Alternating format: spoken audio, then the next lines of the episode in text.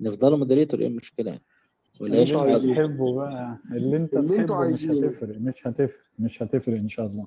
تمام. الشيخ حازم ضيفنا عايزين نرجع. طيب أنا برضو عشان يبقى المساءله في جهة واحدة ممكن أنزل أنا وأنت يا شيخ حازم نطلع تاني آه، بصفة عاديه قصدي بعد أي غلطات عنكم أنتوا الاثنين عن شخصكم أنتوا الاثنين يعني. طيب ده لو لا قدر الله حصل غلطات يعني.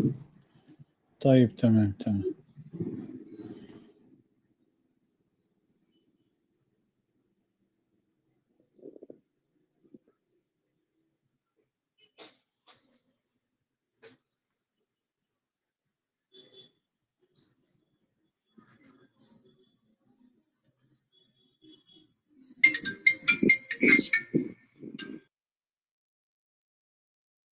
يبقى المفروض نبدأ دلوقتي يا يا فقي.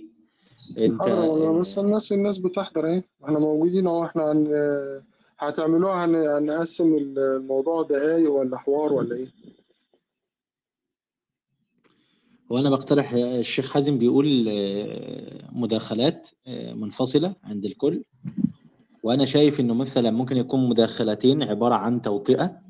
أو ثلاث مداخلات أربع مداخلات ثم بعد ذلك يكون اشتباك كل فريق. يعني يعني أنا مثلا أقول ما يعتقده أهل السنة وما أنا عليه من مذهب العذر بالجهل في في ثلاث أربع مداخلات وكذلك الشيخ حازم يثبت ال- ال- العرش وبعد كده ننقش بعضنا بقى إيه ويكون يبقى في رؤية كاملة عند ال- المستمع يستطيع منها إنه يتميز الذي قاله العبد الفقير والذي قاله الأخ حازم. يعني تمام يا شيخ حازم؟ يعني مثلا نخليها مثلا أربع مداخلات أو ثلاث مداخلات كما تشاء. أو خمس مداخلات آه، مدة المداخلة الواحدة أربع أو خمس دقائق منفصلة بلا تعقيب. ثم بعد ذلك أنت تأخذ نقاط عما قلت وأنا في مداخلاتي وكذا أنا. بعد كده نبدأ الإيه؟ نتكلم برضو بنفس البناء. انت في مداخلتك الأولى نخلصها وكذا مداخلتي الأولى والمداخله الثانية المداخلة الثالثة المداخلة الرابعة. ولو حابب نحدد محاور كمان يكون جيد. يعني مداخلتك الأولى هتعمل فيها طيب واحد اثنين يعني ثلاثة وأنا واقف عن هنحدد الشيء وقت ولا مش هنحدد وقت؟ لا لا هنحدد وقت هنحدد وقت طبعا هنحدد وقت طبعا. هو الوقت ال ال ال في وجهة نظري دقيقتين ثلاثة كويسة قوي وسط ما بين القليل والكثير. وال ولو انت ب... انت بتقول ثلاث ثلاث تعليقات خليها تعليق واحد كامل وخلاص اتفضل لو عايز تبدأ. لا يعني أنا إن شاء الله أقدمك أنت الضيف و... وأنا شا... لو أنت حابب ده مداخلة واحدة. يعني أنا شايف مثلا ثلاث أربع مداخلات. المداخلة الأولى تقول أنت مثلا ما ذهب ما تذهب إليه في مسألة العذر بالجهل ودائلك ذلك من الكتاب والسنة. المداخله الثانية تذكر فيها أقوال أهل العلم تسرد فيها بعض الأدلة وكذا على نفس تنسج على نفس المنوال في باقي المداخلات. بدلا من أنت تسرد كل مرة واحدة يعني. طيب ما هو ده اللي هنأتي إليه في في جزء كبير من التفصيل. إحنا هتكلم في في المداخلة الأولى. أبدأ أنا ولا تبدأ أنت؟ لا يبدأ إن شاء الله. لا بأس. بسم الله الحمد لله والصلاة والسلام على رسول الله. هو ابن أشار إن معلش أكبر معلش- سبب من معلش بس بس قبل ما نبدا خلاص هن- اعتمدنا الوقت إن هو يبقى ثلاث دقايق. ما فيش مشكلة ماشي.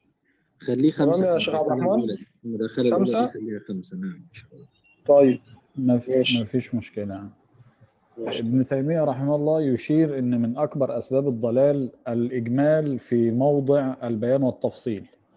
فإجمال مسألة العذر بالجهل بتوهم للمستمع أو للمتلقي إن الجهل كله على درجة واحدة سواء كان جهل في الأصول أو الفروع أو إن سبب الجهل سواء كان جهل إعراض عن التعلم أصلا مع التمكن أو جهل إعراض عدم البلاغ كال- كالإنسان في زمان الفترة أو من نشأ في بادية بعيدة أو من كان حديث عهد بإسلام. فبيساوي الناس بين الجميع ظنا إن مسألة العذر بالجهل مطلقة في كل زمان في كل مكان وإن مسألة العذر بالجهل تنطبق على كل المسائل دون تفرقة بين المعلوم من الدين بالضرورة والأمور الخفية.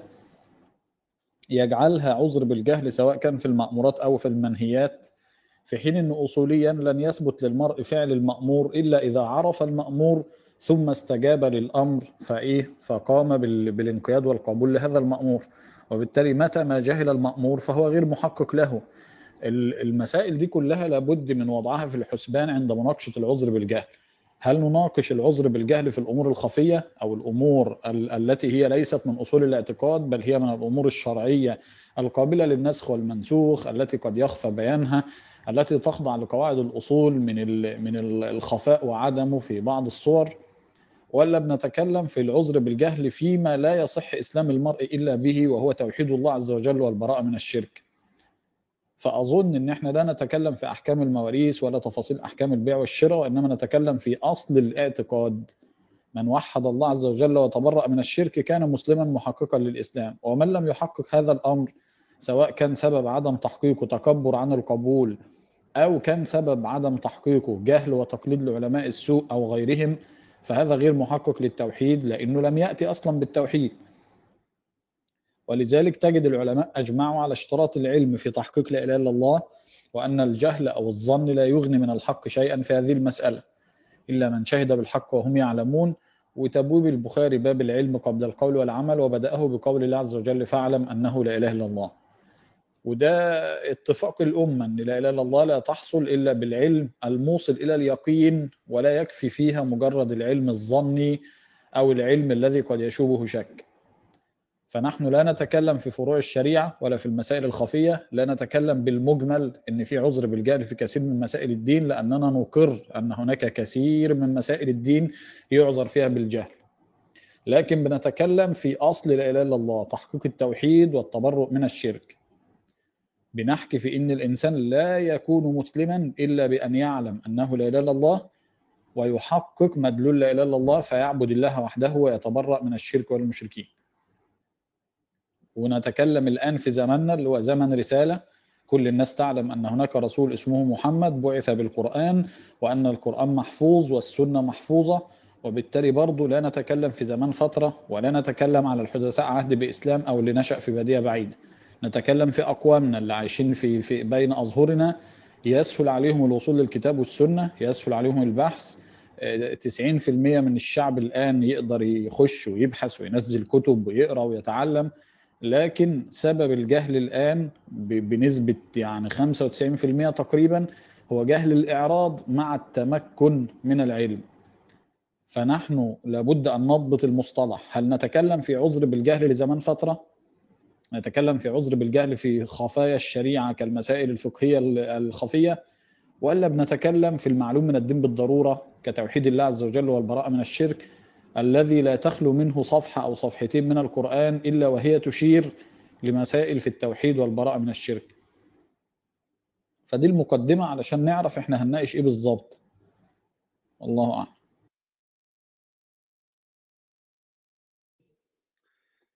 طيب بسم الله هو كده فاضل لك دقيقة لسه يا شيخ حازم كده يبقى الشيخ عبد الرحمن هو كده اخد أربع دقايق. ما فيش مشكلة لا ما فيش مشكلة.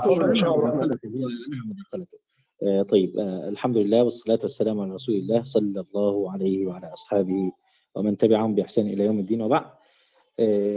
طبعا أنا اخترت عنوان هذا اللقاء أن يكون عارض الجهل وأثره في الأحكام الشرعية بالعموم ومسائل الوقوع في الكفريات التي تصل إلى الوقوع في الكفر الأكبر أو الشرك الأكبر بالخصوص. ومن هذا ومن أنتوا يا في طلعت ناس ليه يا في لا لا ده الشيء ده محمد الحضري هو اللي هيساعدني في الشات بس. طيب.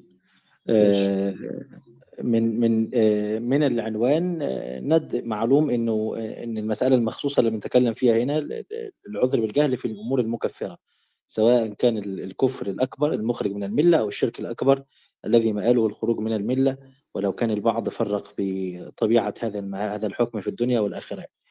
أنا عايز بس أنطلق من إن هناك قاعدة مضطردة مجمع عليها عند أهل الملة قاطبة أن العذر هو أحد الشروط أو أن الجهل هو أحد الموانع الثمانية لتثبيت الأحكام الشرعية على المعين. ويعني إحنا لا أختلف معي أنا والشيخ حازم إن أهل السنة والجماعة عندهم قضية العذر بالجهل هي أحد الأمور المقررة لكن نختلف في بعض التفاصيل. ده واحد. يعني مذهب أهل السنة في القول بالعذر في في العذر بالجهل في الأحكام الشرعية لكن اختلفوا. هل العذر يطال كل شيء ولا هناك أعذار يقبل فيها ذلك أم لا يقبل فيها ذلك؟ وهذا ما حاول إن يتكلم فيه الشيخ حازم. اثنين إن إحنا برضو آه، هذه قاعدة آه، عند كل أهل السنة والجماعة أنه لا لا يتم الحكم بالمعنى يعني على المعين لا يتم الحكم حتى تجتمع كل الشروط والموانع ترتفع.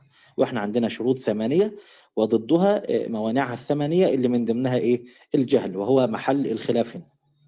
ولا بد من توطئة في هذه المسألة في لأن هذه المسألة فرع عما يثبت به اصل الإيمان زي الشيخ حازم يقول لك ولم يحقق أصل التوحيد وهذه مسألة فيها نظر.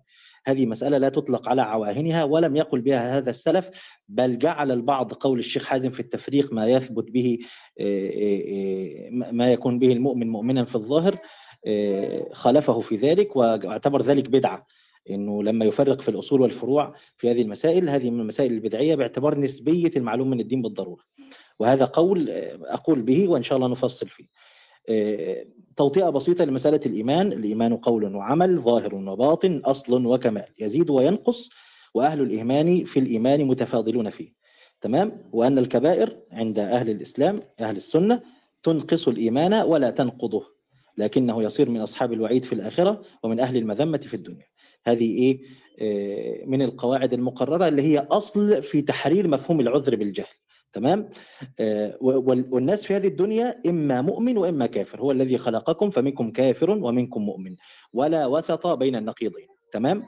آه وبالتالي هنا هناك نتكلم عن هناك أصل إيمان وإيمان واجب وإيمان مستحب وكمال الإيمان الواجب إلى إلى غيره. وهناك مسألة الكفر دي والكفر كله ملة واحدة.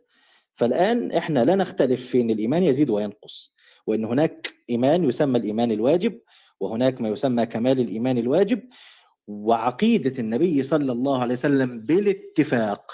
وعلى هذا تابعه الصحابة أن كل من قال لا إله إلا الله محمد رسول الله قبل بين المسلمين. وهذا فيه عشرات النصوص الصريحة الصحيحة وكذا كان فعل النبي صلى الله عليه وسلم مع العرب وكذا فعل الصحابة الكرام مع غير العرب حتى يقال أن الذي قال لا إله إلا الله فهم مقتضاها ففي الفتوحات الإسلامية كان يقبل بكل من قال لا إله إلا الله على عواهنه هكذا وبالتالي التفرقة الأصل الخلاف بقى بيني وبين الشيخ حازم إيه؟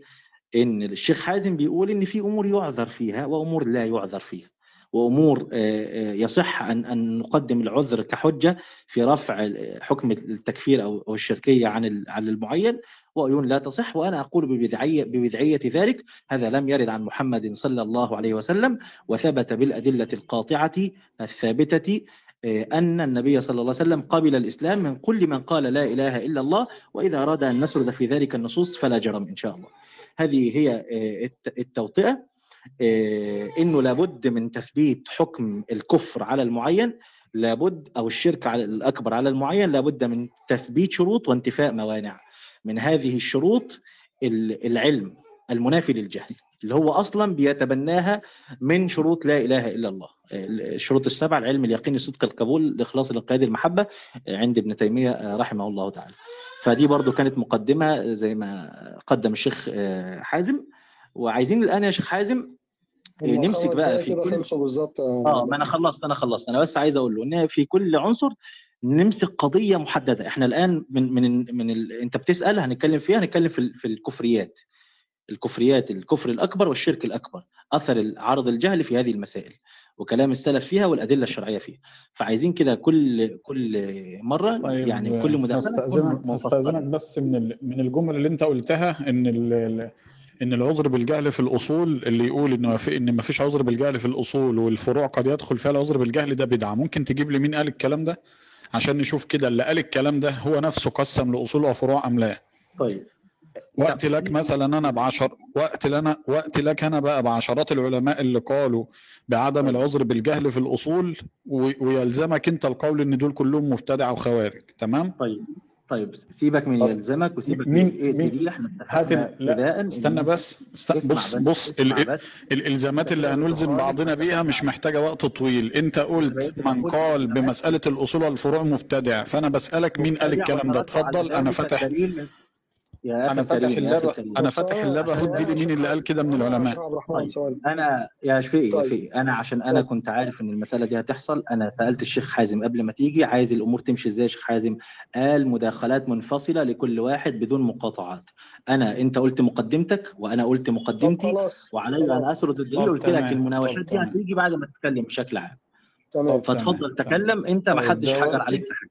معاك ثلاث دقايق بقى يا شيخ حازم. طب بسم الله الحمد لله والصلاة والسلام على رسول الله.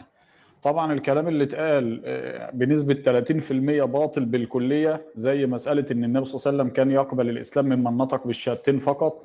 نصوص القرآن والسنة أثبتت أشياء غير مجرد نطق بالشهادتين زي العلم بمدلولها الإخلاص في قولها زي الالتزام بما دلت عليه لا إله إلا الله. الله عز وجل يقول فإن تابوا وأقاموا الصلاة وآتوا الزكاة فإخوانكم في الدين فلم يثبت لهم أخوة الدين وهو الإسلام إلا بالتوبة من الشرك وإخلاص العبادة لله والتزام الإسلام بالتزام أهم شعائره وهي الصلاة والزكاة. الرسول صلى الله عليه وسلم يقول في صحيح مسلم من قال لا إله إلا الله وكفر بما يعبد من دون الله حرم دمه وماله وحسابه على الله. يعني إيه حرم دمه وماله؟ يعني صار مسلما معصوم الدم والمال. الأحاديث دي بتقول إن ثبوت الإسلام لا يتحقق بمجرد النطق حتى يأتي بمعنى الشهادتين من ترك الشرك والبراءة منه والالتزام بعبودية الله عز وجل وحده وطاعة الرسول. ولذا ذكر الصلاة والزكاة كأهم شريعتين في الإسلام تدل على القبول والانقياد.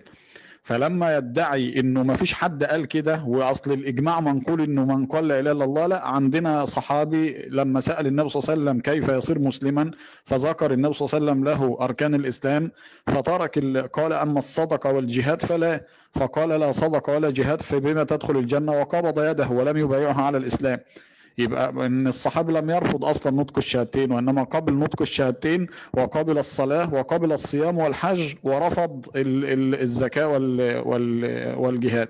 فعندنا نصوص أحاديث كثيرة ومئات أقوال العلماء بل نقل في المسألة إجماع إن لابد من لثبوت الإسلام من الاعتقاد الجازم الذي لا يشوبه شك. الإجماع منقول في شرح النووي على صحيح مسلم إن ثبوت الإسلام لا يكون إلا بال... بأن يعتقد دين الإسلام اعتقادا جازما خاليا من الشكوك ثم ينطق بالشهادتين ولم يكن نطق الشهادتين فقط. ولذا النبي صلى الله عليه وسلم في أحاديثه يقول من قال لا إله إلا الله وكفر بما يعبد من دون الله. ال- الأمر المغالطة الأخرى اللي قالها إنه العلماء تقسيم الدين لأصول وفروع و- وكذا ده بدعة بدعة. إيه ما فيش عالم من علماء الدين إلا وقسم لأصول وفروع. ما فيش عالم تطرق لمسائل العذر بالجهل وما يعذر فيه وما لا يعذر إلا وذكر أن أصول الاعتقاد أو الأشياء المعلومة من الدين بالضرورة أو مسائل التوحيد لا عذر فيها بالجهل. وعندنا مئات مش هنقول عشرات النقولات لأهل العلم ال- اللي كلنا بنعتبرهم أهل علم ومحل اتفاق. ما فيش حد فيهم إلا وذكر هذه المسألة. وما أظنش إن حد هيقدر يقول على هؤلاء مبتدعة كالطبري أو ابن تيمية أو غيرهم من أهل العلم المشاهير. فبنصر تاني إن ما لا يصير. ماشي تمام. طيب اتفضل يا طيب آه، هو طبعا أنا كنت حريص جدا في توطئتي المرة السابقة أن الشيخ حازم ما ينحوش إلى هذا المنحى. إحنا الآن ب- أنا قلت إن عقيدة أهل السنة في الإيمان أن الإيمان قول وعمل وهذا يفيد إن ما قال قولي على غير ما يقول الشيخ حازم كما سأفيد. أنا قلت الإيمان قول وعمل ظاهر وباطن أصل وكمال يزيد وينقص وأهل الإيمان في الإيمان متفاضلون فيه وهذا لا يختلف معي فيه الأخ حازم. إذا القول بأن تثبيت أصل الإيمان إنه وقلت إن الإيمان في إيمان واجب وفي أصل الإيمان الواجب وكمال الإيمان الواجب وهناك الإيمان المستحب وكمال الإيمان المستحب.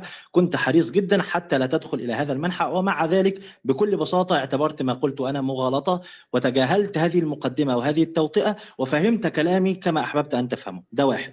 الأمر الثاني أنا قلت ببساطة شديدة أن النبي صلى الله عليه وسلم في كل آثاره وفي عمل الصحابة التلاميذ الأول للنبي محمد صلى الله عليه وسلم قبلوا الإسلام وقبلوا وصف الإسلام على كل من قال لا إله إلا الله أنت لو حابب تفتح المايك وتقول لي النبي صلى الله عليه وسلم لم يقبل الإسلام من كل من قال لا إله إلا الله أنا لا عبد أختلف. ثواني بس يا. يا في استنى بس أنا بقول له لو تفتح المايك هو حابب. يفتح المايك أنا عايز أقول أنا عايز أقول. دلوقتي لو واحد راح للنبي صلى الله عليه وسلم وقال لا إله إلا الله محمد رسول الله اللي كان السيف على رقبته وقال لخالد آه، إن إن هو صبئت أو قال مقتضى لا إله إلا الله ولما راح للنبي صلى الله عليه وسلم قال اللهم إني أبرأ إليك مما فعل خالد مع إن خالد كان الحجة الواقعية عنده إن واحد السيف على رقبته فقال لا إله إلا الله كده قالها إيه؟ من باب الاضطرار يعني.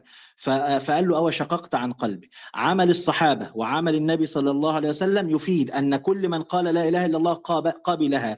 كنا بقى نتفق فيما بعد ذلك إن هناك مقتضيات للا إله إلا الله. وبالمناسبة كلمة كفر بما يعبد من دون الله هذا مقتضى لا إله إلا الله. يعني هذه في اللغة العربية تسمى جملة آه، جملة توكيدية للمعنى. لا إله إلا الله أي لا معبود بحق إلا الله. رفع العبودية عن كل ما هو من دون الله وتثبيتها لله جل وعلا. فكلمة وكفر بما يعبد من دون الله هو من باب التفسير لا من باب الإضافة. فعشان أنت تقول من قال لا إله إلا الله وكفر بما يعبد من دون الله هذه ليست إضافة. إنما هذا مقتضى حقيقة لا إله إلا الله. لكن أنا بتكلم في عمل النبي صلى الله عليه وسلم. أنت الآن الإشكالية يا جماعة الخير إن الشيخ حازم يريد أن يرفع وصف الإيمان أصلا ويسوي بين اليهودي والنصراني والكافر وما بين من ارتكب بعض ال- الأمور الشركية. فبنقول لا إن ظاهر دخول في معسكر أهل الإيمان وأهل الإسلام هو قول الشهادتين. وهذا معمول به من النبي صلى الله عليه وسلم والصحابة والتابعين وتابع التابعين على العرب والعجم. عشان أنا سمعته قبل كده بيقول لك إيه؟ ما أصل الصحابة كانوا لما حتى بيقولوها عارفين مقتضاها. العرب لم يكونوا يعرفوها وما ذلك قبلت منهم حينما أذعنوا بالشهادة. أنت عندك بقى نص إن النبي صلى الله عليه وسلم واحد قال له لا إله إلا الله وقال له لأ غير مقبولة منك؟ أنا لا أختلف معك في كون لا إله إلا الله مقتضيات. وهذا ما وطأت له وقلت إن الايمان أصل وكمال. تمام؟ وإن الإيمان قول وعمل وفي قول القلب وعمل وقول اللسان وعمل الجوارح. ومش عايزين نسهب في المسألة دي ولذلك أنا قلت لازم يبقى في تحليل هذا المصطلح. كده انتهى يا شيخ عبد الرحمن فبس فأنت فأنت قلت قولتني ما لم أقله ونحوت في كلامي على غير المنحى الذي قصدته. اتفضل. طيب الروم مسجلة وتقدر الناس ترجع عشان ما نقعدش نضيع وقتنا في نقول قلنا وقول. تمام؟ طيب في المفهم على صحيح مسلم للقرطبي ده متوفي سنة 656 وده غير القرطبي المفسر. يقول باب لا يكفي مجرد التلفظ بالشهادتين بل لابد من استيقان القلب. وهذه الترجمة تنبيه على فساد مذهب غلاة المرجئة القائلين بأن التلفظ بالشهادتين كاف في الإيمان. وأحاديث هذا الباب تدل على فساده بل هو مذهب معلوم الفساد من الشريعة لمن وقف عليه. في كتاب فتح فتح المجيد لعبد الرحمن بن حسن آل الشيخ نقل الإجماع على إن النطق وحده غير كافي فيقول بالنص في في في الصفحة 41 أما النطق بلا إله إلا الله من غير معرفة لمعناها ولا يقين ولا عمل بما تقتضيه من البراءة من الشرك وإخلاص القول والعمل فغير نافع بالإجماع.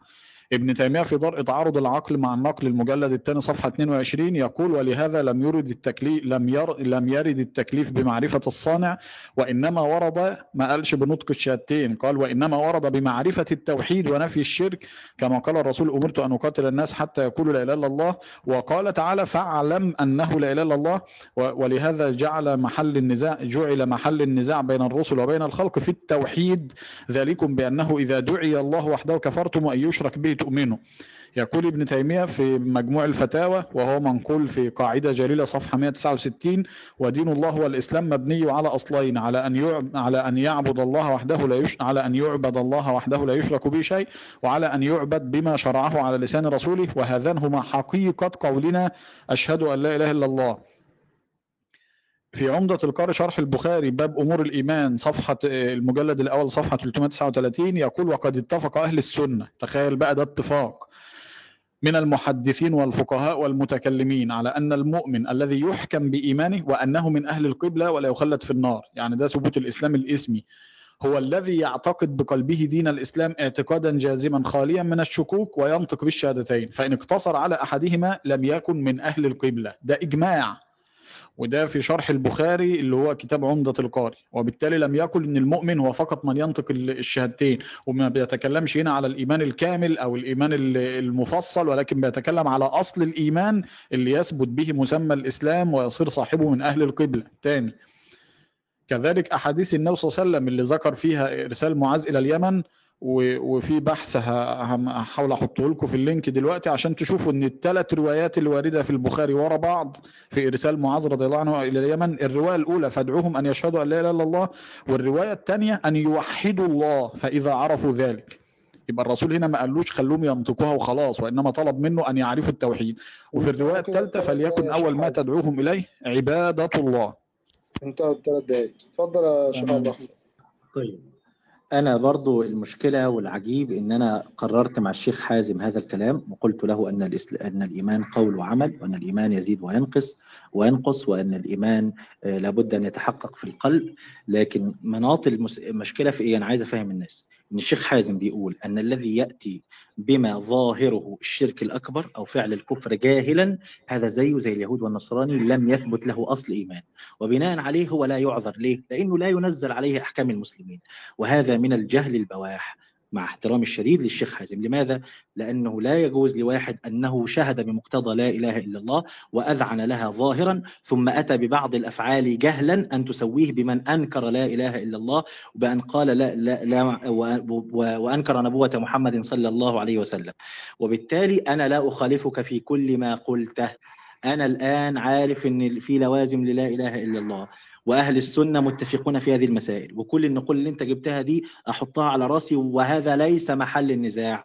لكن الآن واحد يا جماعة الخير بيقيم الصلاة ويؤتي الزكاة ويصوم رمضان ويتعبد ويحب الله عز وجل ورسوله. لكن يجهل إنه مثلا إنه يدعو البدوي والدسوقي كما هو حاصل عند كثير من الناس. هذا عند الشيخ حازم هذا عند الشيخ حازم رغم إنه أفعاله الظاهرة أقام الصلاة وآتى الزكاة كافر أصلي يعني حكمه زي الكافر الأصلي. هذا الرجل لا يثبت في حق عذر لأنه لم يحقق أصل الإيمان. وهذه هنا الخطورة. وبالتالي أنت هت... زي ما ما الشيخ حازم بيقول لي يا مشرك تمام؟ وما أعرفش بيقول لي يا مشرك ليه بس أهو آه ب- تكفير بسلكت اول إحنا هذا ما لا نقوله إحنا عايز تكلمني الآن في مفهوم الإيمان وبما يتحقق أصل الإيمان. تعال نروح لأصل الإيمان وبعد كده نرجع لل- لل- للشرك الأصغر. لكن قصدي للعذر بالجهل. لكن عشان أنت توهم الناس أنت بتنقل نقولات تخالف ما أقوله. لا يا حبيبي. لا يا مولانا. أنا ما قلت ذلك. أنا أوافقك في كل ما قلت وأوافقك في هذه النقولات وأعتبرها عمدة في الدين وهذا منهج أهل السنة. لكن الآن هل تقبل الشهادة من كل من قال لا إله إلا الله؟ أنا الآن عشان بالمثال يتضح المقال. رجل رجل يذهب ويدعو البدوي والدسوقي من دون الله سبحانه وتعالى. يعني يقول له اشفي لي ابني اعمل لي كذا اعمل لي كذا جهلا. لكن يحب الله عز وجل ويحب رسوله ويقر بأنه لا إله إلا الله وأنه لا معبود بحق إلا الله وأن محمد رسول الله. لكن عنده جهالة في هذه المسألة. الشيخ حازم بيقول ده كافر أصلي؟ لا يثبت له أصل إيمان أصلا فتنزيل العذر من عدمه في حقه هذا غير متحقق. لكن إحنا بنقول أنه رجل من أهل الإيمان ودخل في معسكر الإيمان وعنده جهالة فنزيل عنه الشبهة ونقول له يا ابني ما يصحش وأنه لا يدعى أحد من دون الله سبحانه وتعالى. قابل ذلك وأذعن وقبل فهو من أهل الإيمان كما فعل النبي صلى الله عليه وسلم مع ان استباحوا الخمر وهو معلوم من الدين بالضرورة. تمام؟ وفي نصوص شرعية وده لابس واقع المسلمين والخمر كانوا بي- بياكلوا بي- بيشربوها زي ما بياكلوا زي ما بياكلوا وزي ما بيتنفسوا. فتحريمها معلوم واستدلوا من القرآن ليس على الذين آمنوا وعملوا الصالحات جناح فيما طعموا. وكانوا من فضلاء الصحابة. فشربوا الخمر قال إحنا من الذين آمنوا وعملوا الصالحات وإحنا لنا أثر كبير في الإسلام. فأنا دلوقتي عايز الشيخ حازم يقول اللي اللي بي- بيشهد أن لا إله إلا الله وأن محمد رسول الله وأقام الصلاة وآتى الزكاة وعنده جهالة في قضية إنه بيقول للبدوي اشفي لي ابني جاهلا غير عالم بمآل هذا في الوقوع في الشرك الأكبر. هل هذا عندك لا يعذر بجهله وانه كافر أصلي؟ ولم يحقق لا إله إلا الله. لو قلت نعم يبقى خلاص هو ده أصل الاختلاف. تروحش بقى تجيب لي نقولات النووي وشرح النووي على مسلم اللي أنا لا أخالفك فيها أصلا.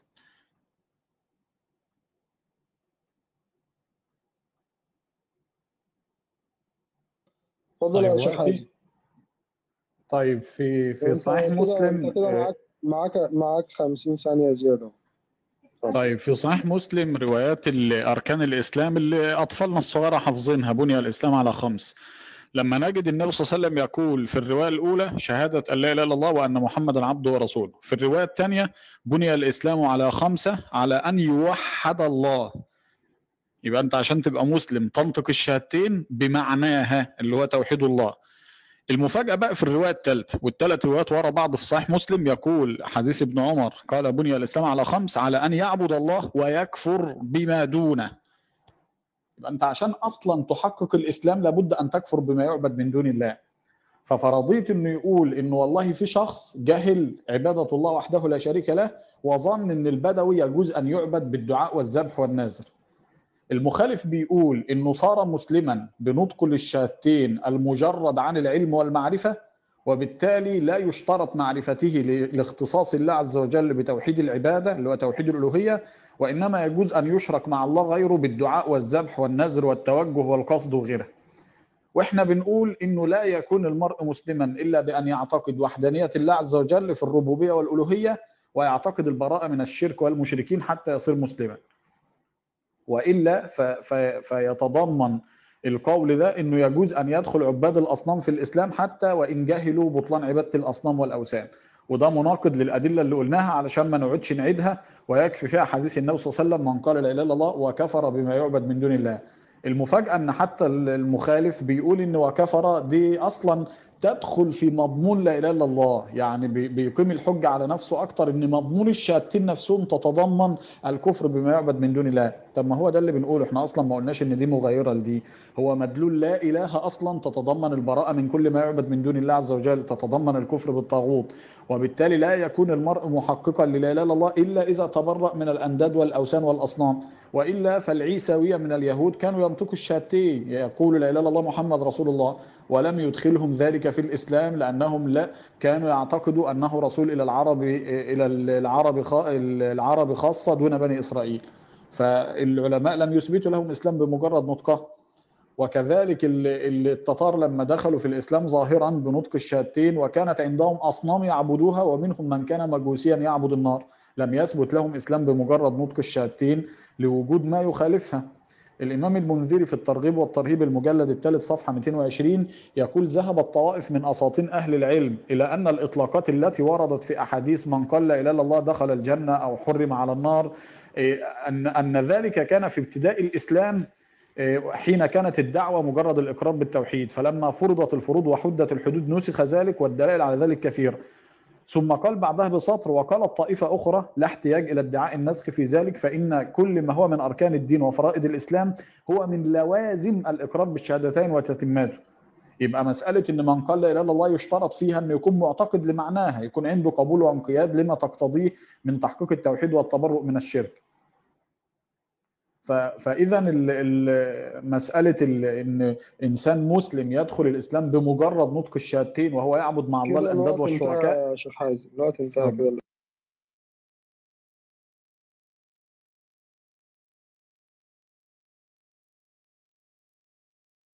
طيب يا جماعة الخير طبعا للمرة المليون أنا أكرر أن النبي صلى الله عليه وسلم فعله وفعل الصحابة من بعده وإحنا الآن بيتكلم بما يتحقق به أصل الإيمان. لكن بما يدخل الإنسان في دائرة الإسلام بأن يأتي بالشهادة ظاهرا. ودليلي في ذلك دليل أن واحد من الصحابة فعل فعل الشيخ حازم. يعني كان مقال قوله قول الشيخ حازم. صححه النبي صلى الله عليه وسلم في ذلك. أولا في حديث أسامة بن زيد لما قال النبي صلى الله عليه وسلم أقتلته يا أسامة؟ أقتلته بعدما قال لا إله إلا الله. ده واحد في الحرب وواحد سيفه بيختلط بسيف المسلمين بيحاربهم. فلما السيف على رقبته راح قتله أسامة فالنبي صلى الله عليه وسلم قال أقتلته بعد أن قال لا إله إلا الله. أولا اللي اتحط السيف على رقبته ده فقال لا إله إلا الله في قلب الحرب فقتل أسامة.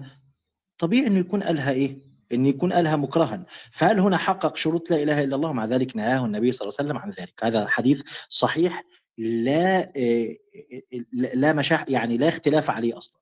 حديث أمرت أن أقاتل الناس حتى يقولوا لا إله إلا الله. وعن ابن عمر رضي الله عنهما قال بعث النبي صلى الله عليه وسلم خالد بن خالد بن الوليد إلى بني جذيمه فدعاهم إلى الإسلام فلم يحسنوا أن يقولوا أسلمنا. فقالوا صبئنا صبئنا. أي كفرنا بالكفر فجعل خالد يقتل ويأسر. يعني تخيل واحد ما عرفوش يقولوا لا إله إلا الله محمد رسول الله لكن فهموا ما يريده خالد فبدلا من أن يقولوا لا إله إلا الله محمد رسول الله قالوا صبئنا صبئنا. تمام؟ فجعل خالد يقتل ويأسر فيهم. فقال النبي صلى الله عليه وسلم اللهم إني أبرأ إليك مما فعل خالد. يبقى خالد اعتقد اعتقادا كما يعتقد الشيخ حازم الآن إن هؤلاء لم يتحقق فيهم لا إله إلا الله وأنهم قالوها مكرهين بل لم ينطقوا بالشهادتين وعارضه النبي صلى الله عليه وسلم. فمقامي في هذا الحديث الشيخ حازم مقامه مقام خالد بن الوليد وأنا ألتزم بظاهر قول لا إله إلا الله بل قالوا معناها. قالوا بلغتهم صبئنا صبئنا ولم يقولوا لا إله إلا الله وتبرأ النبي مما فعل خالد قال اللهم إني أبرأ إليك مما فعل خالد. الثاني حديث المقداد بن الأسود رضي الله عنه قال سألت النبي صلى الله عليه وسلم أرأيت أرأيت أرأيت إن لقيت رجلا فقطع يدي ثم لاذ مني بشجرة فلما تمكنت منه قال لا أشهد أن لا إله إلا الله أفأقتله؟ واحد آه، آه، أنا لقيت رجل كافر فأنا آه، مسكته عند شجرة فأنا قطع يدي ثم لاذ مني بشجرة فلما تمكنت منه مسكته عشان أقتله؟ قال قال أشهد أن لا إله إلا الله أفأقتله يا رسول الله؟ انظر على رد معلم الناس الخير محمد صلى الله عليه وسلم. قال لا تقتله فإنك إن قتلته فإنه بمنزلتك أخلص الحديث. فإنك إن قتلته فإنه بمنزلتك بعد أن قالها وإنك بمنزلته قبل أن يقول كلمته التي قال. يبقى إذا هذه النصوص تحمل دلالة قاطعة أن حتى من الصحابة الذي فهم فهم الشيخ حازم صححه النبي صلى الله عليه وسلم فيما هو أغلظ من من قول لا إله إلا الله والصلاة والصيام والزكاة والحج لكن الإتيان ببعض الجهالات التي لا يظن فيها أنها من التوحيد. المشكلة بيننا وده أختم بيه المشكلة بيننا وبين الشيخ حازم مش إن الراجل اللي راح قال للبدوي يشفي لي ابني ده كان قاصد ذلك هذا الرجل يجهل. لو سألته بتعبد مين هيقول لك أعبد الله لو سألته بتؤمن بنبوة محمد صلى الله عليه وسلم نعم هتجد رجل مستقيم في أداء الفرائض لكن عنده هذه الجهالة فأنت ارفع عنه هذا الجهل. كيف تقول إنه كفر أصلا؟ لم يحقق لا إله إلا الله. اسمعني بس يا دكتور وربما هؤلاء أربعين سنة يصلوا الفجر في جماعة مع المسلمين. ما هذا النوع من التطرف اللا الغير مبرر؟ ده اللي أنا عايز أقوله. اتفضل يا شيخ حازم. طيب بسم الله الحمد لله والصلاة والسلام على رسول الله. طبعا هو قال ورد على نفسه لو الناس مركزة إن النبي صلى الله عليه وسلم قابل إسلام هؤلاء اللي سيدنا خالد اللي هم بني جزيمة دون أن ينطقوا الشهادتين هو أصلا عمدة استدلاله إنه مجرد النطق بالشهادتين كافي. طب هؤلاء لم ينطقوا الشهادتين وإنما حققوا معناها بالاعتقاد ولم يحسنوا أن ينطقوها فنطقوا لفظة تدل على المعنى. اعتقاد إيه؟ واحد ثواني يا أستاذ ما تقاطعش. اقفل المايك ده ما تقاطعش. اقفل المايك ده ما تقاطعش. اقفل المايك ده ما تقاطعش. يا. أستاذ فقي أستاذ فقي لو مش هينفع لا، لا، الأسلوب ده. مقاطعات ولا حاجة. مفيش مقاطعات طيب، ولا. حاجة. اتفضل ثلاث دقايق. بتاعك من الأول وال- والفترة اللي زودهم عن وقته تضيفهم لي في وقت من فضلك. وده يحصل معايا ومعاه تمام اتفضل. طيب فهو قال ورد على نفسه هو عمال من أول الروم بيؤصل مذهب غلاة المرجئة إنه نطق الشهادتين كافي دون اعتقاد ودون صدق وإخلاص وقبول ودون يقين في معنى الشهادتين. وإنك ممكن تدخل الإسلام وأنت بتعتقد أن مع الله آلهة وأنداد تنفع وتضر فتدعوهم وتستغيث بيهم وتطلب منهم الرزق وشفاء المرض. أمال أنت كده اما بقول لا إله إلا الله معناها إيه أصلا عندك؟ فقال ورد على نفسه لأنه ذكر حديث بني جزيمة إنه النبي صلى الله عليه وسلم قابل إسلامهم بالمعنى دون نطق الشهادتين. لم يحسنوا أن يقولوا أسلمنا فقالوا صدقنا ولم ينطقوا الشهادتين. وده أصلا مذهبنا اللي هو هو هو عكس وبيقول لك إن إحنا رأينا ما رأى سيدنا خالد بن الوليد. بالعكس ده هو إحنا اللي إحنا بنقوله هنا هو ما قاله النبي صلى الله عليه وسلم إنه يقبل الإسلام بأي معنى يدل على تحقيق التوحيد والتبرؤ من الشرك سواء كان نطق الشهادتين أو قول المرء أسلمت إذا عرف دين الإسلام ونطقه. ولنا بحث مفصل ذكرنا في روم قبل كده باب ما يصير به الكافر مسلما وذكرنا فيها أقوال زي أسلمت أو آمنت أو دخلت في دين الإسلام وإنه إذا كان عارفا بالإسلام معتقدا لمعناه يصير مسلما بهذه الألفاظ ولا يشترط نطقه للشهادتين. ولكن طبعا كده كده هتفرض عليه نطق الشهادتين والصلاة في في فيما بعد. من باب بس اللي إحنا بنقول عايزين إلزامات. إلزامات باقوال العلماء. في شرح فتح الباري للبخاري على حديث أسامة أقتلته بعد أن قال لا إله إلا الله؟ النبي ما قالوش أكفرته. إحنا ما بنتكلمش في أحكام القتل. هو نفسه بيقول في شرح الحديث لكن هل يصير بمجرد ذلك مسلما؟ الراجح لا بل يجب الكف عن قتله حتى يختبر. وإلا فلو صار مسلما لاقتدى النبي صلى الله عليه وسلم من أسامة لأنه قتل مسلما عمدا بآلة تقتل غالبا وده حكم القصاص في الإيه؟ في القتل. ولكن بما إن النبي صلى الله عليه وسلم لم يقتله ولم يفديه معناها إنه لم يصر مسلما بمجرد النطق بالشهادتين بل يجب الكف عن قتله حتى نتأكد هل قالها عالما بمعناها عاملا بمقتضاها أم لا. وده الجمع بين أطراف الأدلة اللي هو أصل من أصول الفقه في عند أهل السنة. إيه، يقول الشيخ محمد بن عبد الوهاب في قول الله عز وجل وجعل في الدرر الثانية المجلد الثاني صفحة 204 مش فاكر ده نقل الشيخ محمد أو نقل أولاده. يقول وقد قالت قال تعالى وجعل لله أندادا ليضل عن سبيله قل تمتع بكف- بكفرك قليلا إنك من أصحاب النار فكفره تعالى باتخاذ الأنداد وهم الشركاء في العبادة. وأمثال هذه الآيات كثيرة فلا يكون موحدا إلا بنفي الشرك والبراءة منه وتكفير من فعله. لا يكون مسلما أصلا ابتداء. فهل أئمة الدعوة النجدية كالشيخ محمد كانوا متشددين ومش فاهمين أصل الدين؟ يقول الشيخ محمد في كتاب التوحيد صفحة 9 عبادة الله لا تحصل إلا بالكفر بالطاغوت ففيه معنى قوله فمن يكفر بالطاغوت ويؤمن بالله وفي المختصر المفيد يقول العبادة لا تسمى عبادة إلا مع التوحيد ولا تحصل إلا بالكفر بالطاغوت أنت أصلا مش هتصير موحد إلا إذا تبرأت من الشرك والمشركين. فرضيت إنك تنطق بالشهادتين وخلاص بنجوا زي ما لم ينطقوا بالشهادتين وعدهم النبي صلى الله عليه وسلم مسلمين.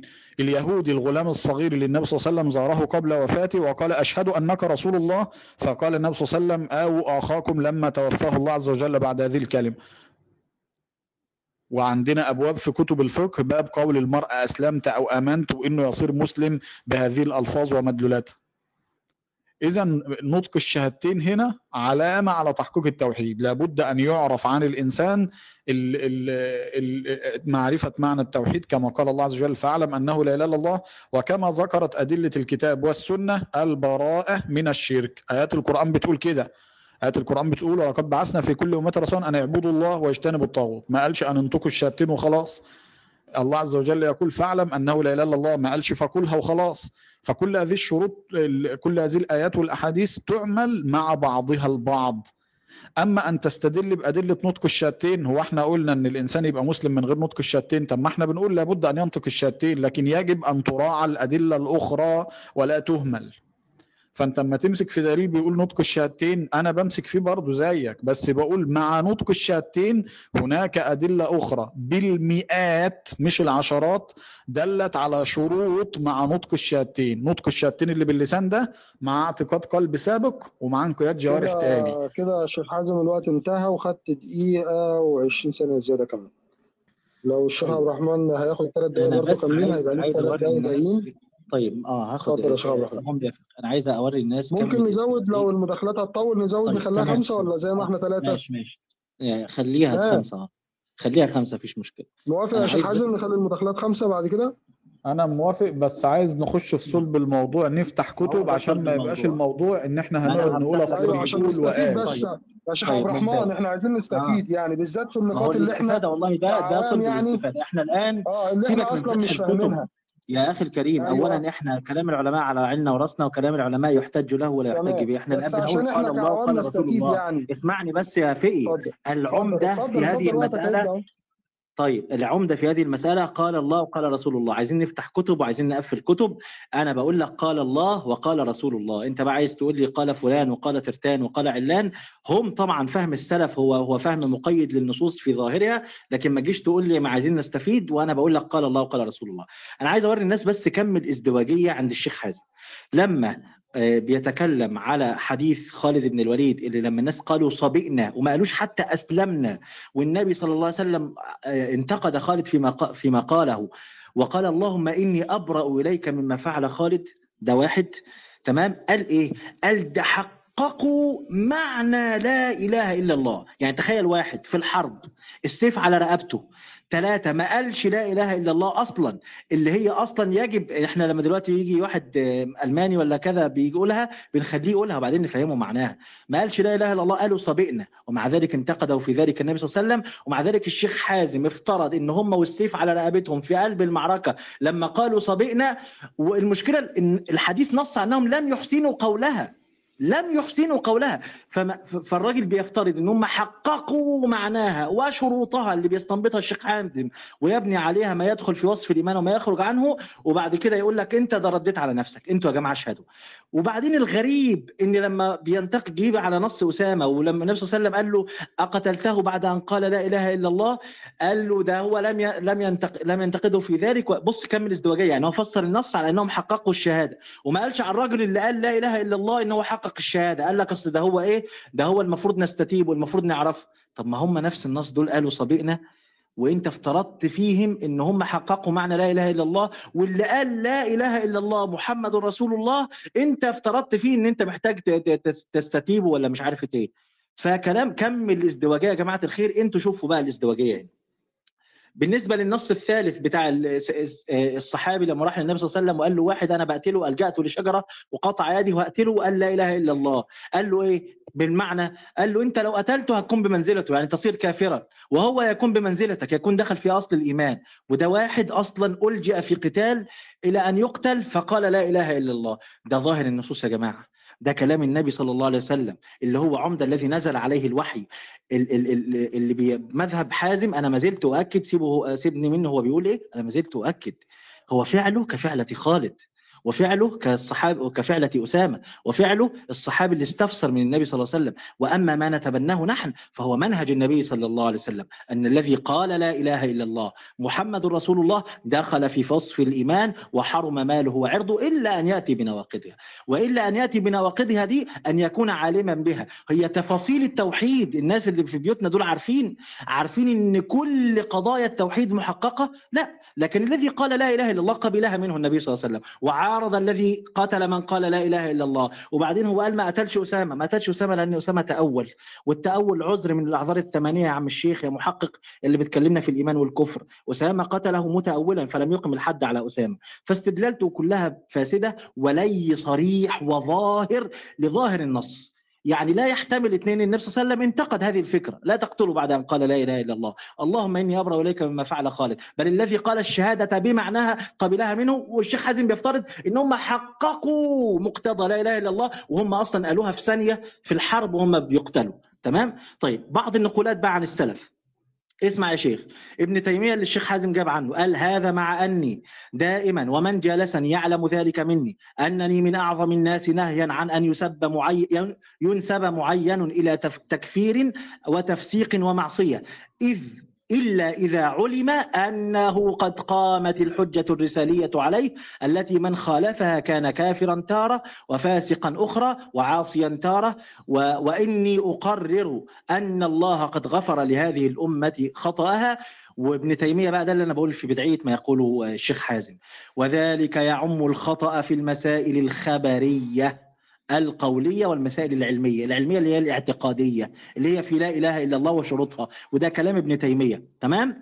طيب تاني عن كلام ابن تيمية. بيقول لك يا سيدي ولا يثبت الخطاب إلا بعد البلاغ لقوله تعالى لأن- لأنذركم به ومن بلغ وقوله وما كنا معذبين حتى نبعث رسولا ولقوله لئلا يكون للناس على الله حجة بعد الرسل. ومثل هذا في القرآن متعدد بين سبحانه أنه لا يعاقب أحدا حتى يبلغ يبلغه ما جاء به الرسول حتى يبلغه ما جاء به الرسول. ومن علم أن محمد رسول الله فآمن بذلك ولم يعلم كثيرا مما جاء به لم يعذبه الله على ما لا كمل النقل. ومن علم أن محمدا صلى الله عليه وسلم رسول الله فآمن بذلك. ده اللي بيقول كده مين؟ ابن تيمية المتشدد اللي بيقولوا عليه متشدد. ولم يعلم ذلك كثيرا ولم يعلم كثيرا مما جاء به النبي محمد صلى الله عليه وسلم لم يعذبه الله على ما لم يبلغه. فإنه إذا لم يبلغه على ترك الإيمان إلا لا فإنه إذ لم إذا لم يعذبه على ترك الإيمان إلا بعد البلوغ فإنه لا يعذبه على بعض شرائطه إلا بعد البلوغ أولى وأحرى. وه وهذه سنة رسول رسول الله المستفيضة عنه في أمثال ذلك مجموع الفتاوى. أنا في م- م- مداخلاتي القادمة عشرات النقولات وقت. كده يا. ألخص كده كلام ابن. تيمية أن كلام ابن أن وقت كلام ابن تيمية وقت يا يا وقت يا انت أنت أستاذ. خدت دقيقة ونص زيادة ما قلتلكش حاجة أنت خايف ما أنت ما هو. حسبها لك حسبها لك حسبها لك لك برضه يحسبها لك برضه أنت أنت كنت. لا لا نلتزم. دلوقتي. نلتزم مش هينفع ما مش. هينفع. اقرر النقل عشان الناس اللي ما بعد إذنك. فهمتوش ماشي بعد إذنك. بعد إذن بعد إذنك يا أستاذ فقي بعد كده ميعاد الوقت تقفل. حاضر، استنى يا أنا آسف في عليكم أنا لازم اقرر الاتنين. نقل ثواني يا ابن جماعة، تيميه عشان الناس. تفهم. طيب زود له المره دي وبعد كده نلتزم بالوقت. طب أنت صلي على طيب النبي يا في الوقت. يا في يا في يا إحنا في صلي على النبي. صلي ضيعنا على النبي. مين اللي زود طيب المرة اللي فاتت؟ مين اللي لا، زود المرة اللي فاتت؟ مش هو زود؟ دقيقه المداخلة و70 ثانية؟ زياده اهو أنت اللي زودت. انت اللي زودت أنا بس هقول في في 30 وأنا عشان ثانية. كده زودت المداخلة خمس دقايق وبقت. وانت خدت ست دقايق دلوقتي. يا في اسمع بس إحنا مش جايين إحنا عشان نعمله وقت وما وقتش. إحنا أنا عايز أقول ملخص النقل اللي نقلته عن ابن تيمية وأديله الوقت اللي عايزه يا سيدي. اديله ثلاث أربع طب أيام. يا شيخ حازم هو كده يعني هو كده ست دقايق هل وهيبدأ تاني بعد الست دقايق؟ آه اديله انت سبع دقائق اديله سبع دقائق اديله سبع طب دقائق يلا معاك دقيقة يا شيخ عبد الرحمن أنا عايز خلاص. ان عايز. أقوله إن ملخص كلام ابن تيمية في مجموع الفتاوى اللي هو محسوب على المتأخرين من المتشددين أصلا بيقول إن الذي يبلغه دعوة محمد صلى الله عليه وسلم فيصدق بها يدخل في وصف الإيمان. ولو فقد وأتى بنواقض وشروط الإيمان لا يحاسب بذلك إلا أن تبلغه الدعوة وتقام عليه الحجة في ذلك. وأنقل في ذلك آخر حتة. تمام؟ فين؟ آه... طب بتضيعوا وقتنا يا جماعة. كنا خلصنا والله العظيم. طيب أهو. وبيقول إيه؟ ومن علم أن محمد رسول الله فآمن بذلك ولم يعلم كثيرا مما جاء به لم يعذبه الله على ما لم يبلغه فإنه إذا لم يبلغه على ترك. لم يعذبه على ترك الإيمان إلا بعد البلوغ فإنه لا يعذبه على بعض شرائطه يعني ابن تيمية بيقرر هنا إن هو فقد بعض شروط الإيمان ولا يعذبه على هذه الشروط إلا أن تقام عليه الحجة فيها تمام؟ فإنه لا يعذبه على بعض شرائطه إلا بعد البلوغ اولى وأحرى. وهذه سن بص بقى ابن تيمية بيقول إيه؟ وهذه سنة رسول الله. يبقى ابن تيمية فاهم النص زي ما أنا بقوله ولا زي ما حازم بيقوله كما يقوله العبد لله والمستقيمين من أهل السنة. وهذه سنة رسول الله المستفيضة عنه في أمثال ذلك. مش نص واحد مستفيضة عن عمل النبي صلى الله عليه وسلم بمقتضى ذلك. اتفضل يا أخي تمام أنت كده خدت دقيقه ونص أهو التاني يعني كده أنتوا اديله نص عمري يا سيدي اديله نص عمري. أنا ما قطعتوش ونص، لحد ما. أنت وهو واقف. اديله نص ماشي ما إحنا عشان إحنا اتفقنا على خمسة كده سبعة ونص سبع دقايق ونص.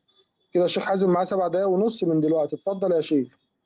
طيب بسم الله. هبدأ من الحتة الأخيرة عشان ما ننساهاش. نقل ابن تيمية. نقل ابن تيمية بيقول ابن تيمية في ال- في الموضع فكذلك الخطأ ينقسم إلى مغفور وغير مغفور والنصوص إنما أوجبت رفع المؤاخذة بالخطأ لهذه الأمة وإذا كان كذلك فالمخطئ. نركز بقى كده. كل النقل اللي هو جابه ده خطأ في المسائل الخبرية اللي إحنا كده كده متفقين مع ابن تيمية على العذر بالجهل فيها. يعني النقل اللي هو جابه ده إن ابن تيمية بيعذر بالجهل في المسائل الخبرية والمسائل الشرعية وكثير حتى من أصول الإيمان إحنا أصلا مش مختلفين فيه لكن اللي إحنا مختلفين في إيه بقى؟ الشرك واتخاذ الأنداد. ابن تيمية يقول فكذلك الخطأ ينقسم إلى مغفور وغير مغفور وإن كان كذلك فالمخطئ.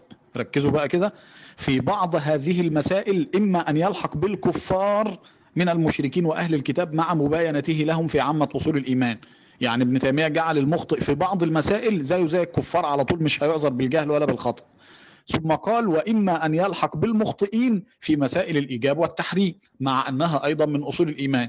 يبقى ابن تيمية عذر في مسائل الإيجاب والتحريم اللي هي المسائل الشرعية الخبرية التي لا تثبت إلا بنص وبالتالي عذر من لم يبلغه النص. ولم يعذر في مسائل أصل الإيمان وهو توحيد الله عز وجل بل أثبت وجود الشرك قبل البعث. ثانيا أرجعوا للتسجيل. الأستاذ بيستدل في مسألة التعذيب. ابن تيمية كلامه في التعذيب وأن الله لا يعذب وكذا. إحنا بنتكلمش في التعذيب بنتكلم في مسمى الإيمان. هل من عبد مع الله الأنداد والشركاء يسمى مسلما لمجرد نطقه بالشهادتين أم لابد أن يتبرأ من الشرك ويخلص العبادة لله. فابن تيمية هنا بيرد على اللي قال إنه يكفي مجرد النطق وإن المخطئ في كل المسائل معذور. فابن تيمية بيقول لا ده في خطأ يلحق فيها بالمشركين وأهل الكتاب مع مباينته لهم في عامة أصول الاعتقاد. ال- الكلام اللي قاله في مسألة نطق الشهادتين وحديث أسامة آه، أنا قلت لكم البخ... ال- ال- في فتح الباري شرح البخاري المجلد 12 صفحة 279 يقول وفيه منع قتل من قال لا إله إلا الله ولو لم يزد عليه. منع إيه؟ منع قتل ما قالش وفاء إثبات الإسلام لمن قال لا إله إلا الله. وهو كذلك لكن هل يصير بمجرد ذلك مسلما؟ الراجح لا بل يجب القتل الكف عن قتله حتى يختبر. عندنا حديث الجارية في صحيح مسلم حديث معاوية بن الحكم السلمي. لما الصحابي قال يا رسول الله كانت لي جارية فعاد الذئب على غنم لكني سقطتها أفلا اعتقها قال إذهب فاحضرها الرسول هنا هيشوف هي مسلمة ولا لأ؟ عشان يجوز عتقها ولا لأ؟ ما قالهاش هل تنطقي بالشهادتين أم لا؟ ولكن قال يا جارية أين الله؟ قالت في السماء. من أنا؟ قالت رسول الله. قال اعتقها فإنها مؤمنة أو مسلمة. يبقى هنا الرواية ما فيش فيها نطق الشهادتين أصلا وإنما فيها معنى تحقيق التوحيد أو أو ما إلى ذلك من الايه من ال- الأحاديث. وذكرنا آيات قرآن كقول الله عز وجل فاعلم أنه لا إله إلا الله إلا من شهد بالحق وهم يعلمون. امرت آيات القرآن ولقد بعثنا في كل أمة رسولا أن اعبدوا الله واجتنبوا الطاغوت. آيات القرآن للرسل والأنبياء اعبدوا الله ما لكم من إله غيره فإن تابوا وأقاموا الصلاة وآتوا الزكاة أي تابوا من الشرك. كل دي آيات قرآن بتذكر شروط أخرى للا إله إلا الله لا يثبت للمرء إسلام إلا بتحقيقها. وكذلك حديث الرسول من قال لا إله إلا الله وكفر بما يعبد من دون الله آيات ملة إبراهيم أصلا اللي فيها التبرؤ من الشرك والمشركين وإنهم لن يكونوا مسلمين حتى يتبرؤوا من الشرك والمشركين كما قال حتى تؤمنوا بالله وحده ما قالش حتى تنطقوا الشهادتين وخلاص. فكل هذه الأدلة نوديها فين؟ لما المخالف بيقول لا مجرد النطق بالشهادتين طب الأدلة دي كلها نوديها فين بقى لما مجرد النطق بالشهادتين كافي؟ ولو مجرد النطق بالشهادتين كافي عندنا حديث بني جزيمة اللي هو استدل بيه وبيقول أصل سيدنا خالد. بيقول لك ده كانوا في نص المعركة. ده دلاله إنه ما كلفش نفسه يفتح الباب ويقراه. ده قبل المعركة أصلا. النبي صلى الله عليه وسلم أرسل سيدنا خالد يدعوهم للإسلام. يدعوهم أصلا للإسلام قبل القتال. نص حديث البخاري رقم 4084 قال آه، عن عن سالم عن أبيه قال بعث النبي صلى الله عليه وسلم خالد الوليد إلى بني جزيمة فدعاهم إلى الإسلام. فلم يحسنوا أن يقولوا أسلمنا فجعلوا يقولوا صدقنا. هو كان بيقول في كلامه إنه هم في وسط القتال هيكون هي- هيكونوا اعتقدوا معناها لا ده هو بيدعوهم لسه للإسلام قبل المعركة أو قبل قتالهم أو وما فيش أصلا ذكر قتال هنا في المسألة ده فيها ان هو في نص البخاري فدعاهم إلى الإسلام فلم يحسنوا أن يقولوا أسلمنا فجعلوا يقولوا صدقنا يبقى لما دعاهم وظهر منهم عدم قتال وإنما استجابة أصلا للإسلام بس لم يحسنوا أن يقولوا أسلمنا فقالوا صبأنا كما اعتادت العرب أن تسمي المسلمين. بأنهم صبأوا عن دين آبائهم فلحسن القصد ده النبي صلى الله عليه وسلم قابل منهم هذه ال- الكلمة مع إنهم ما نطقوش الشهادتين وده يبطل مذهب المخالف إن العبرة بنطق الشهادتين. عندنا آيات قرآن فيها ألفاظ غير الشهادتين كقول النبي صلى الله عليه وسلم في حديث معاذ اللي قرينا رواياته فانهم عرفوا ذلك فإن وحدوا الله أو من وحد الله وكفر بما يعبد من دونه. كل دي أدلة توحي إن القصد هو تحقيق معنى الشهادتين وليس مجرد النطق به. لسه وقت قد إيه؟ لسه فاضل دقيقتين وعشر طيب ال ال ابن القيم في إعلام الموقعين يقول ولو أوجب تبديل الأسماء والصور تبديل الأحكام والحقائق لفسدت الديانات وأي شيء نفع المشركين تسمية الإشراك بالله قرب إلى الله وأي شيء نفع المعطلين لحقائق الأسماء والصفات تسمية ذلك تنزيها وأي شيء نفع الغلاة من البشر واتخاذهم طواغيت يعبدونها من دون الله تسمية ذلك احتراما وتعظيما. والعبرة مش بمجرد النطق العبرة بالمعنى وحقيقته وليس مجرد الإيه؟ وليس مجرد النطق. وبالتالي بنقول من حقق التوحيد وتبرأ من الشرك وأخلص عبادته لله عز وجل فذلك المسلم. هذا الأمر يثبت في دار الإسلام بمجرد نطق الشهادتين وإقامة الشعائر أما غير دار الإسلام فلا بد من التأكد أن الشخص الذي يحكم له بالإسلام محقق لملة إبراهيم محقق للتوحيد والبراءة من الشرك يخلص عبادته لله عز وجل ويتبرأ من الشركاء والأنداد. أما من عرفنا عنه أنه يعبد مع الله آلهة وأنداد أخرى فيستحيل أن يثبت له إسلام وهو يشرك ويتخذ الأنداد. إذ الإسلام والشرك نقيضان لا يجتمعان ولا يكون المرء مسلما موحدا حتى يخلع الأنداد والشركاء ويعبد الله عز وجل وحده دون شريك. وده مدلول أكثر من 100 آية في القرآن عملنا لهم درس. هحاول أحط لكم ال- ال- ال link فوق للي حابب يبقى اسمعه أكتر من 100 آية في من 200 200 آية معلش في القرآن في في التوحيد والبراءة من الشرك. ودوما ما يقرن تحقيق التوحيد بالبراءة من الشرك لأنه لا يتحقق للمرء توحيد إلا بأن يتبرأ من الشركاء والانداد أنا لو عديت وقتي اقفل عليا المايك إلا لو في آية من القرآن أو حديث تمام؟ فاضل 10 اتفضل. ثواني كده خلاص يعتبر خلصت كده يا شيخ حازم. ماشي ممكن- ما عشان النظام يمشي بعد كده. اللي. تسيب له المايك اللي بيقول آية لحد ما يكملها وتقفل حتى لو نقل علماء عشان نلتزم بالوقت ما نضيعش وقت. تمام. آه، كده الشيخ عبد الرحمن انت كده معاك خمس دقايق بقى يا مولانا عشان طيب. ما نرجعش للسبعة دي عشان السبعة دي طويلة قوي أنا أنا أنا طبعا آه، آه، ما أقرره.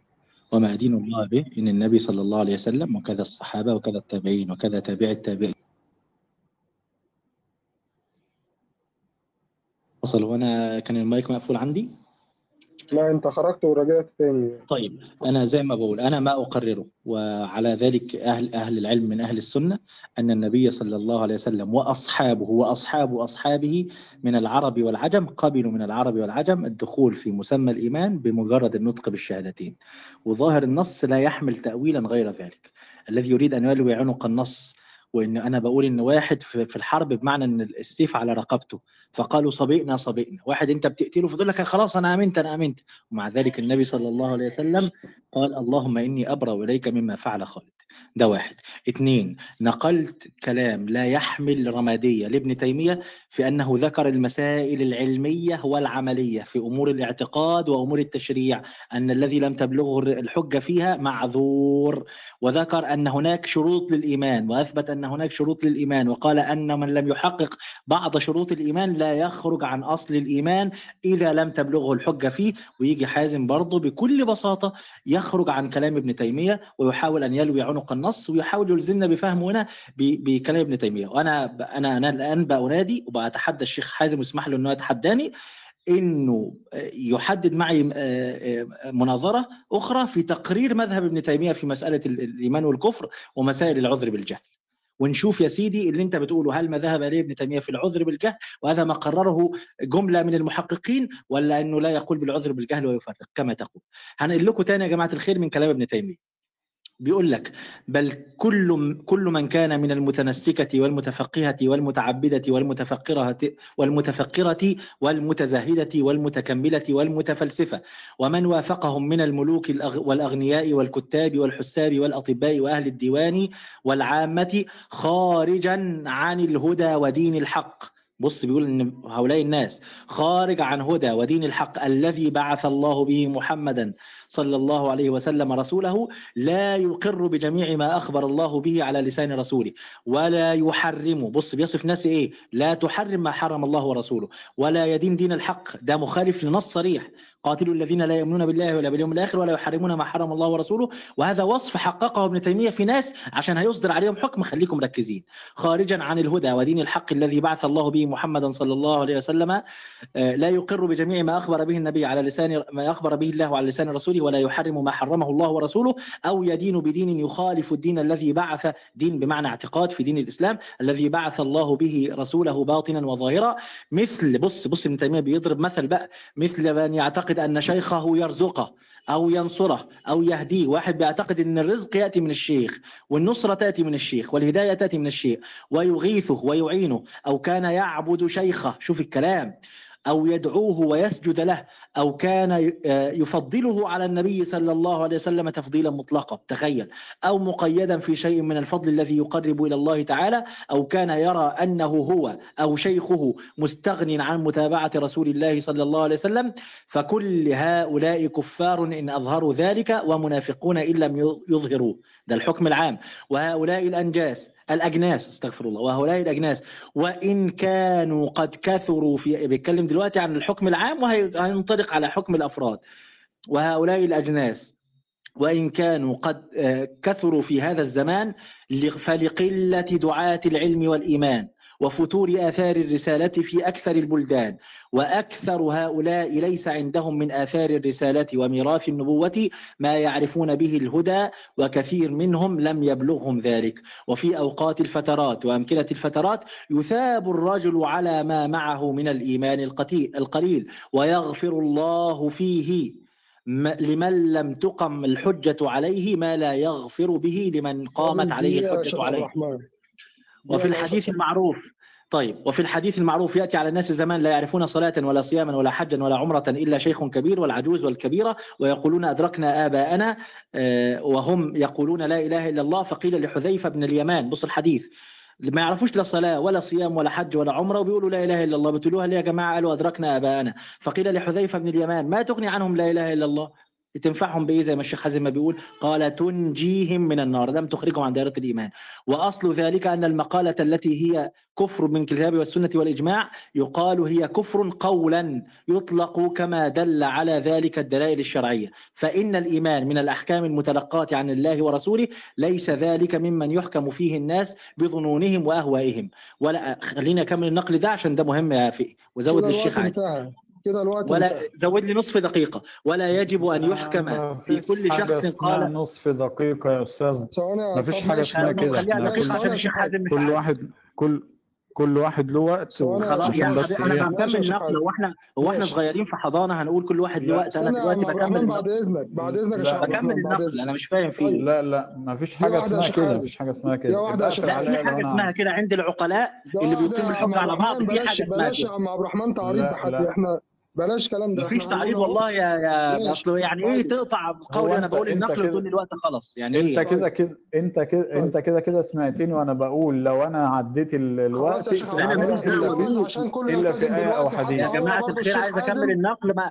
ما أنا ما حبيتش ابتدئ النقل وأجيب النتيجة أنا جبته من الأول خالص إيه؟ عشان الناس تفهم ممكن ممكن إيه حضرتك تكتبه على؟ الشات ممكن تكتبه على الشات اتفضل لا معلش أنا هكمله في نصف دقيقة يا سيدي نصف دقيقة خلصت أصلا يا سيدي أنا دلوقتي لو هو بيقول نقل أنا مش هتشدق اسمع. واقول له الوقت خلص أنا مش فاهم في إيه اسمع. والله اسمع إحنا اتفقنا أصلا على الوقت ليه لو إحنا مش هنلتزم بيه ما عشان عشان الوقت مقيد عام لكن أنا بنقل نقل بسيبني أخلص النقل وأنا هقوله في 10 سنين ماشي ما انت كده كده النقولات دي مجتزأة ما أنا أنا قلت لك قول ابن كنت إن بعض الأخطاء الكلام من أوله لآخره وبيقول طب اثبت إن النقل ده مجتزأ اتحداك ماشي ماشي ماشي. أنا قلت لك كلام ابن النقولات السابقة اللي أنت حرفتها وقلت إن ما بيتكلمش فيها في حرفتها؟ الاعتقاد. طب احترم احترم نفسك بس. احترم. نفسك بس. احترم نفسك بس. احترم نفسك. بس. احترم نفسك بس.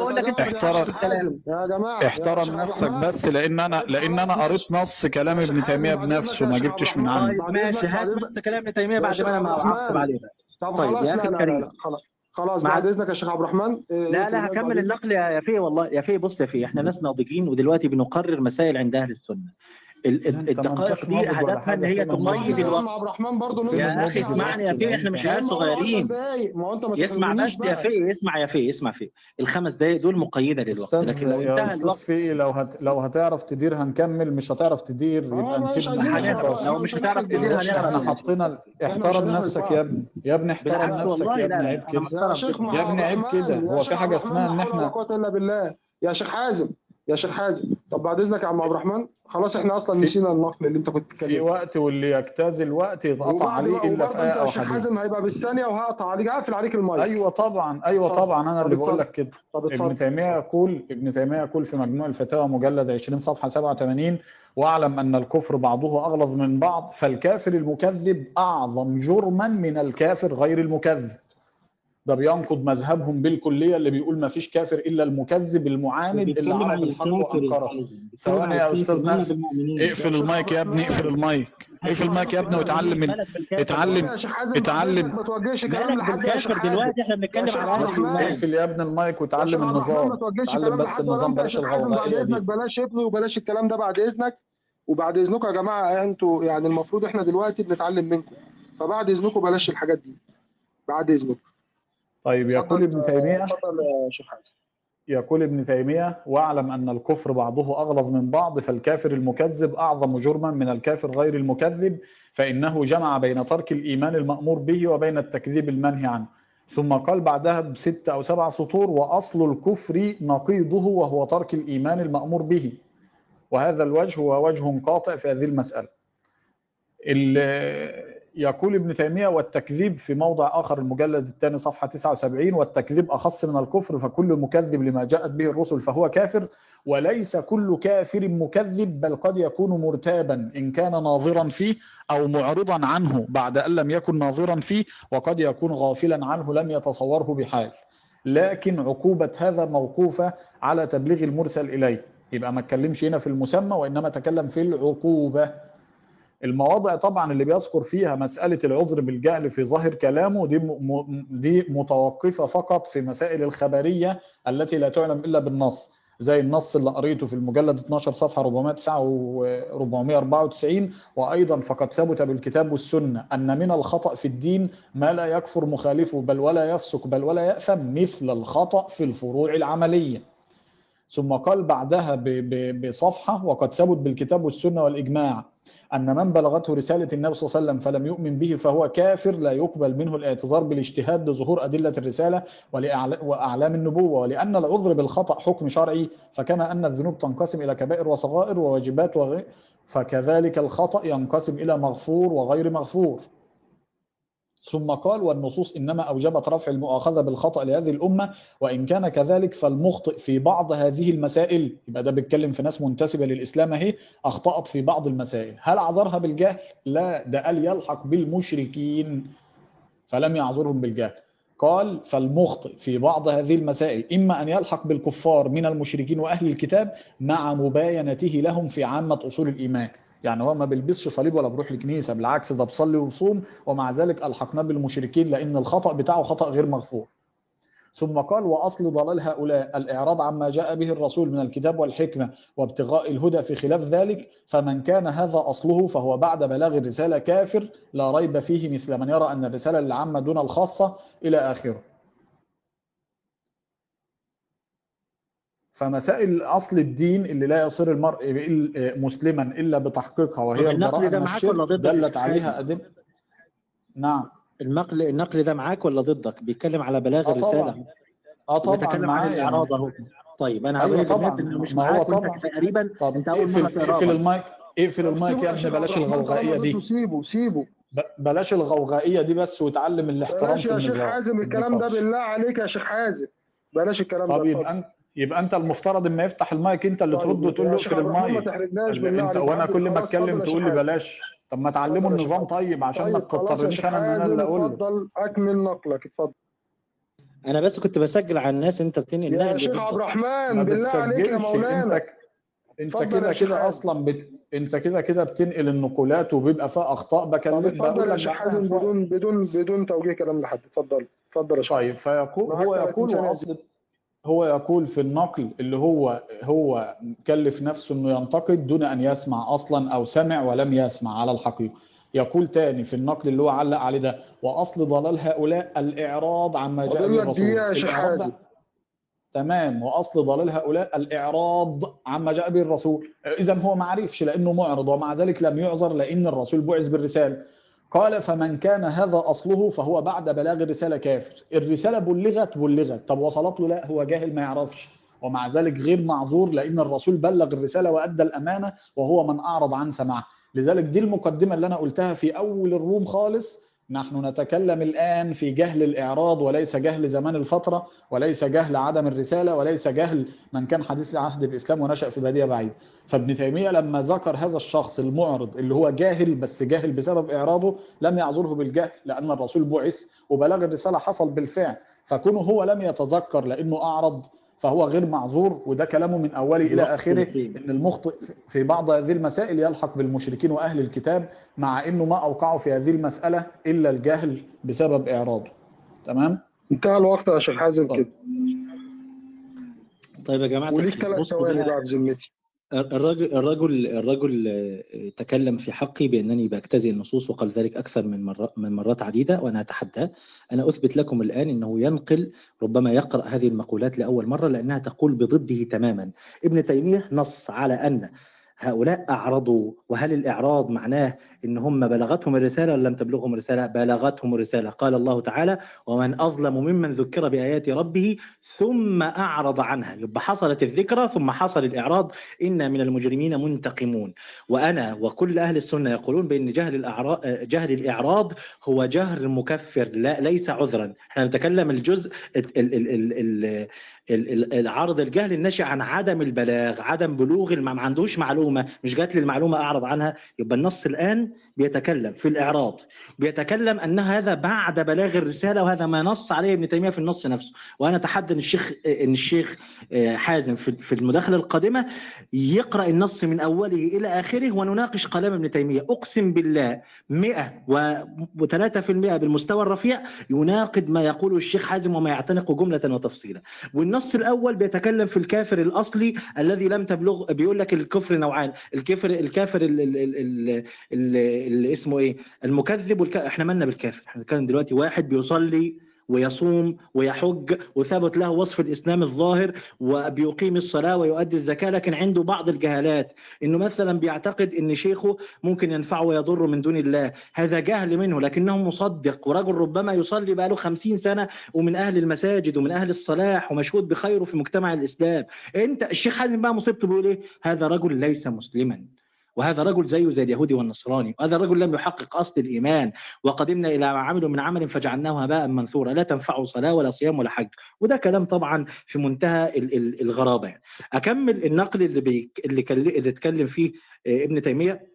بالمناسبة يا جماعة الخير بيقول لك ابن تيمية حسب فهمه هو لنصوص ابن تيمية إنه بيعذر بالجهل في النفاق في المسائل العملية وليس الاعتقادية. مع إن أول نقل أنا جبته عن ابن تيمية يخالف ذلك. بيقول هذا مع أني دائما ومن جالسني يعلم مني ذلك أني من أعظم الناس نهيا على أن ينسب معين إلى تكفير وتفسيق ومعصية. إذ إلا إذا علم أنه قد قامت عليه الحجة الرسالية. وإلا هنا تفيد الاستثناء والحصر. لا تنسب معين عند ابن تيمية إلى تكفير أو تفسيق ومعصية إلا بعد إقامة الحجة الرسالية التي من خالفها كان كافرا تارة وفاسق أخرى وعاصيا أخرى. وإنني أقرر أن الله قد غفر لهذه الأمة خطأها وذلك يعم الخطأ. وشو الراجل بيصرح؟ وبعد كده الشيخ حازم يكذب كلام الرجل ويؤوله ويلوي عنقه. وذلك يعم الخطأ في المسائل الخبرية القولية والمسائل العملية. إذا هذا التقرير لقول ابن تيمية. وما ينقله الشيخ حازم هو برضه تقرير بقول ابن تيمية. لذلك أنا تحديته تعالى في مس... في نقاش بس في كلام ابن تيمية في هذه المسائل. طيب. قال إيه بقى؟ أكمل النقل اللي كنت بقوله. بيقول إيه يا سيدي؟ آه ولا يجب أن يحكم في كل شخص قال ذلك بأنه كفر. تمام؟ آه، حتى يثبت في حقه آه، شروط التكفير وتنتفي الموانع. اللي أنا قلته في الأول ولا يتم الحكم حتى تجتمع كل الشروط والممانع ترتفع. هذا مذهب ابن تيمية أهو. تمام؟ وفين آه، يا سيدي؟ آه ولا يجب أن يحكم في كل شخص قال ذلك بأنه كافر حتى تثبت في حقه شروط التكفير وتنتفي موانعه. مثل من قال أن الخمر أو الربا حلال وده حرام بنص. اتقوا الله وذروا ما بقي من الربا لقرب عهده بالإسلام أو لنشوئه في بادية بعيدة أو سمع كلاما أنكره. تخيل سمع كلام أنكره ولم يعتقد أنه من القرآن لجهله ولا أنه من الأحاديث. يعني تيمية بيتكلم في نموذج متطرف أصلا. ده بلغه كلام ولم يعتقد أنه إيه من كلام النبي صلى الله عليه وسلم أو من القرآن الكريم. وسمع كلاما أنكره ولم يعتقد أنه من كلام من القرآن ولا من أحاديث النبي صلى الله عليه وسلم. كما كان بعض السلف ينكر أشياء حتى تثبت عنده أن النبي صلى الله عليه وسلم قالها. يقول للسلف كانوا يفعلوا بعض هذه الأفعال. وكما كان الصحابة يشكون في أشياء مثل رؤية الله وغير ذلك حتى يسألوا عن رسول الله عنها رسول الله صلى الله عليه وسلم. ومثل ذلك الذي قال إذا أنا مت فاسحقوني وذروني في اليم لعلي أضل عن الله. ونحو ذلك. فإن هؤلاء بص بقى. لا يكفرون حتى تقوم عليهم الحجة بالرسالة كما قال الله لئلا يكون لله للناس على الله حجة بعد الرسل. وبيقول بل نعلم أنه نهى عن كل هذه الأمور وأن ذلك من الشرك الذي حرمه الله تعالى ورسوله. لكن لغلبة الجهل وقلة العلم بآثار الرسالة في كثير من المتأخرين لم يمكن تكفيرهم. بذلك حتى يبين لهم ما جاء عن رسول الله صلى الله عليه وسلم مما يخالفه. العجيب إنه قال هذا الكلام في كتابه الرد على البكري والبكري هذا من المتصوفة الذين يقولون بجواز السجود للصنم. ومع ذلك ولا يكفر البكري وهو في مقام المناظرة. تخيل واحد بيناظر واحد بينظر لعبادة ال- القبور وبيقول لا يمكن تكفيرهم. وهجيب لكم نقول في مثل هذه الواقعة. تمام يا شيخ. تمام يا شيخ عبد الرحمن. اتفضل يا شيخ حازم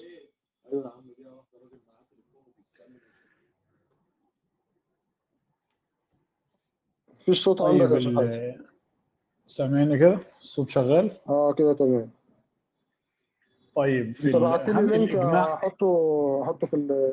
في ال bio آه في ده ال... آه ده حوالي 100 نقل لابن تيمية. فيها الألفاظ المتشابهة اللي ظاهرها العذر بالجهل لكن ذاكرين فيها الفصل كامل أو أغلب الفصل عشان ما يبقاش الموضوع موضوع اجتزاء. وبنشير إلى إيه؟ إلى التوفيق بين كلامه في عدم العذر مين اللي بالجهل وبين بيشير يا الكلام مين اللي بس اللي ظاهره بيشير؟ العذر بالجهل. مين اللي اللينك بيشير عندك فوق أهو تقدر تفتحه إحنا مالنا انت أنت مش عمدة في فهم كلام ابن تيمية. قلت لك تعالى في نقاش اقفل حيادي المايك اقفل المايك في يا ابني. تقرير ما انت قاله اقفل ابن المايك يا. ابني انت بلاش غوغائيه حازم، اقفل أنا المايك. مش ابنك يا حبيبي اقفل ابنك بس في يا ابني انت المايك. طب اقفل المايك واحترم نفسك. جماعة أنتوا إيه يا. جماعة بس إيه الموضوع اقفل ده يا المايك بس اقفل المايك بس انت مش المفروض نحط. نقل هو مش. شيخ الإسلام عشان يحط نقل. هو مين عشان عشان بيحرك الرحمن الكلام هذا اهو انت حاطط اقفل بس انت ليه؟ المايك اقفل بس طيب انت المايك و... لينك اهو انت هات لينك يا شيخ عبد الرحمن يا ابني ده جامع. لكلام ابن تيميه هو بيقوله بمزاجه ما إحنا قلنا هو أصلاً. راجل بيحرف كلام ابن. تيميه إحنا جايبين النقولات اهو المايك بيقول في اقفل يا شيخ المايك. اقفل يا ابني المايك بلاش لا، تشغيل احترم نفسك على فكره وبلاش أنا ممكن أقول لك انك. تبصمك فاحترم نفسك اقفل بس المايك لا بلاش. تشغيل طيب يبقى انت لو حابب تحترم. احترم الناس عشان ما هو انت اللي بتاع تهزق تهزق مين بس تهزق مين يا شيخ يا جماعة بعد 10 إذنكم يا مرات. ابنك وأنا بتجاوز فاحترم نفسك عشان ماشي أنا ناس آسف لك لا تمام تمام بلاش تجاوز يا شيخ حازم بلا ابني بلا أخويا بلا الكلام ده إحنا في مجال دلوقتي إحنا مش عايزين نعملها طب شخصنه انت انت بت... انت لما بيفتح ال- المايك ما بتقفلوش عليه ليه؟ بعد إذنك ما تفتحش المايك لانك ما كنتش. بدأت المداخلة أنا بعترض على حق بعد إذنك. بعد طيب كان يا المداخلة. فيقي. خلاص يا شيخ عبد الرحمن أستاذ- طالما قفلت المايك يبقى هو بدأ المداخلة اتفضل يا شيخ أستاذ يلا. اللي يفتح المايك خلاص. تنزله اللي يفتح المايك في في دور زميله تنزله لا لا والله إحنا ان إحنا المفروض ما نعملش فيكم كده يعني بس طبعا لا الكلام واضح أقول اللي يفتح المايك في دور زميله تنزله اتفضل يا شيخ حازم اتفضل طيب تمام طبعا نقولات ابن تيمية ال 100 نقل اللي موجودين فوق دول ما فيش فيهم كلمة أنا كاتبها هي عبارة عن قول ابن تيمية بس ما فيش حتى تعليق على كلام ابن تيمية. قول ابن تيمية لوحده ما فيش أصلا تعليق حتى ولا تنبيه. لكن ملونين بألوان حمراء كده على محل الشاهد من الإيه؟ من كلامه علشان ما يذكر مثلا في فصول الكلام في أهل البدع ثم يذكر مذاهب السلف في تكفير أهل البدع ثم يقول إن هؤلاء لا يكفروا إلا بعد قيام الحجه ولا يتكلم أصلا في شرك واتخاذ أنداد. لكن عندما يتكلم في مسائل الشرك واتخاذ الأنداد يذكر إن المرء لا يكون مسلم أصلا إلا بالبراءة من الشرك وإخلاص العبادة لله. طبعا في نقل لابن تيمية مهم جدا لما قال ال- إن الشرك يثبت قبل البعثة فإنه يشرك بربه ويعدل به ويتخذ معه آلهة أخرى. يبقى مسمى الشرك أصلا مسمى لغوي فطري يثبت حتى قبل الرسالة لمن أشرك واتخذ الأنداد وعبد مع الله عز وجل آلهة أخرى. وبالتالي إن إحنا نذهب لكلام ابن تيمية ونقول إنه في له كلام ظاهره العذر بالجهل طب ما إحنا عارفين إن في عذر بالجهل في كثير من المسائل ولذا ذكرنا في نفس الفصل اللي قال فيه إن في أخطاء فيها عذر بالجهل وفي أخطاء المخطئ فيها يلحق بالمشركين وأهل الكتاب مع مباينته لهم في عامة أصول الاعتقاد. إذا كل الصور اللي هيذكر فيها عذر بالجهل هي خارج هذه المسألة، خارج ما لا يصير المرء مسلما إلا بتحقيقه وهو البراءة من الشرك وإخلاص العبادة لله. لأنه هو أصلا في تقريره للإسلام يقول إن الإسلام هو عبادة الله وحده لا شريك له وما لم يأتي العبد به فليس بمسلم وإن لم يكن مسلما آه، وإن لم يكن كافرا معاندا فهو كافر جاهل. وده كلامه كلام ال ابن القيم أيضا كما ذكر ابن القيم في فصل مطول. وذكر الفصل المطول ده في جهال الكفار وأتباعهم وحميرهم الذين يقولون إن لهم تبع إيه، إلى آخره. أنا عشان بس نكسب وقت والناس تستفيد هنقول لكم بعض إجماعات. دي بقى إجماعات مش مجرد نقولات علماء. يعني وده هنقل إجماع متأخر ونقلت من شوية إجماع عمدة القاري شرح البخاري إن الإنسان لا يكون مسلما من أهل القبلة إلا بأن يعتقد معنى الشهادتين اعتقادا جازما خاليا من الشكوك. طب إحنا بنناقش إيه وده إجماع أصلا؟ وده إجماع موافق لعشرات الأدلة من الكتاب والسنة وهحط لكم لينك 200 آية في القرآن في التوحيد والنهي عن الشرك روم كنا عملناها قبل كده وفي أكتر من هذه الآيات في القرآن. وده إجماع منقول المتقدم كشرح ال ال متقدم نسبيا يعني عمدة القاري شرح البخاري ومتأخر نسبيا زي الإجماع اللي هنقوله ده في تيسير العزيز الحميد وهو موجود ضمن الدرر السنية المجلد 11 صفحة 544 545 يقول أجمع العلماء سلفا وخلفا من الصحابة والتابعين والأئمة وجميع أهل السنة أن المرء لا يكون مسلما إلا بالتجرد من الشرك الأكبر والبراءة منه.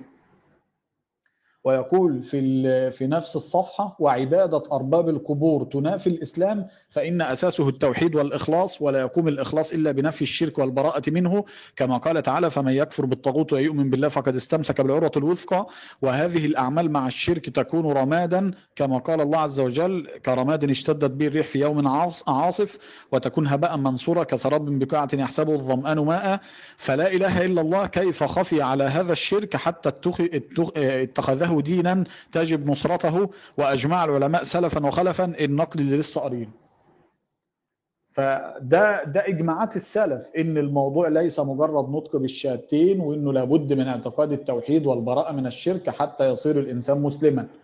فنرجع تاني لنصوص الآيات والأحاديث عشان ما يبقاش الموضوع مجرد نقولات سلف بتجيب نقولات إن في عذر بالجهل. ما إحنا عارفين إن في عذر بالجهل في خفايا الشريعة في الأمور الخفية في الأمور التي ليست شرك واتخاذ أنداد وليس فيها عبادة لغير الله.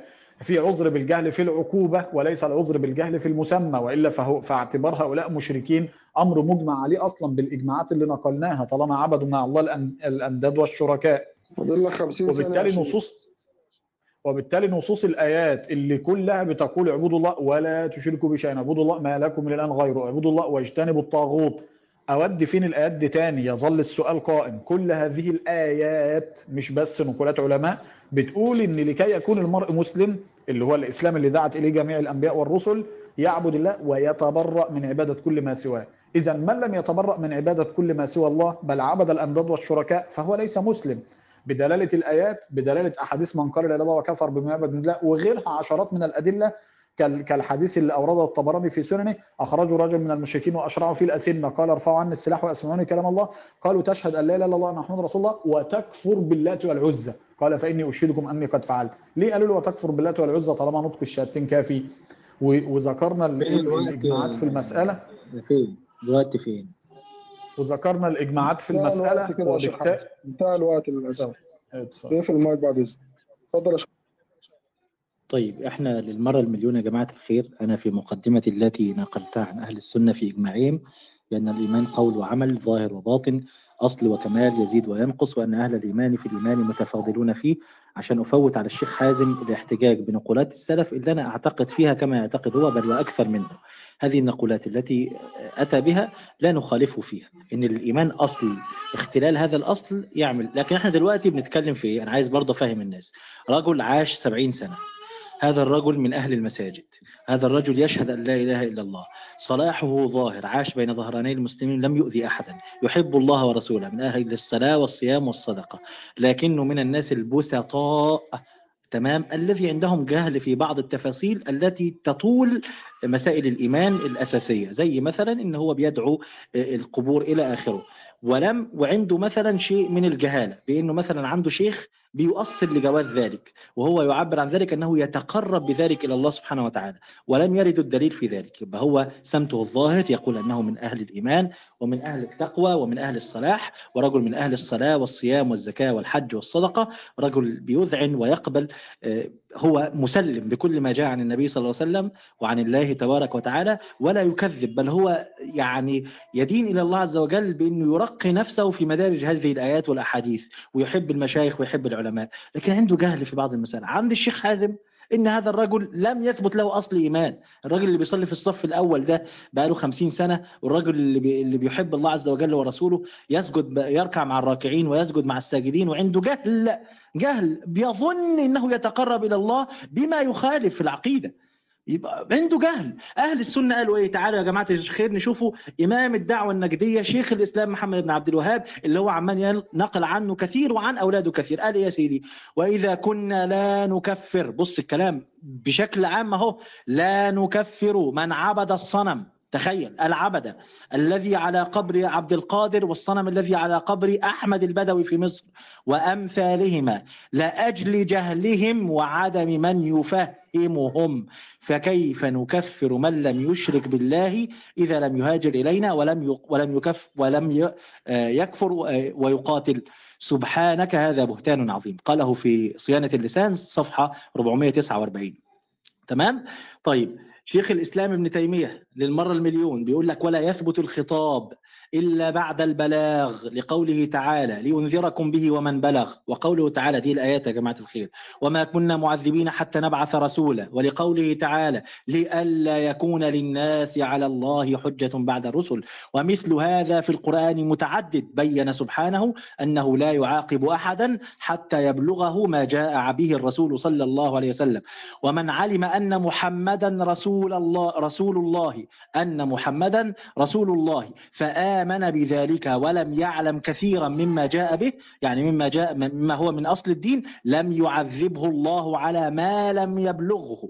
فإنه إذا لم يعذبه على ترك الإيمان يعني شيخ الإسلام تيمية بيقول إذا كان الإيمان أصلا هو معذور فيه عشان هو بس بيقول لك الفطرة. ابن تيمية لا يقول إن الفطرة حجة بذاتها وإنما هي الفطرة حجة بعد إقامة الحجة بالرسل. تمام؟ عشان بص ده ظاهر كلام ابن تيمية عشان بيقول لك فطرة مش فطرة. ابن تيمية بيقول فإنه إذا لم يعذبه على ترك الإيمان إلا بعد البلوغ ده معناه إنه مش لا يعتقد بالفطرة حجة. وشوفوا بقى التدليس والاجتزاء لذلك أنا رفضت إن هو يحط فوق النقولات لأن هو هو عندي مدلس. تمام؟ إلا بعد البلوغ. فإنه لا يعذبه عن بعض شرائطه اللي هو شرائط الإيمان. يعني ما يعتقده حازم بأن هذا شرط يجب أن تحققه للدخول في زمرة المؤمنين ابن تيمية بيقول بالعذر فيه وأن الله لا يعذبه فيه إلا بعد البلوغ. تمام؟ وهذه سنة رسول الله. هذا في مقام إيه؟ إن ابن ابن ابن تيمية استقرأ أفعال النبي صلى الله عليه وسلم وأقوال النبي صلى الله عليه وسلم في هذه المسائل وخلص إلى هذه المسألة. قال وهذه سنة رسول الله رسول الله المستفيضة عنه في أمثال ذلك. تمام؟ طيب. وهعيد تاني. النقل بتاع بي اللي بيقول فيه آه, آه في, في في النقل عن البكري فين؟ آه, آه بيقول يا سيدي والتكفير حق لله تعالى. الرد على البكري ده ماشي. الرد على البكري ده البكري ده كان عالم مصري بينظر بينظر لعبادة القبور واتسجن بسببه شيخ الإسلام ابن تيمية 15 سنة وبعد كده شيخ الإسلام ابن تيمية خباه في بيته من الظاهر بيبرس. وده معناه إن ابن تيمية لا محالة أقام عليه الحجة. ومع ذلك قال كتاب في كتابه في الرد على البكري يعني رسالة بيوجهها للبكري بيقول التكفير حق لله تعالى فلا يكفر إلا من كفره الله ورسوله. وأيضا فإن التكفير الشخص المعين الشخص بذاته وجواز قتله موقوف على أن تبلغه الحجة النبوية موقوف على موقوف عشان بيقول لك بس إيه هل في الرد على البكري بيتكلم في تفاصيل الشريعة ولا في الشرك واتخاذ الأنداد يا شيخ حازم؟ إذا كنت مش عارف بقى دي فإحنا بنعرفك. يبقى وجواز قتله موقوف على أن تبلغه الحجة النبوية التي يكفر من خالفها. وإلا جملة واحدة وإلا فليس كل من يجهل شيئا من الدين يكفر. الجزء الثاني صفحة 249 اتفضل يا شيخ حازم. اتفضل يا شيخ حازم. طيب طيب أنا حطيت لك لينك أحطه فوق اختصارا على الناس. ذكرنا فيه أكثر من 150 نقل لأئمة الدعوة النجدية في مسألة التفرقة بين مسمى الشرك ومسمى الكفر وأنهم عندما يقولوا لا نكفر ليس معناها أنه مسلم وإنما هو مشرك ولكن لا لا يكفر إلا بعد إقامة الحجة لأن التكفير يستوجب القتل. فمن فضلك حطه لو حد من الناس حابب يتابعه أكتر من 150 نقل لابن لابن عبد الوهاب وأئمة الدعوة النجدية في مسألة العذر وعد في مسألة العذر وعدم العذر وإن الجمل اللي بيقول فيها لا نكفره ليس بالضرورة مسلم ومنها نقولات الإمام الشيخ محمد بن عبد الوهاب نفسه وأولاده واحفاده طب ما تقولها لنا عشان إيه؟ قولها لنا قولها لنا يلا قولها لنا. ماشي. نزله تحت يا أستاذ زي ما اتفقنا إن اللي لا يفتح إزاي يعني. قولها لنا. وانت بتحطه يا وخلاص بترد عليا. بجيب إيه؟ نقل الراجل يا شيخ عليا حازم، تقول لي حط يا نقلات أستاذ في إحنا. اتفقنا اتفقنا يا أستاذ لا. في اللي هيفتح المايك هينزل ولا مش هينزل؟ هتنفذ اللي اتفقنا عليه ولا مش هندير الروم صح؟ هينزل ويطلع على طول. ما فيش مشكلة. طيب في حديث المستدرك على الصحيح للحاكم وهو صحيح على شرط البخاري ومسلم يقول النبي صلى الله عليه وسلم وكان يدعو يدعو للإسلام. حديث ضمام بن ثعلبة والنبي صلى الله عليه وسلم بيدعو للإسلام. هنشوف بقى هل النبي صلى الله عليه وسلم قال له انطق الشهادتين وخلاص ولا قال له إيه؟ هو يقول هذا الصحابي قبل أن يسلم قال أنشدك آه الله إلهك وإله من قبلك وإله من كائن بعدك آه الله أمرك أن نعبده ولا نشرك به شيئا وأن نخلع هذه الأوثان والأنداد التي كان آباؤنا يعبدون. الراجل عمل بحث أصلا وعرف أن الإسلام بيأمر بذلك. قال آه اللهم نعم ثم جعل يذكر فرائض الإسلام. الحديث يقول بعدها بخمس سطور ثم أتى بعيره فأطلق عقاله حتى قدم على قومه فاجتمع إليه فكان أول ما تكلم به وهو يسب اللات والعزى المسألة هنا مش مجرد نطق الشهادتين وخلاص النبي صلى الله عليه وسلم دعا لمعنى الشهادتين من خلع الأوثان والأنداد منها حديث وكفر بما يعبد من دون الله منها طبعا آيات القرآن فإن تابوا أي من الشرك وأقاموا الصلاة وآتوا الزكاة عشرات الآيات اللي فيها اعبدوا الله ولا تشركوا به شيئا اعبدوا الله ما لكم من إله غيره فيها أحاديث النبي صلى الله عليه وسلم وتكفر بالله والعزى فيها وكفر بما يعبد من دون الله من حيث العموم وذكرنا الإيه؟ وذكرنا الروايات. في حديث النبي صلى الله عليه وسلم لما لما ظهر ناس منتسبة للإسلام وقالوا كلمة ال- الكفر في في في الثناء على مسيلمة كتب عثمان بن عفان رضي الله عنه وارضاه إلى عبد الله بن مسعود أن اعرض عليهم دين الحق وشهادة أن لا إله إلا الله وأن محمد رسول الله فمن قبلها وبرئ من مسيلمة فلا تقتله. ده كان أصلا استتابة يعني هم عدوا كفار مرتدين بمجرد نطق الثناء على مسيلمة ولم يعذروا بجهل ولا تقليد. وامره سيدنا عثمان بن عفان رضي الله عنه وأرضاه أن يستتبهم الاستتابة هنا ما كانتش مجرد نطق الشهادتين ولكن كانت البراءة من هذا الشرك الذي حصل. ف ف يعني أنا أنا كده هكرر بقى اللي قلناه. ذكرنا آيات ذكرنا أحاديث ذكرنا إجماعات من الأمة إن لا إله إلا الله لا تثبت إلا بالكفر بالطاغوت والإيمان بالله وتحقيق البراءة من الشرك والمشركين. والمفترض إن ده كان سياق كلامنا أصلا من الأول. العذر بالجهل ليس في الأشياء الخفية. والعذر بالجهل ليس في زمن الفترة أو زمن عدم بلوغ الرسالة. نحن الآن في زمن في رسالة. الأستاذ قال من شوية إنه إنه أصل الاعراض ده الشخص اللي اللي سمع بالحق وأعرض عنه. طب كل الناس سمعت إياك نعبد وإياك نستعين. كل الناس سمعت اتبعوا ما أنزل إليكم من ربكم ولا تتبعوا من دونه أولياء. كل الناس سمعت إن القرآن هدى وذكرى وهدى ورحمة وغيرها من الآيات وأعرضت عن البيان. اذا ينطبق عليهم كفر الإعراض كما زعمت أنت إنك تعتقد كفر المعرض. اللي عرف الحق وأعرض عنه. عرف الناس أن الرسول جاء بالهدى ودين الحق وأعرضوا عن سماع رسالته وتعلم ما فيها من حق وبالتالي هم كفار كفر إعراض. كما ذكر الشيخ محمد الوهاب من نواقض الإسلام الإعراض عن دين الله لا يتعلمه ولا يعمل به كما قال الله عز وجل والذين كفروا عما انذروا معرضون الآيات دي نوديها فين؟ برضو السؤال اللي ما تجاوبش عليه. نودي فين الآيات اللي بتأمر بالبراءة من الشرك وبتأمر بإخلاص العبادة لله عز وجل؟ تمام؟ ونحن نؤمن بالآيات والأحاديث اللي ذكر فيها قول لا إله إلا الله. طب إحنا قلنا لا إله إلا الله. الآيات بقى الثانية ما نؤمنش بها هي كمان ونخلص العبادة لله ونتبرأ من الشرك والأنداد ونحث الناس على العلم والتعلم.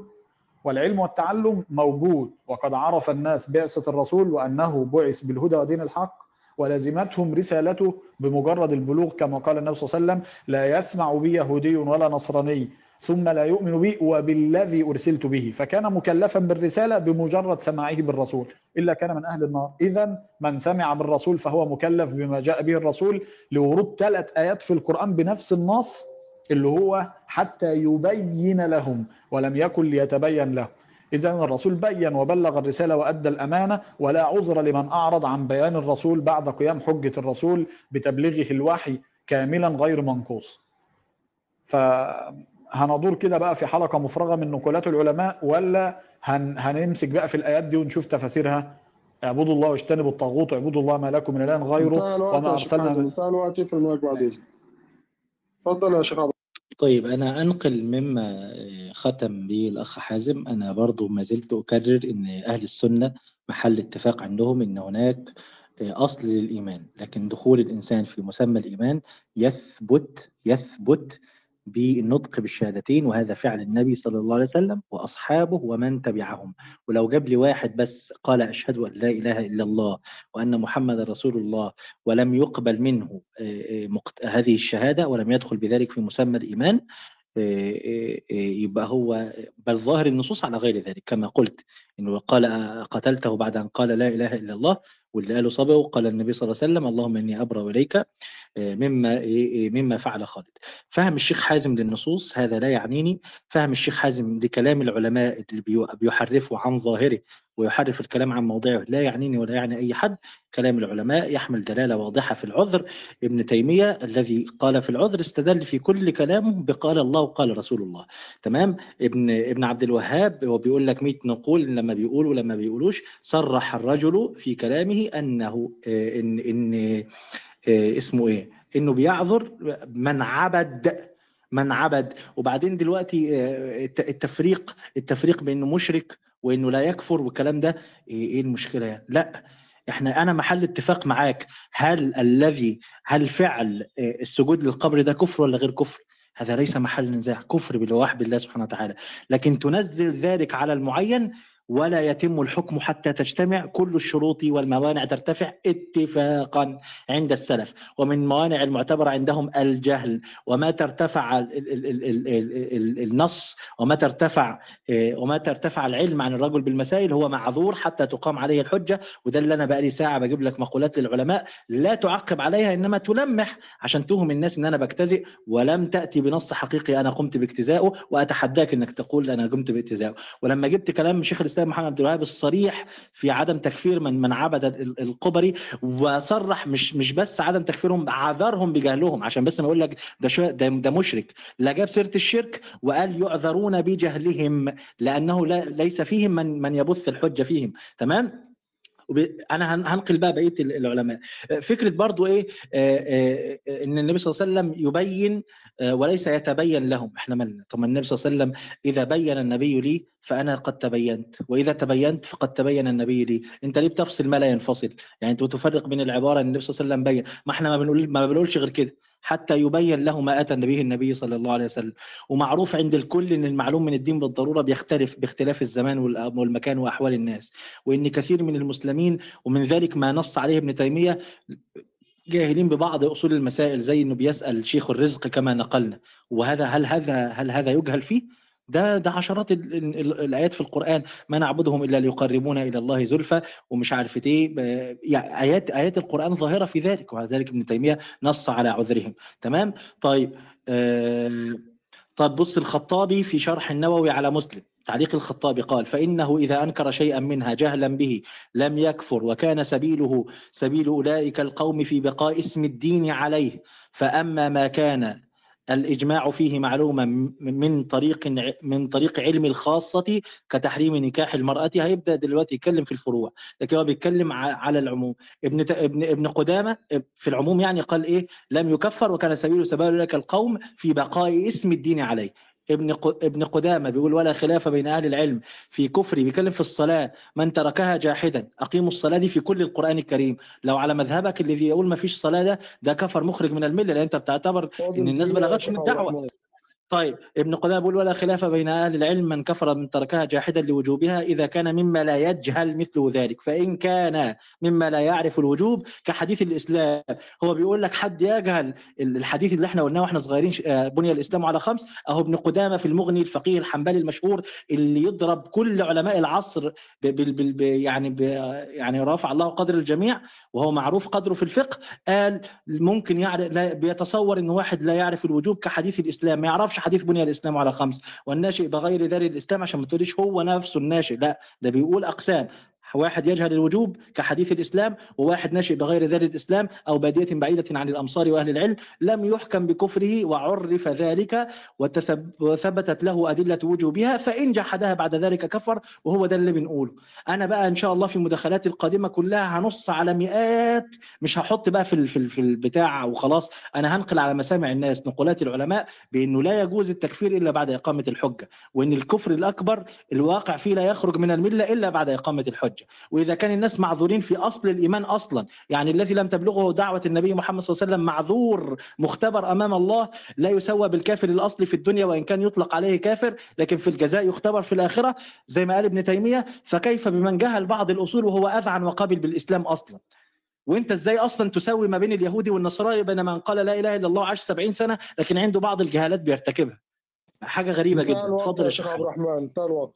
ماشي. اتفضل يا شيخ طيب هي كل نصوص العلماء اللي بيذكروا فيها العذر بالجهل في في في كثير من المسائل زي اللي أراها أو أرى بعضها عن ابن قدامة أو عن ال- النقل الأول آه، تقريبا أرى في في شرح السنة للبغوي هنقراه دلوقتي هي بيتكلم في فروع الشريعة أصلا اللي هو خافي عليه بعض الواجبات أو بعض المحرمات الواردة في نعم. لكن اما أجي انقل مثلا على سبيل المثال مسألة قول الشيخ محمد بن عبد الوهاب في عباد القبور وأنا حطيت لكم ال- اللينك فوق كان قبل ده يقول مثلا حفيده اللي هو عبد اللطيف بن عبد الرحمن شارح كتاب التوحيد وله كتاب اسمه منهاج التأسيس والت- والتقديس في شرح في كشف شبهات داود بن جرجيس يقول والشيخ أي ابن عبد الوهاب قيد التكفير المنفي بقوله أول من أحدث تكفير المسلمين أهل الأهواء وعباد القبور ليسوا عنده بمسلمين. يبقى عندما يقول لا أكفرهم ليس معناه إنه بيعتبرهم مسلمين هو بيعتبرهم مشركين. لكن مسمى الكفر اللي بيقتضي التكذيب والستر والتغطية للحق يسمى هذا المسمى بعد إقامة الحجة. أما قبل إقامة الحجة فهم مشركين وليسوا مسلمين لأنه في مئات النصوص مش عشرات يذكر إن المرء لا يكون مسلم إلا بالبراءة من الشرك بل والبراءة من المشركين بل وتكفيرهم أيضا. كما جاء في أصل دين الإسلام وقاعدة أمران الأمر الأول تحقيق التوحيد إلى آخر ما قال وبالتالي تجمع هذه النصوص بعضها ببعض. ثاني بنكرر إن قول النبي صلى الله عليه وسلم وآيات القرآن ذكرت البراءة من الشرك، الأستاذ بيقول إن كل الأحاديث ذكرت مجرد النطق بالشهادتين. طب الأحاديث اللي, اللي ذكرناها إحنا دي نوديها فين؟ يعني على سبيل المثال أنت بتقول هات حديث واحد إن في صحابي قبل الشهادتين النطق والنبي صلى الله عليه وسلم لم يقبل منه. في حديث رقم 21952 في مسند أحمد اللي هو حديث ال ال ابن الخصاصية بشير ابن الخصاصية أتيت النبي صلى الله عليه وسلم لأبايعه قال فاشترط علي دي البيعة على الإسلام اشترط إيه بقى؟ ما قالوش انطق الشهادتين وخلاص قال فاشترط علي شهادة أن لا إله إلا الله وأن محمدا عبده ورسوله وأن أقيم الصلاة وأؤدي الزكاة وأحج إلى آخره فقال إيه بقى الصحابي بقى؟ قال فقلت يا رسول الله أما اثنتان فوالله لا أطيقهما الجهاد والصدقة. يعني الصحابي هنا أقر بشهادة أن لا الله محمد رسول الله وإقام الصلاة والصيام وغيره. لكن ثقلت عليه هاتين العبادتين الجهاد والصدقة. النبي صلى الله عليه وسلم عمل إيه بقى؟ أنت بتقول كل اللي أنت اتعلمته إن النبي صلى الله عليه وسلم كان يقبل كل من نطق بالشهادتين.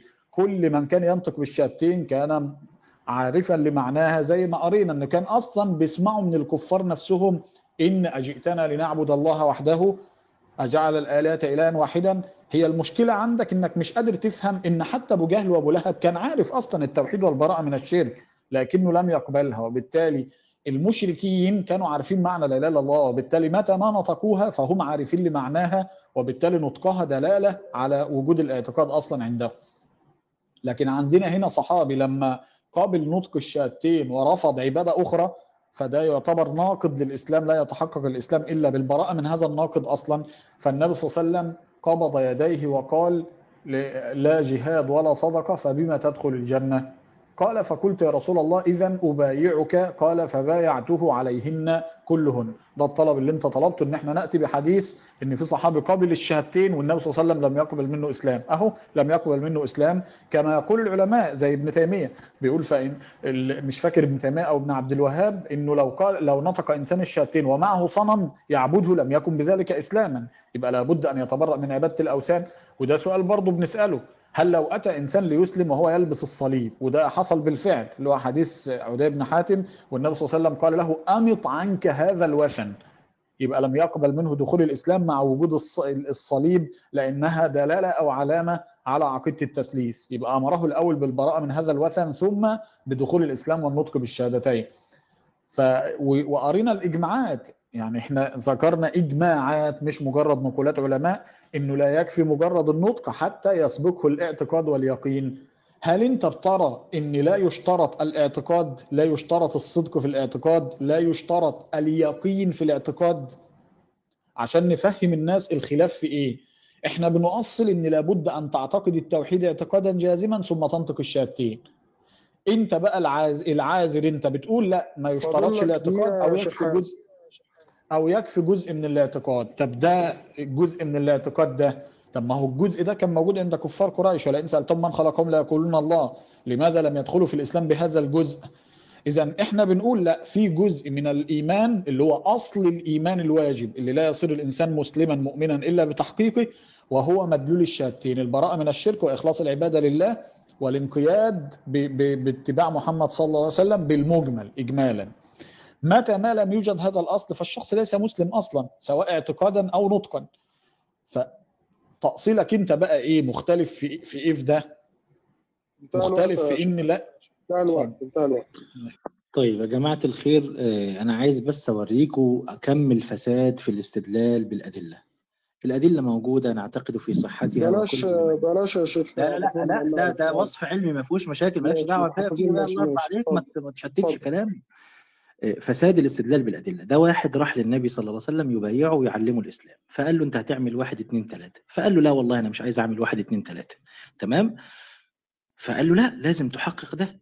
ده اسمه ده الإعراض. ومن أعظم ومن أظلم من ذكر بآيات ربي ثم أعرض عنها. وأنت لن تنتقل كرز. هذا الدين هو عقد بينك وبين الرب جل وعلا. أصل الإيمان هو التصديق وهو الإذعان والقبول بكل ما جاء به النبي صلى الله عليه وسلم وعلم مجيئه من الدين بالضرورة. وبالتالي الآن هذا يسمى قياسا فاسدا لانتفاء العلة بين المسألة الأصل والمسألة الفرع. إحنا نتكلم الآن عن واحد أذعن وقبل بأنه لا إله إلا الله وأن محمدا رسول الله وقال ولسان حاله في فعله وأقواله أن كل ما ورد عن النبي صلى الله عليه وسلم يصدقه وأقام الصلاة وآتى الزكاة وجهل بعض المسائل التي تمس بعض المسائل الأساسية في الإيمان. إيه بقى العلاقة بين ده وده؟ بص كم الاستدلال الفاسد وكم لي الأعناق كما قال الله عز وجل على سبيل المثال في اليهود والنصارى يحرفون الكلمة عن مواضعه ويحرفون الكلمة من بعد مواضعه. واحد راح للنبي هو أنا بقول لك أنا لو قلت لعابد الصنم ده إن هذا شرك وبعد كده هو قال لي لا مش شرك وه- وهعبده غصب عنك وأنا وأنا مش عايز أصلي ومش عايز أصوم زي ما عمل الصحابي. يظل بذلك مؤمنا؟ لا أنا بقول لك لو سمحت كن رحيما به.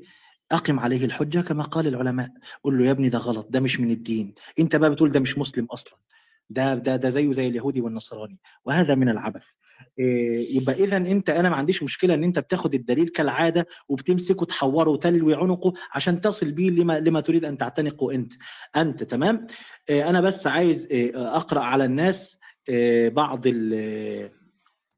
بعض النقولات برضو عشان يكون كلامنا مدعم بالأدلة. آه، آه، ابن ابن حزم في الفصل في الملل وال- والأهواء والنحل وابن حزم عمدة في هذه المسألة لأنه رجل الف في آلاف الاعتقادات وتكلم فيها. بيقول لك قال أبو محمد أبو محمد وهذا تأويل باطل لا يمكن لأنه كان ده في حديث إن الرجل قال إذا إيه إذا آه، إذا أنا مت يعني فإيه فذروني في النار إلى آخره. وده حديث الرجل لا أمر بإحراق نفسه وقال لئن قدر الله عليه فبيقول لأنه لا يمكن آه، لأنه كان يكون معناه حينئذ لئن ضيق حازم بقى في أكثر من مرة يقول لك إيه لئن قدر الله عليه هنا معناها التضييق. فابن حزم رد عليه بيقول هذا تأويل باطل لأنه لا يمكن. يعني واحد لما جه يموت يا جماعة الخير وصى أولاده إن هم يحرقوه ويجعلوه رماد ثم يذروه في الرياح عشان بيقول لئن قدر الله عليه يعذبني عذابا ما عذب به أحدا من العالمين. فقال البعض عشان يحملوا هذا ده طبعا كفر ظاهر. وهذا النص فيه حجة في العذر بالجهل لأن الله عز وجل لم يخرجه الله عز وجل عذره وغفر له. وبالتالي حازم في كثير من النقاشات بيقول لك إيه؟ ده معناها لئن ضيق الله عليه مع إن الرجل قال لئن قدر فحازم بيسميها لئن ضيق الله عليه. وساعات حازم بيقول لك بيسيب له من ده خالص بيقول لك ده رجل اختل عقله مع إنه رجل في منتهى الكمال واحد رجل في منتهى الرزانة ولما جه يموت عارف إنه هيقابل ربنا ووصى وصية وصاهم وصية دقيقة مظنة منه أن الله لا يقدر عليه. فاللي قالوا بقى لئن ضيق الله عليه رد عليهم ابن حزم قال هذا تأويل باطل لأنه كان يكون معناه حينئذ لئن ضيق الله علي ليضيقن علي وأيضا ولا فلو كان هذا لما كان لأمره بأن يحرق ويذر ويذر رماده معنى ولا شك في أنه إنما أمره بذلك ليفلت من عذاب من عذاب الله تعالى. والأكثر من ذلك بقى قول ابن تيمية. بص ابن تيمية قال في الحديث ده إيه؟ ومن تأول قوله لئن قدر الله علي بمعنى قضى أو ضيق فقد أبعد النع... النعجة وحرف الكلمة عن موضعه. زي ما قال الشيخ حازم في كثير من الغرف المسجلة المسجلة. فابن تيمية بيقول إن كلامك ده يا شيخ حازم أنت بتحرف الكلمة عن مواضعه يعني أنا مش بتهم الشيخ حازم ولا حاجة. فإنه إنما أمر بتحريقه وتقريعه لئلا يجمع ويعاد. وقال إذا أنا مت فأحرقوني ثم اسحقوني ثم ذروني في الريح في البحر فوالله لئن قدر علي ربي ليعذبني عذابا ما عذبه أحدا. فذكر هذه فذكر هذه الجملة الثانية فوالله لئن قدر الله علي ليعذبني عذابا لا يعذبه أحدا ابن تيمية بيقول فذكر هذه الجملة الثانية بحرف الفاء عقيب الأولى يدل على أنه سبب سبب لها وأنه فعل ذلك لئلا يقدر الله عليه مش لئلا يضيق عليه. إذ فعل ذلك فلو كان مقرا بقدرة الله عليه ما كانش إيه يعني كلام أنت بيقول لو مقر بقدرة الله عليه يبقى إيه لازم إن هو يحرق نفسه ويذريه في الرياح؟ ما كده كده ربنا هيقدر عليه سواء هيعذبه عذاب ضعيف أو هيضيق عليه ايا كان. لو هو يثق في قدرة الله عليه إيه المبرر انه يخليه يذروه؟ الوقت انتهى ما قلتليش قبلها بدقيقة ليه يا فقي؟ ماشي ما أنا ما قلتش برضه للشيخ حازم المرة اللي فاتت عادي يعني طيب أنا هكمل الدليل ده المرة القادمه وأتمنى الشيخ حازم يرد عليه بقى ويرد على ابن تيمية. طيب طيب حط بعد إذنك يا أستاذ في حط ال link ده فوق في نقولات العلماء في شبهة حديث الرجل الذي ذرى نفسه. أنت مش بتحتاج بابن تيمية. بس يا أستاذ نقفل المايك نزله تحت يا أستاذ فيه من فضلك. خلاص يا عم حازم خلاص خلاص خلاص. طيب. طبعا أنا هتماشى مع المخالف برغم التطاول اللي حصل والناس كده كده الروم مسجلة هتقدر ترجع لها وتشوف من بيجتزئ النصوص في الر... لا في التعليق اللي فات كله تطاول. انت نفسك قلت له بلاش الطريقة دي. ده انت نفسك رديت عليه. أيوه هو مش ف... فأنا هتج... هت... هتجاوز. خلاص يا أستاذ خلاص يا أستاذ خلاص يا أستاذ أنا أتجاوز. اتفضل طيب هنتجاوز بس عشان الناس كده كده بتستمع للروم المسجلة. النقولات اللي عايز يقولها حازم على فكرة. مش من حقك. أنا نقاش بيني وبينه. أنت كده بتتكلم في مذهبه لا ده ملوش علاقة بيك أنت اثبتنا ان الراجل بيفهم على النصوص وبيفهم الكلمات. ما اثبتش ما اثبت ما اثبتش ما أثبتش واحترم ما أثبتش واحترم نفسك. أحترم نفسك. احترم نفسك واقفل المايك. احترم نفسك واقفل المايك. احترم نفسك واقفل المايك وبلاش تشغيب عشان ضعف حجتك هتلجأ للتشغيب. يلا اتفضل اتفضل يلا يلا. ضعف حجتك بتلجأ للتشغيب. اولا حديث الرجل الذي زار نفسه. حديث حديث الرجل الذي زار نفسه. كل تأويلات السلف إن قدر بمعنى ضيقة ولم يخالف في هذه المسألة. طيب الصوت واضح؟ الصوت واضح؟ يا ريت بركب لنا طيب يقول مثلا ابن عبد البر في التمهيد المجلد 18 صفحة 43 ما فيش بقى اجتزاء ولا حاجة أهو. وأنا لو بجتزئ هقول لك اتفضل خد ال link أهو أدي نقولات. روح دور وشوف مين بيجتزئ ومين فعلا بيلوي أعناق النصوص كما تزعم. رمتني بدائها وانسل. فهو يقول ابن ابن عبد البر في التمهيد المجلد 18 ففي قوله لئن قدر الله علي فأحد الوجهين تقديره كأن الرجل قال لئن كان قد سبق في قدر الله وقضائه أن يعذب كل ذي جرم على جرمه لا يعذبني الله على إجرامه والوجه اللي هو بمعنى التقدير يعني. والوجه الآخر والله لئن ضيق الله علي وبالغ في محاسبتي وجزائي على ذنوبي ليكونن ذلك. ثم أمر بأن يحرق بعد موته من فرط من فرط خوفه. يبقى زي ما انت انت بتزعم ان أنا الوحيد اللي قلت الكلام ده وجبته من نفسي وإن ابن وإن ابن حزم بيقول إن ده كلام مبتدعه طيب هذا مثلا كلام ابن عبد البر. كلام السيوطي في الديباج على صحيح مسلم قدر بمعنى ضيق. كلام مشكل الآثار للطحاوي المجلد الثاني صفحة 57 قدر بمعنى ضيقه قال وقوله لئن قدر علي ربي هو عندنا والله أعلم. على التضييق أي لا يضيق الله علي ابدا فيعذبني بتضييق. نفس الكلام في المعتصر من المختصر في شرح الآثار. ده مش مش كلامي. في الشفاء للقاضي عياض ذهب إن ده في صورة الشك ويراد به اليقين. ليه بقى؟ لأن أصلا رواية مسلم نفسها بتقول وإن الله يقدر على أن يعذبني. رواية مسلم نفسها بتقول إن الرجل لم يشك أصلا في قدرة الله وإنما قال وإن الله يقدر على أن يعذبني. فلم ينكر أصلا القدرة. وده تفسيرات السلف للمسألة وفي 22 وجه للرد على من استدل بالأثر في العذر بالجهل موجود عندكم في النقولات اللي فوق. ما كتبتش فيها تعليقات يعني عشان بس هو بيلجأ للتشغيب بإن إحنا بندلس. لا اللي بيدلس هو اللي بيجتزئ نصوص. أما اللي بيكتب النصوص ويحيلها للناس إنها تدور وراه ده ما بيدلسش ولا حاجة. النقولات هي تقدر الناس ترجع لها.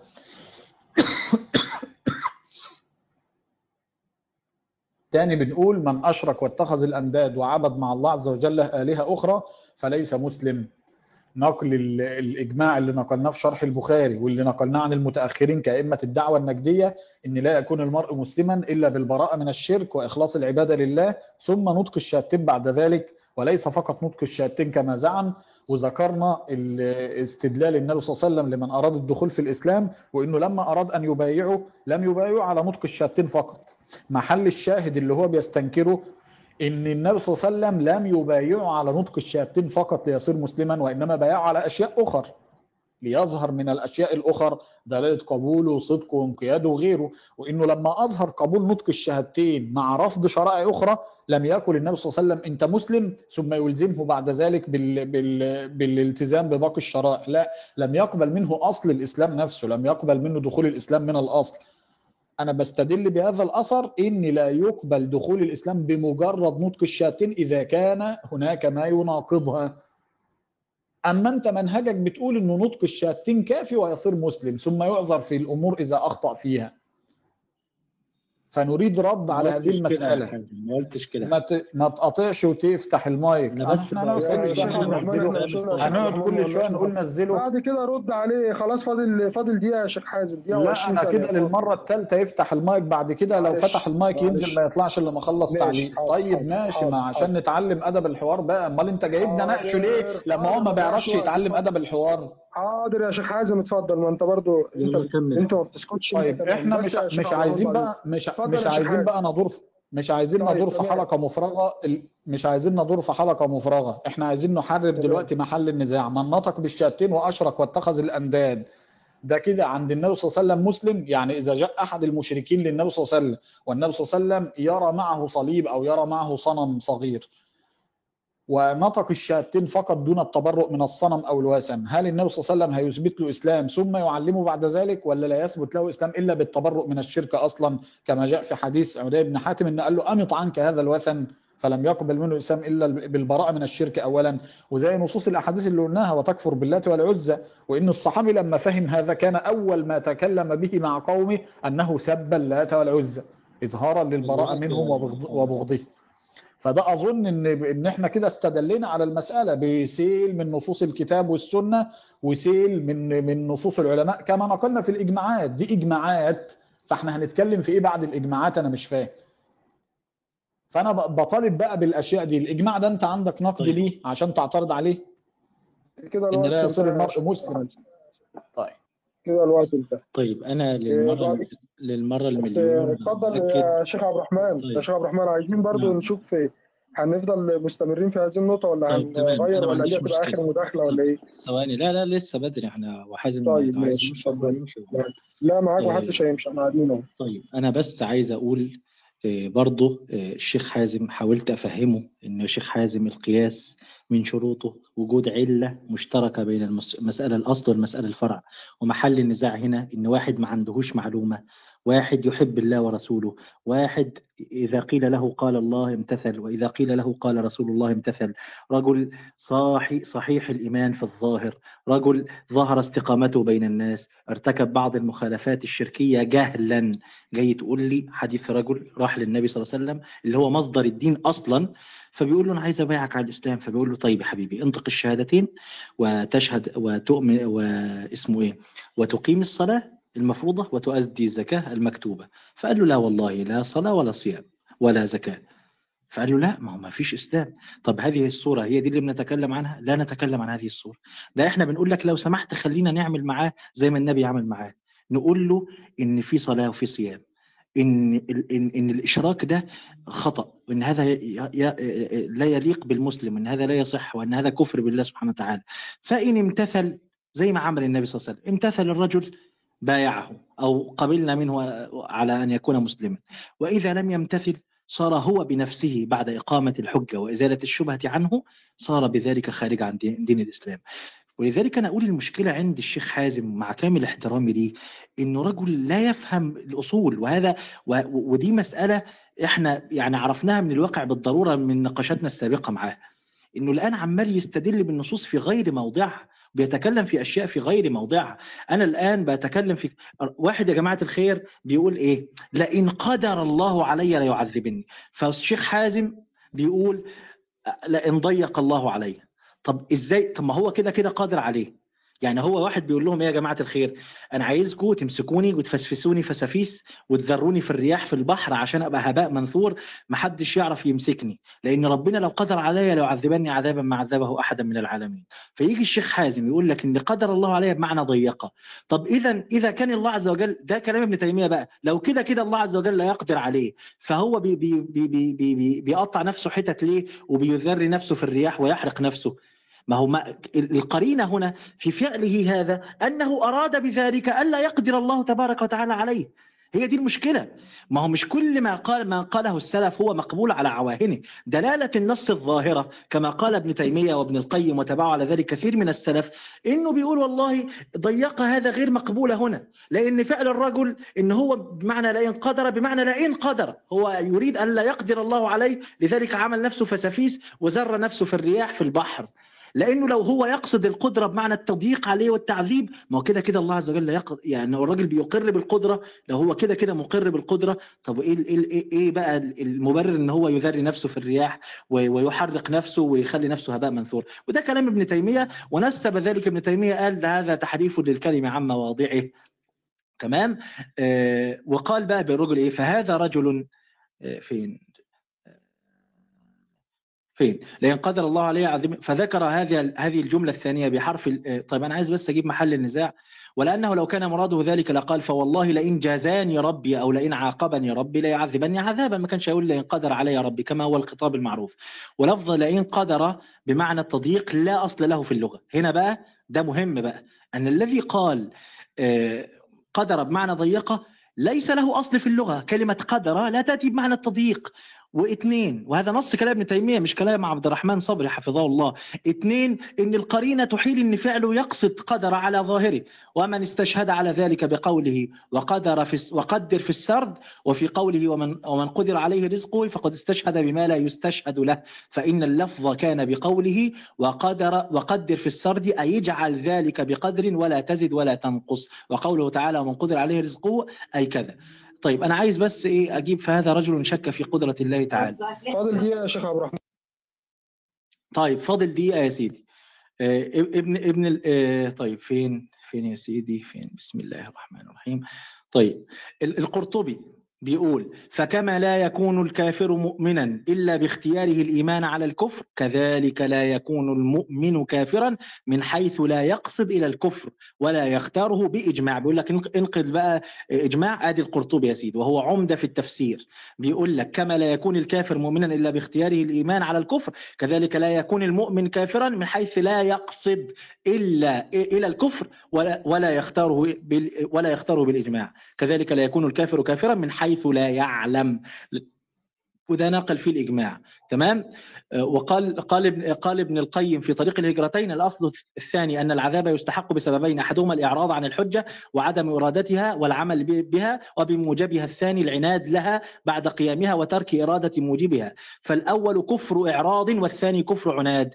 ده اللي قاله من شوية حازم. وأما كفر الجهل مع عدم قيام الحجة وعدم التمكن من معرفتها فهذا الذي نفى الله التعذيب عنه حتى تقوم حجة الرسل. وأنا اعمل مش هنقل شيخ هنقل في كده طيب آخر نقطة آخر نقطة هو أراها كفر الجهل ما قالش إن الجاهل هنا لا يكفر أصلا ونفى عنه هنا العقوبة وليس مسمى الكفر. فأنا مش عارف أنت بتقرأ نقولات حتى ما كلفتش نفسك تفهم معناها إنه نقل بالنص كده إن كفر الجهل ثم قال ينتفى عنه العقوبة وليس ينتفى عنه مسمى الإيه؟ مسمى الجهل. ابن تيمية يقول في الصارم المسلول نزله تحت يا أستاذ نزله تحت عشان فتح المايك في غير دور. نزله تحت يا أستاذ نزله تحت يا أستاذ فئة عشان دوري وما تطلعوش إلا ما وقت الشيخ يخلص. عبد الرحمن. فكرت ماشي يا الله، ما فيش- إحنا ما-. ما فيش ما ب- بوجهلك تبقى ترد في وقتك. ماشي يا أستاذنا نزله ما إحنا اتفقنا على كده. أنا ملتزم وما بقاطعوش. اتفضل يا شيخ طيب حازم، ي- يقول ابن تيمية في الصارم المسلول آه، الم- الصفحة 184 وبالجملة فمن قال أو فعل ما هو كفر كفر بذلك وإن لم يقصد أن يكون كافرا. إذ لا يقصد الكفر أحد إلا ما شاء الله.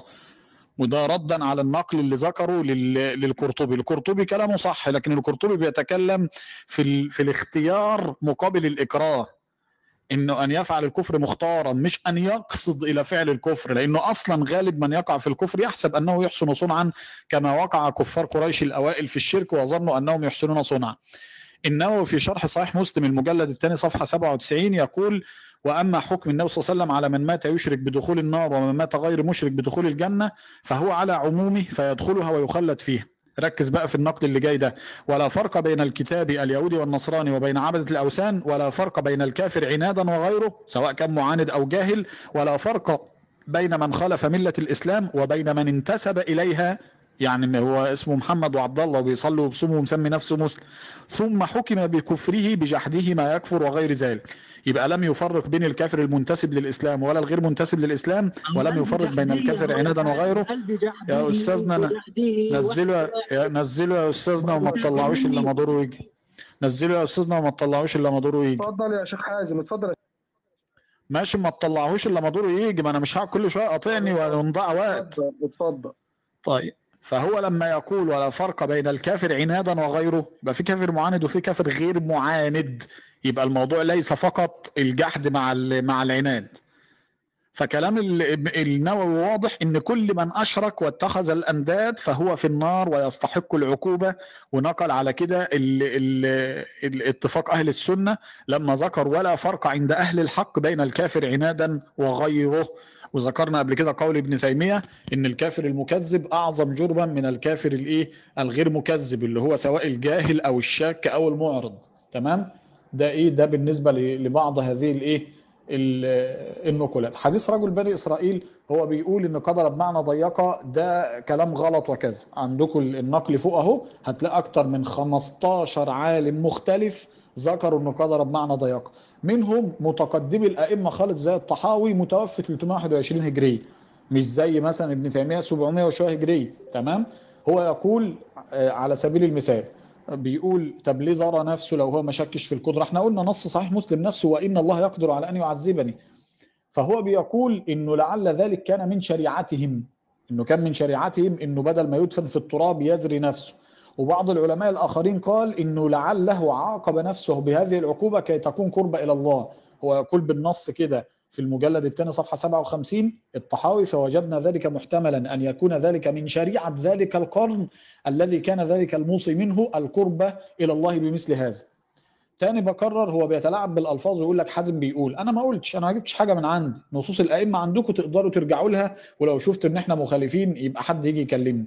لكن أن أن تنسب إلي ما لم أقله لأنك مش هتعرف ترد بأدلة ونقولات علماء فتبدأ تقول أصل أنت بتقول أنا ما قلتش ده كلام العلماء سلفا وخلفا. وعندنا عشرات النقولات اللي قالت قدر بمعنى ضيقة أو قدر بمعنى قدر إن لو قدر الله عز وجل علي ذلك لا يعذبني أو لو ضيق الله علي ولم يعاملني بالعفو والغفران لا يعذبني عذابا ما عذبه احدا من العالمين.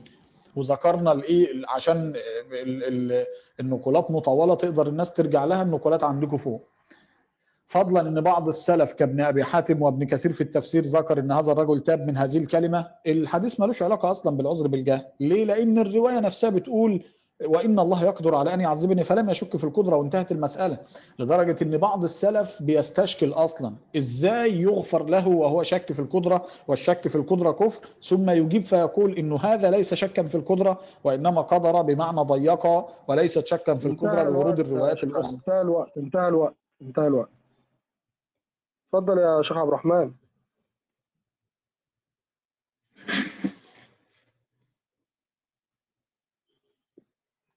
يا حضري.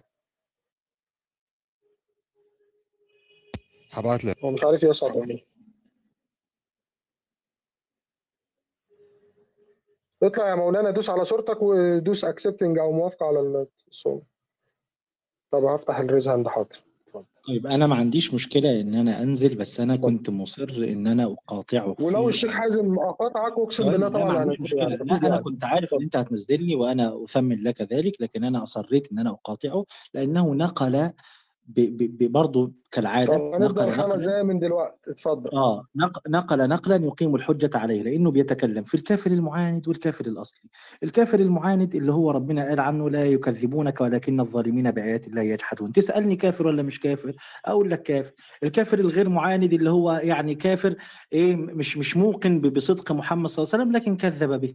طيب هل يختلف اثنين عاقلين إن التكذيب بمحمد صلى الله عليه وسلم سواء في العناد أو غيره كفر بالله؟ علاقة ده بقى بالعذر بالجهل؟ أدي يا سيدي واحد. أدي نقل من النقولات اللي نقلها في في في في في في النووي على مسلم. اثنين بيتكلم في الثاني واللي أنا قطعته فيه بيقول له آه، بجحده. يعني بيتكلم في النقولات في النقل وفي الآخر الكلام بيقول بجحده. ما إحنا قلنا دلوقتي إن كل من جحد رسالة محمد صلى الله عليه وسلم بعد أن بلغته دعوة الإسلام هذا الرجل يكفر. عشان كده بقول لك أنت 90% من النقولات اللي بتستشهد بيها هي محل اتفاق بيني وبينك. لكن أنت بتاخدها من محلها اللي هو الأصلي اللي بنؤصل به لقضايا الإيمان والكفر إلى الاستشهاد بها في محل النزاع. ولا يقول عاقل بأن هذه النصوص لها علاقة بقضية العذر بالجهل. واحد جحد إيه علاقته بعذره بجهل؟ واحد ما جاتلوش معلومة. تمام؟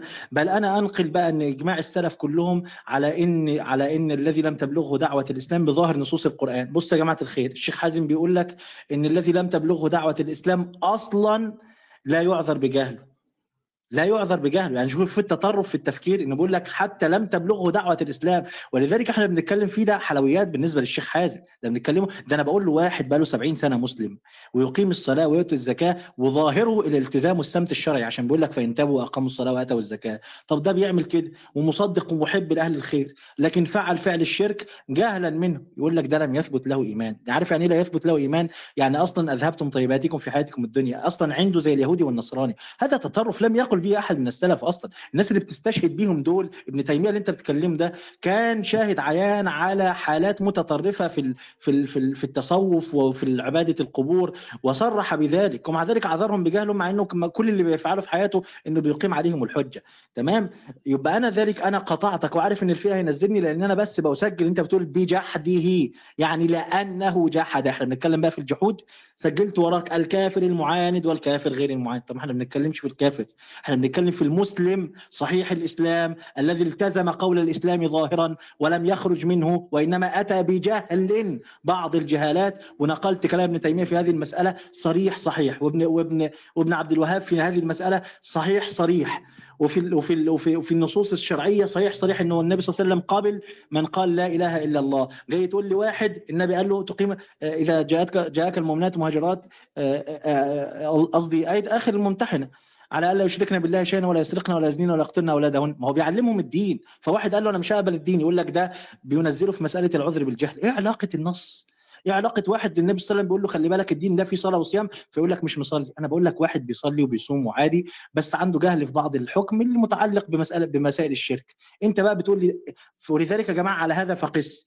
99.9 من عشرة إن ما كانش 100% بالمستوى الرفيع من محل النزاع هو الشيخ حازم لا يأتي بأدلة فيه. بياتي أدلة مخالفة تماما وينزلها منزلة الدليل في محل النزاع وأهلها لم يستشهدوا فيها ذلك. ظاهر مذهب ابن تيمية عند كل المحققين أنه يقول بالعذر بالجهل ولا فرق بين شغل آه، آه، بين آه، بين شرك أكبر وأصغر في هذه المسألة. لأن الله عز وجل رتب الثواب والعقاب على إرسال الرسل وما كنا معذبين حتى نبعث رسولا طب واحد ما جالوش فابن تيمية قال اللي جاله ب- برسالة محمد فصدق بها فهو يصير مؤمنا ولا يخرج عن وصف الإيمان. وإن أتى بنقيض شرائط الإيمان وكان جاهلا به لا يخرج من الملة حتى تقام عليه الحج. ده نص ده كلام العلماء ونص كلام ابن تيمية وظاهر النصوص الشرعية. أنت الآن أنا بقول لكم يا جماعة ده الشيخ حازم بيقول لك اللي ما جالوش أصلا رسالة اللي ما عرفش إن في إسلام أساسا ده رجل ما, ما لا يعذر بجهل وليس لك مولانا ليه بقى يا جماعة الخير؟ ليه؟ ولما استد... بص يا جماعة الخير بص انت انت انت قلت يا في إيه؟ انت بقول قلت؟ لحضرتك فاضل لك دقيقة فاضل لك طيب دقيقة ماشي بص بقى بقى له ساعة بيستدل بابن تيمية ولما جبت له نقولات ابن تيمية ما ردش عليها ولما جبت له كلام ابن تيمية في الحديث بيقول لي إن قدر الله علي اللي بيقول لك قدر بمعنى ضيقه لا تصح لغة ولا تصح سياقا ولا تصح بحيث القرينة الظاهرة الواردة من فعل هذا الرجل. ساب كلام ابن تيمية وركنه على جنب بكل هدوء وراح جاب علماء تانيين. يبقى أنت الآن بتنتقي الكرز بتتبع ذلات العلماء. أنت الآن لا تقلد ابن تيمية في كل ما قاله في مسألة الإيمان والكفر وقضية العذر بالجهل أنت بتنتقي ما ما يعضد قولك زورا وأنا عندي كامل الشجاعة كده ان ابن تيمية ما قالش الكلام اللي أنت بتقوله ده. تمام؟ ثم إذا ألزمتك بكلام ابن تيمية تقول لي قال فلان وقال علان. طب ابن تيمية مش عاجبك؟ تاني شيء هو كل من قال من السلف هو قوله معتبر؟ ليس على على على على قول أهل الملة كلهم إنهم ليسوا حجة. أهل العلم قبل أن تحتج بهم تحتج لهم من الكتاب والسنة. ظاهر النصوص وما كنا معذبين حتى نبعث رسولا. نقيم الحجه على الناس لئلا يكون للناس على الله حجة بعد الرسل. تمام؟ طب واحد ما جالوش المعلومة دي. نص كلام ابن تيمية وابن وابن عبد الوهاب وكثير من السلف إنه لا يقام عليه الحجة وإن الحجة ليست حجة ب... والفطرة ليست حجة بذاتها وده مذهب ابن تيمية وابن وابن القيم. وأنت في الآخر برضه هتروح لواحد تاني وتقول لي النووي قال إن الحجة فطرة. يبقى ذلك بص يا جماعة بيعمل إيه؟ يروح يعمل من ده ومن ده ومن ده ومن ده عشان طيب يولف مذهب على مذهب. يقول الشنقيطي في دفع إيهام الاضطراب عن آيات الكتاب في قول الله عز وجل وما كنا معذبين حتى نبعث رسولا اللي بيقول الأستاذ إن أنا اللي بقول لا علماء السلف قال خد المفاجأة بقى المسألة محل إجماع أصلا مش محل خلاف. وأنت زعمت إن في إجماع على العكس إن الإنسان اللي اللي قبل الرسالة آه، يعذر بالجهل ولا يعاقب إلا بعد بلوغ الرسالة. أنت زعمت إن في إجماع وما جبتوش ودايما أنت كعادتك كده بت- بتقول قال فلان قال فلان أو المسائل قال قال بها فلان وما قريتش إلا نقلين لابن تيمية ولابن حزم. طبعا أنت زعمت إن ابن تيمية هو اللي قال لا يستقيم شرح إن قدر بمعنى ضيقه واللي قال كده ابن حزم مش ابن تيمية. اللي ذكرت أقوال العلماء في إن قدر بمعنى ضيقه وده جمهور السلف من المتقدمين اللي سبقوا ابن تيمية ب 500 سنة سبقوا ابن تيمية ب 500 سنة في هذا القول أصلا وابن تيمية المفترض تبع لهؤلاء في تفسير نصوص ال- الأئمة في هذا الحديث.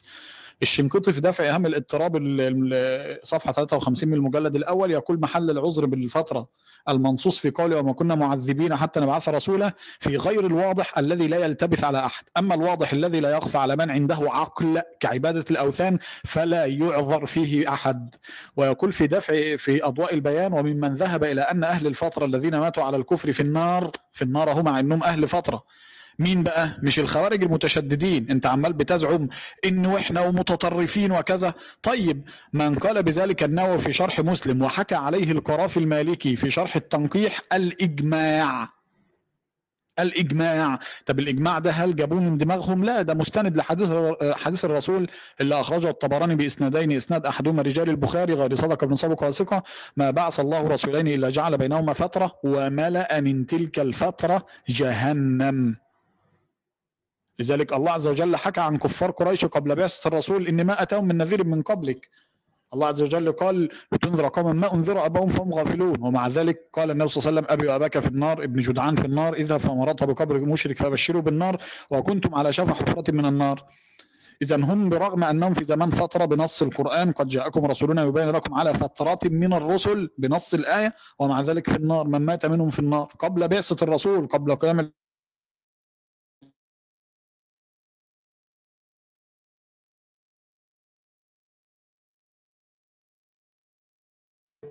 الصوت انقطع يا شيخ كده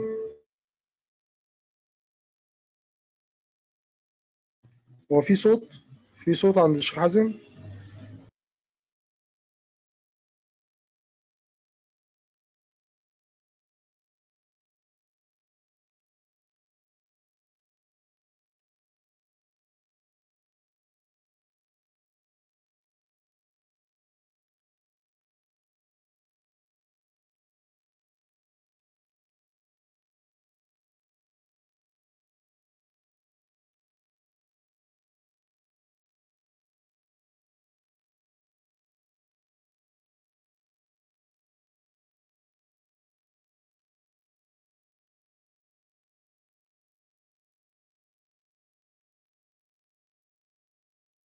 كان راح صدق الكهان والمنجمين. وهو لو بقاله 70 سنة ملتزم مش هنكفره لكن بقاله 70 سنة ملتزم بدين المشركين.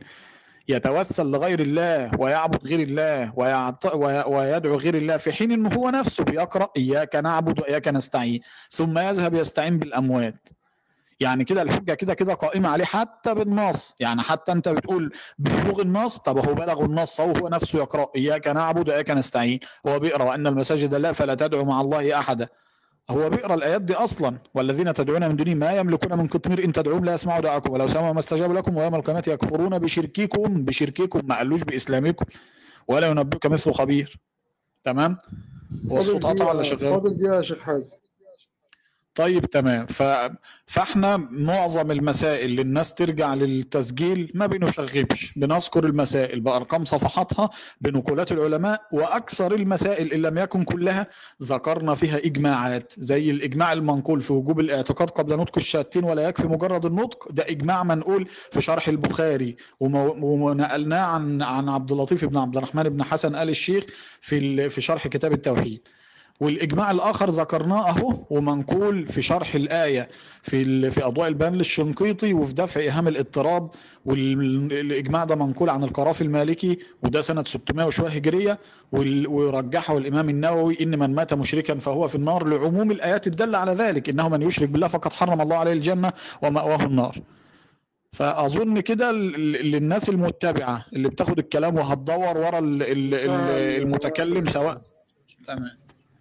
انتهى يا الرحمن آه، برضو أنا عايز أوريكم نوع من ال- الإزدواجية. على فكرة أنا معي آه، أنا أنا ضد توجيه ال room بإن أنا أحط لينكات لأن إحنا بالمشاهد كل الاستدلال بمحل النزاع والاستدلال ممكن تدينا link برضه يا شيخ عبد الرحمن الناس تستفيد برضه. ثواني بس يا يا يا دكتور حاضر. هو نزع للكلام عن مواضعه وتحريفه عما وضع له. ولذلك أنا بعارض بشدة اللينكات اللي بيحطها حازم. ده واحد. الأمر الثاني شوفوا الازدواجية في المعايير. الراجل بقاله ساعة بيستدل بابن تيمية ولما استدلت بابن تيمية يقول لك 700 سنة. والمشكلة إن هو ساب ابن تيمية وراح استدل بالشنقيطي اللي هو المعاصر.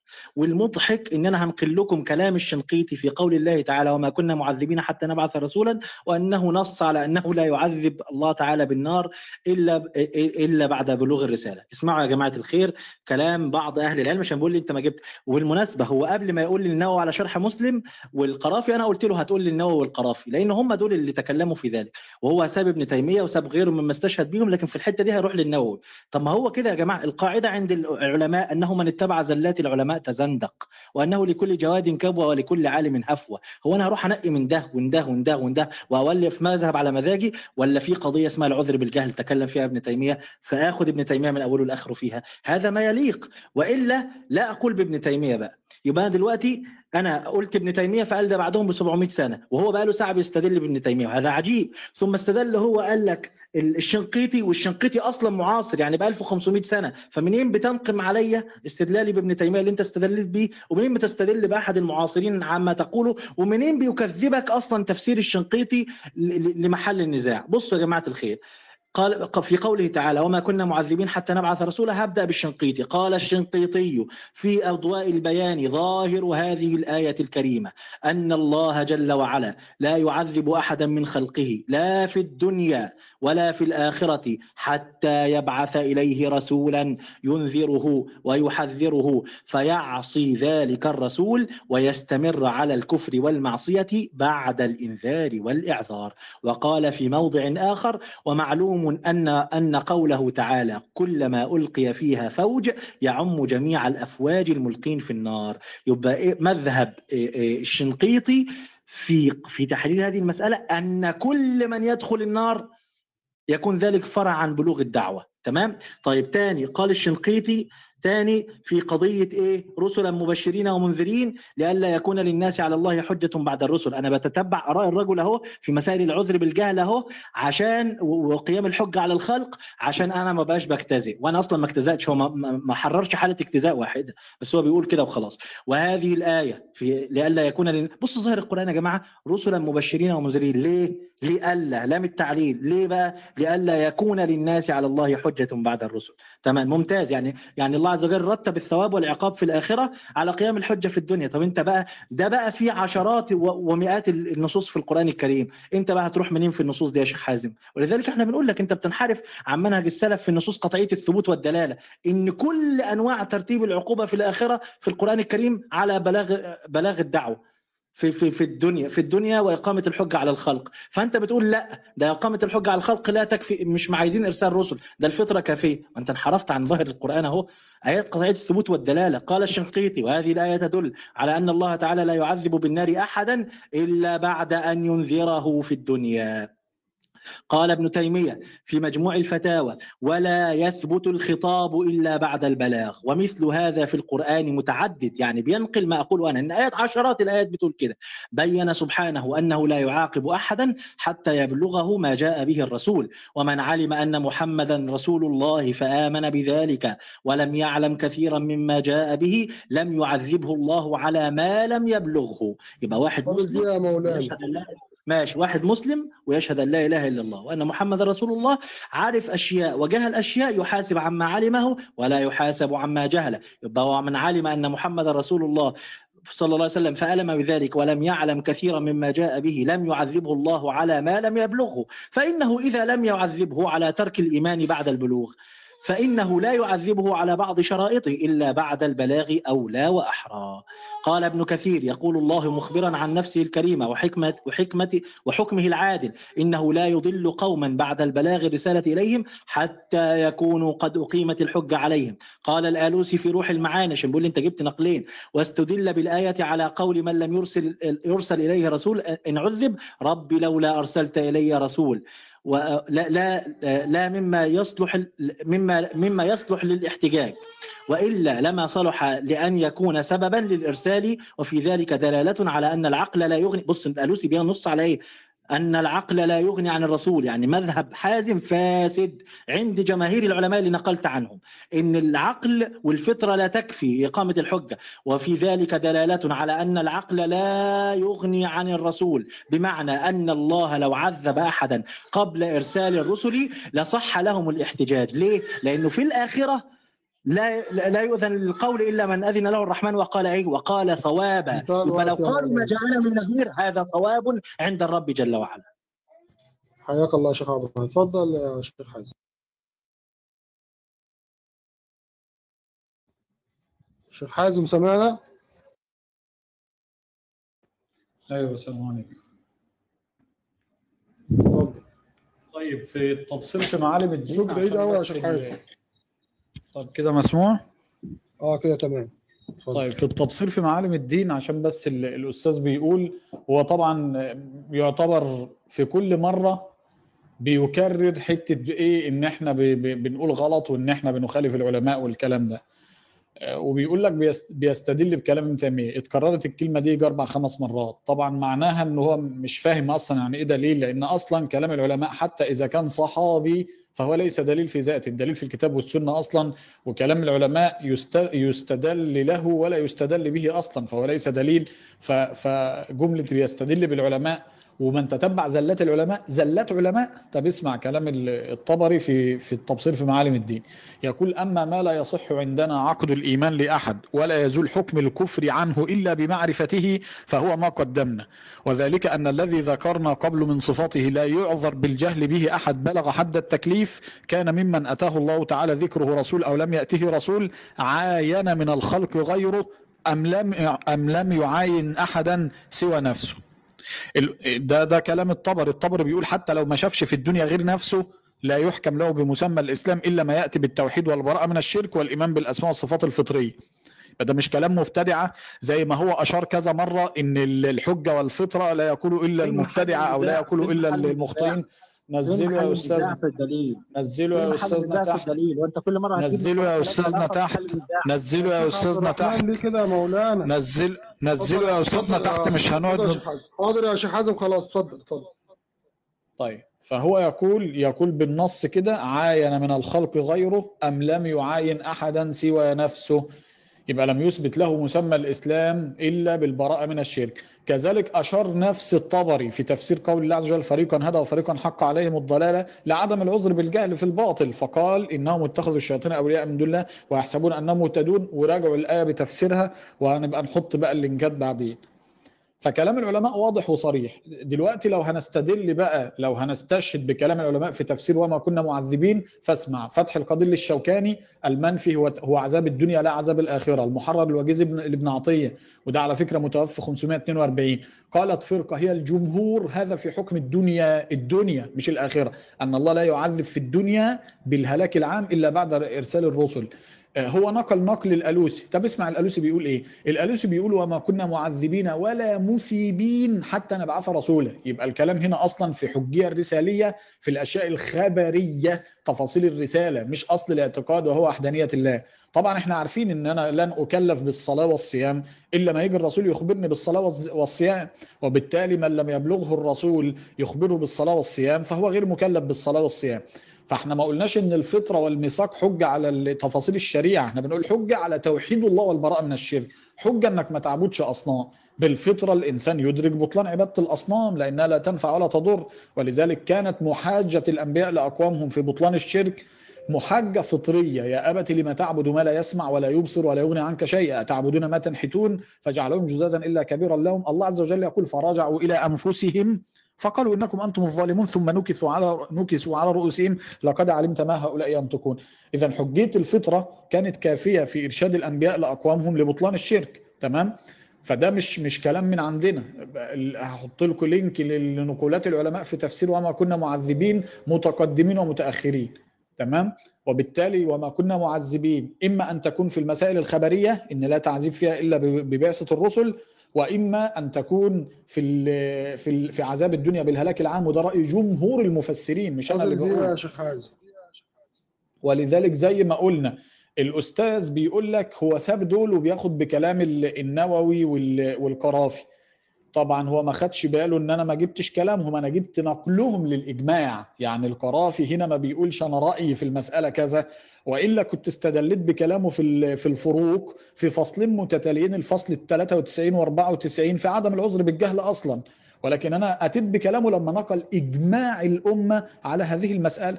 والكلام ده موجود لابن القيم في الطبقة ال17 من طبقات المكلفين وموجود في كتاب ال- ال- تحفة المولود لابن القيم أيضا في مسألة التعذيب في الآخرة لمن مات على الشرك واتخاذ الأنداد. طب من مات على في أهل الفترة ما يعرفش صلاة وصوم يعذر في الأشياء دي لأن ما فيش رسول يخبرها له. أما الفطرة على التوحيد فدي فطرة أصلا في النفس لا يعذر فيها ال- الإنسان حتى ولو لم يأتيه رسول بشري لكون حجية الفطرة والميثاق وردت في الكتاب والسنة بأدلة مستفيضة والله أعلم. انتهى الوقت يا شيخ. فاضل لك ثلاث ثواني بس كده خلاص انتهى الوقت. اتفضل يا شيخ عبد الرحمن.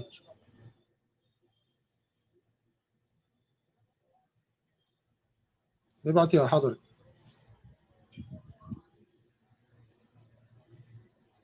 هفتح ال raise hand. حاضر.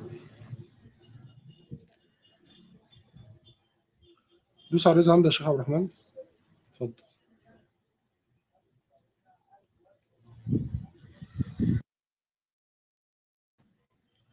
ببعت لك يا مولانا. دوس على صورتك يا مولانا واقبل الدعوة. Accepting. ابعت يا حضري لا حول ولا قوة إلا بالله. بعت لك والله يا. مولانا طب إيه طب بس بعت له ابعت. الرحمن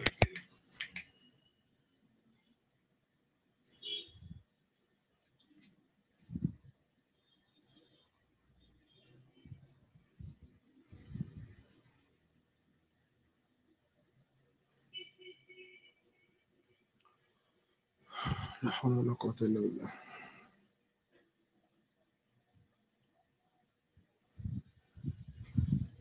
خد مودريتور آه، الشيخ حازم آه، وطلع الشيخ عبد الرحمن.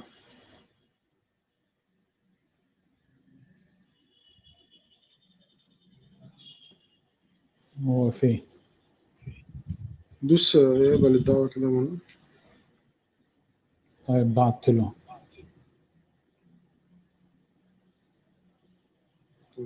طيب. أنا برضو للمرة المليون أنا أنا وافقت إن أنا يتم إنزالي عشان ده آه، السيناريو اللي حاطينه للروم عشان أثبت إنه بيستدل في غير محل النزاع والمسألة ملهاش علاقة بالعذر بالجهل. الأمر الثاني إن أنا الرجل لما كنت بقول له في الأول قال الله وقال رسول الله شوف الازدواجية برضو قال لي تعالى نفتح الكتب. عايزين نفتح كتب ونجيب نقولات علماء.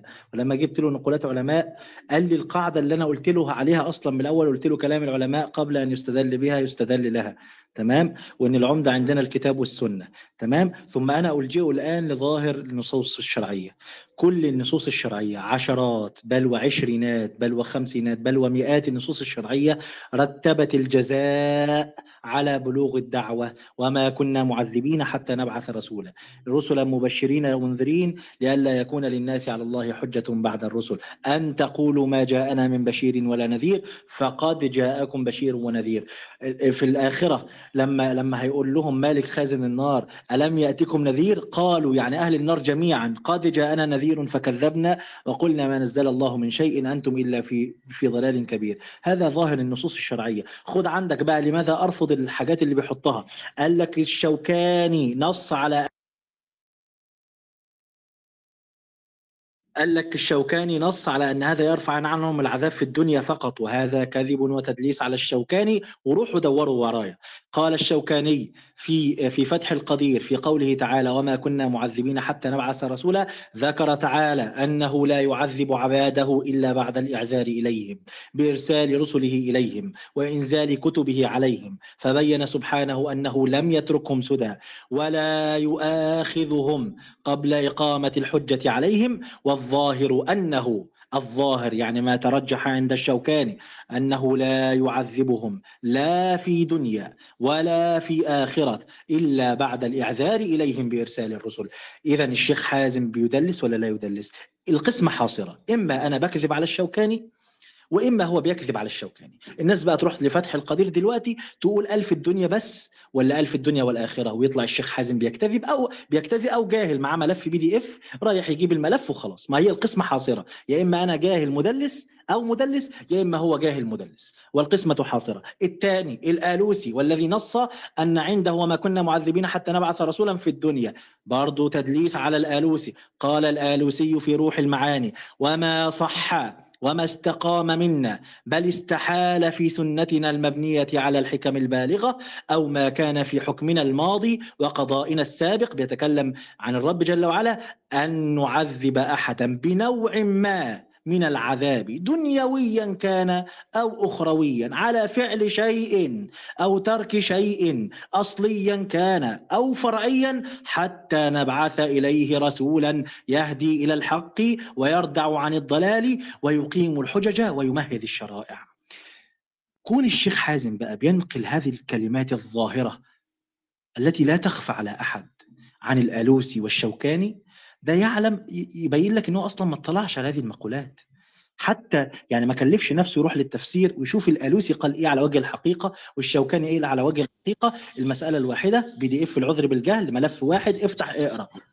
واضح؟ يبقى اذا الآن تدليس ظاهر يا جماعة الخير يبقى أنا لا أتهم الرجل في شيء. الأمر الأخير استدل بابن دليل ابن جرير الطبري وظاهر مذهب ابن جرير الطبري أنه أثبت فعل الشرك للحواريين وأن الله تبارك وتعالى عذرهم ولم يخرجهم من الملة وأنا إن شاء الله في المداخلة القادمة اللي كان برضه حازم في مداخلة سابقة برضه في عشرات المداخلات نسب للطبري أنه قال بإن بإن الحواريين هنا لا يليق بهم هذا وهذا كذب وافتراء على الطبري. وبرضه في الغرفة المسجلة السابقة بيني وبين حازم ألزمت هذا الإلزام وخرج من الطبري إلى غيره بعد أن كان يقول إن الطبري متقدم والطبري رجل في في القرون الثلاثة الأولى على قول من قال 300 300 سنة. تمام؟ طيب هنقل لكم أقوال العلماء عشان بقول لك بنقل الإجماع. مش عارف كل العلماء دي وبينقل الإجماع على إيه. بصوا يا جماعة الخير. قال الشوكاني تاني في فتح القدير تاني ولو أن أهلكناهم بعذاب من قبله أي من قبل بعثة محمد صلى الله عليه وسلم أو من قبل إتيان البينة لنزول القرآن لقالوا أي لقال الكفار يوم القيامة ربنا لولا أرسلت إلينا رسولا أي هلا أرسلت إلينا رسولا في الدنيا فنتبع آياتك التي أتى بها الرسول من قبل أن نذل في الدنيا بالعذاب في الدنيا ونخزى بدخول النار وقرأ نذل ونخزي. نذل ونخزى بالبناء على المفعول وقد قطع الله بص الشوكاني بقى وقد قطع الله معذرة هؤلاء الكفرة بإرسال الرسل إليهم قبل إهلاكهم ولهذا حكى عنهم قالوا بلى قد جاءنا نذير فكذبنا. إلى ألوسي تاني في روح المعاني تاني. لقالوا أي يوم القيامة ربنا لولا أرسلت إلينا في الدنيا إلينا رسولا مع آياتك فنتبعها أي التي جاء بها الرسول من قبل أن نزل بالعذاب في الدنيا ونخزى بدخول النار يوم القيامة. إذا بيثبتوا أنه لا يعذب دنيا وآخرة. إلا بعد إقامة الحجة. كذب وتدليس وضلال ما بعده ضلال حياك الله الله يا شيخ عبد الرحمن. اتفضل يا شيخ حازم. طيب هو الكذب والتدليس فعلا لما أرى كلام الشوكاني في الآية 15 من سورة الإسراء وساب وساب السطر اللي بعده. أنا حتى كتبت لك في الشات خليه يقرأ الجملة اللي بعدها. اقرأ يعني هو أول وقام واقف عند الرحمن نزله تحت نزله تحت يا خلاص، نزله تحت يا تكلمش. يا عم ما تكلمش. لا اتكلم لا. اتكلم.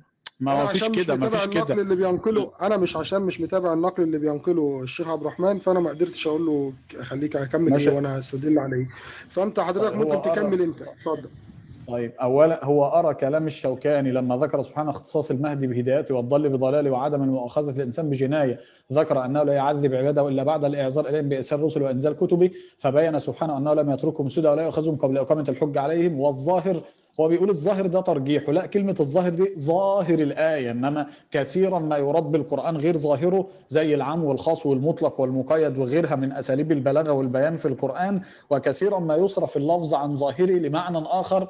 ثم قال إيه بقى؟ اللي هو اماري وقال وبه قالت طائفه من أهل العلم اللي هو أنه لا يعذبهم لا في الدنيا ولا في الآخرة إلا بعد الإعذار إليهم بإرسال الرسل وبه قالت طائفه من أهل العلم وام ساكت طب ما قريتش ليه الجملة اللي بعدها؟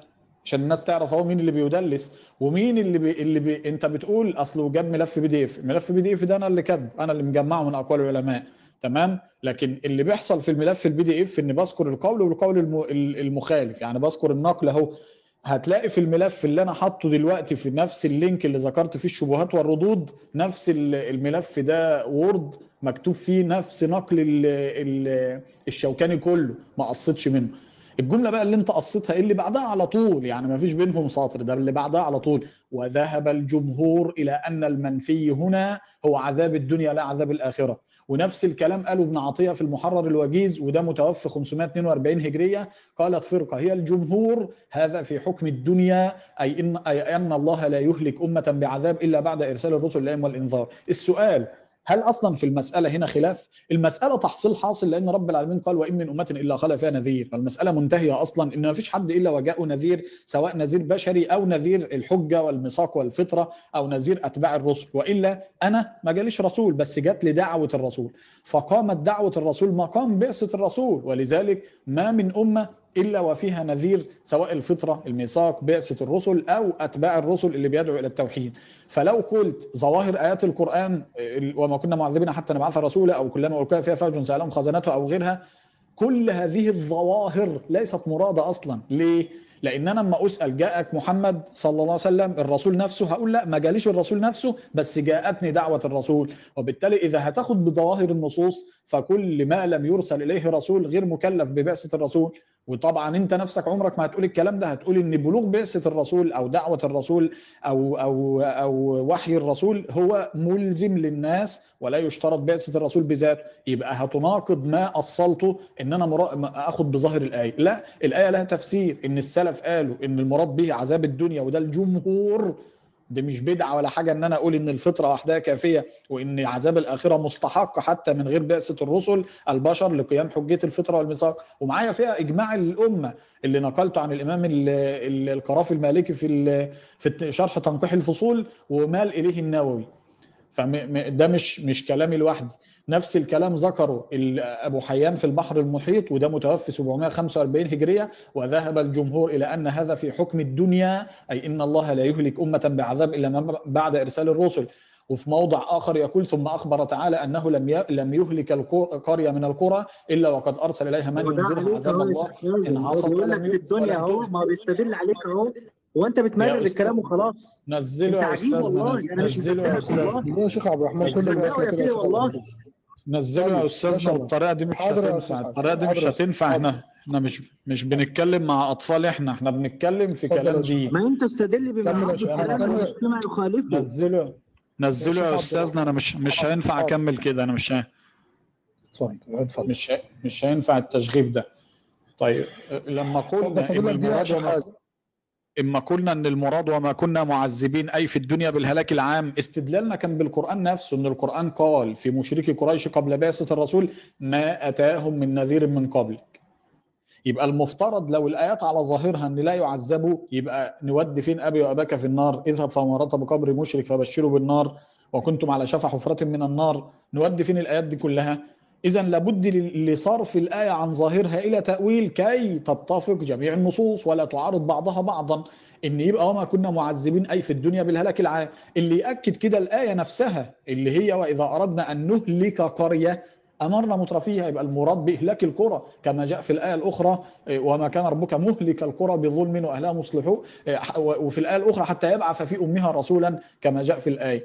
يبقى ده يؤكد إن المراد بنفي التعذيب هنا نفي العذاب الدنيوي بالهلاك العام وليس نفي عذاب الآخرة لأن الله عذب في الآخرة أناس لم يأتها رسول بشري لأن أتتها حجج أخرى أو نذر أخرى وهي الميثاق والفطرة. كما قلنا في حديث الط- الطبراني ما بعث الله رسولين إلا جعل بينهما فترة وملا من تلك الفترة جهنم. وفي أحاديث صحيحة كتير إن أكثر أهل النار من أهل الفترة وده دلالة على اتساق النصوص بعضها ببعض وعدم انتهى الوقت تعارضها. يا شيخ حازم.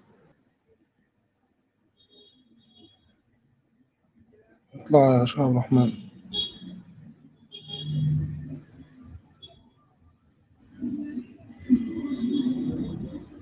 لا حول ولا قوة إلا بالله. كل مرة. اطلع يا مولانا دوس على صورتك. خدها يا شيخ حازم.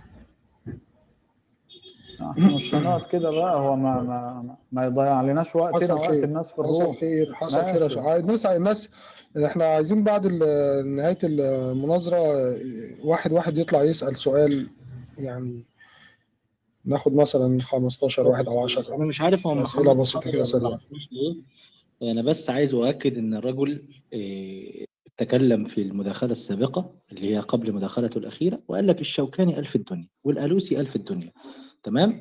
واتضح إن الشوكاني والألوسي ما قالوش في الدنيا ولا حاجة وأنا هعيد ما قاله الشوكاني تاني والألوسي في كل هذه الآيات المنفصلة. بالمناسبة قضية ما اتاهم من نذير يا أخي الكريم معناها إن لم يكن هناك رسول عربي أرسل إليهم. لكن آه، آه، ظاهر القرآن يعارض أن ما أتاهم النذير يعني لم تبلغهم الشرائع. لا غير صحيح. لأن الله عز وجل قال ولئن سألتهم من خلق السماوات والأرض ليقولن الله ولئن سألتهم من خلق السماوات والأرض ليقولن خلقهن العزيز العليم. آه، آه، ولئن سألتهم من ما نعبدهم إلا يقربون إلى الله زلفى. إذا كانوا يعرفون الله سبحانه وتعالى. وما يؤمن أكثرهم بالله إلا وهم مشركون. أثبت لهم الإيمان الناقص الذي آه، آه، لا يتحقق مفهومه شرعا. لكن هو يؤمن بالله يعني يعترف بالله لكن هو يشرك معه في العبادة وبالتالي أنت كلامك ما ما خلا ما أتاهم من نذير من قبلك بمعنى إن هم لم تبلغهم دعوة الإسلام هذا غير صحيح وهذا غير أصل ينافي الواقع أصلا.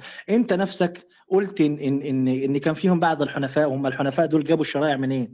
كان فيهم بعض النصارى آه، على النصارى الحقة زي ورقة بن نوفل كان فيهم آه، زيد بن عمرو بن نفيل. أنت نفسك قلت في في في في, في ما هو مسجل لك فلما بحث وعرف بقايا من دين إبراهيم عليه السلام اعتنقه، اذا هناك بقايا، اذا بلغتهم دعوة إبراهيم بالاتفاق حتى أهل السير نقلوا هذا الكلام، وبنوا على ذلك لا لا ما خلق ما أتاهم من نذير من قبلك اللي هي أمة الأميين، لم يأتيهم رسول عربي. لذلك هم قالوا ما أتاهم من نذير من قبلك لعلهم يتذكرون. وبالتالي لا- ينفي هذا ثب- ثبوت أصل الرسالة فيهم أو بلوغ دعوة الأنبياء والرسل لهم.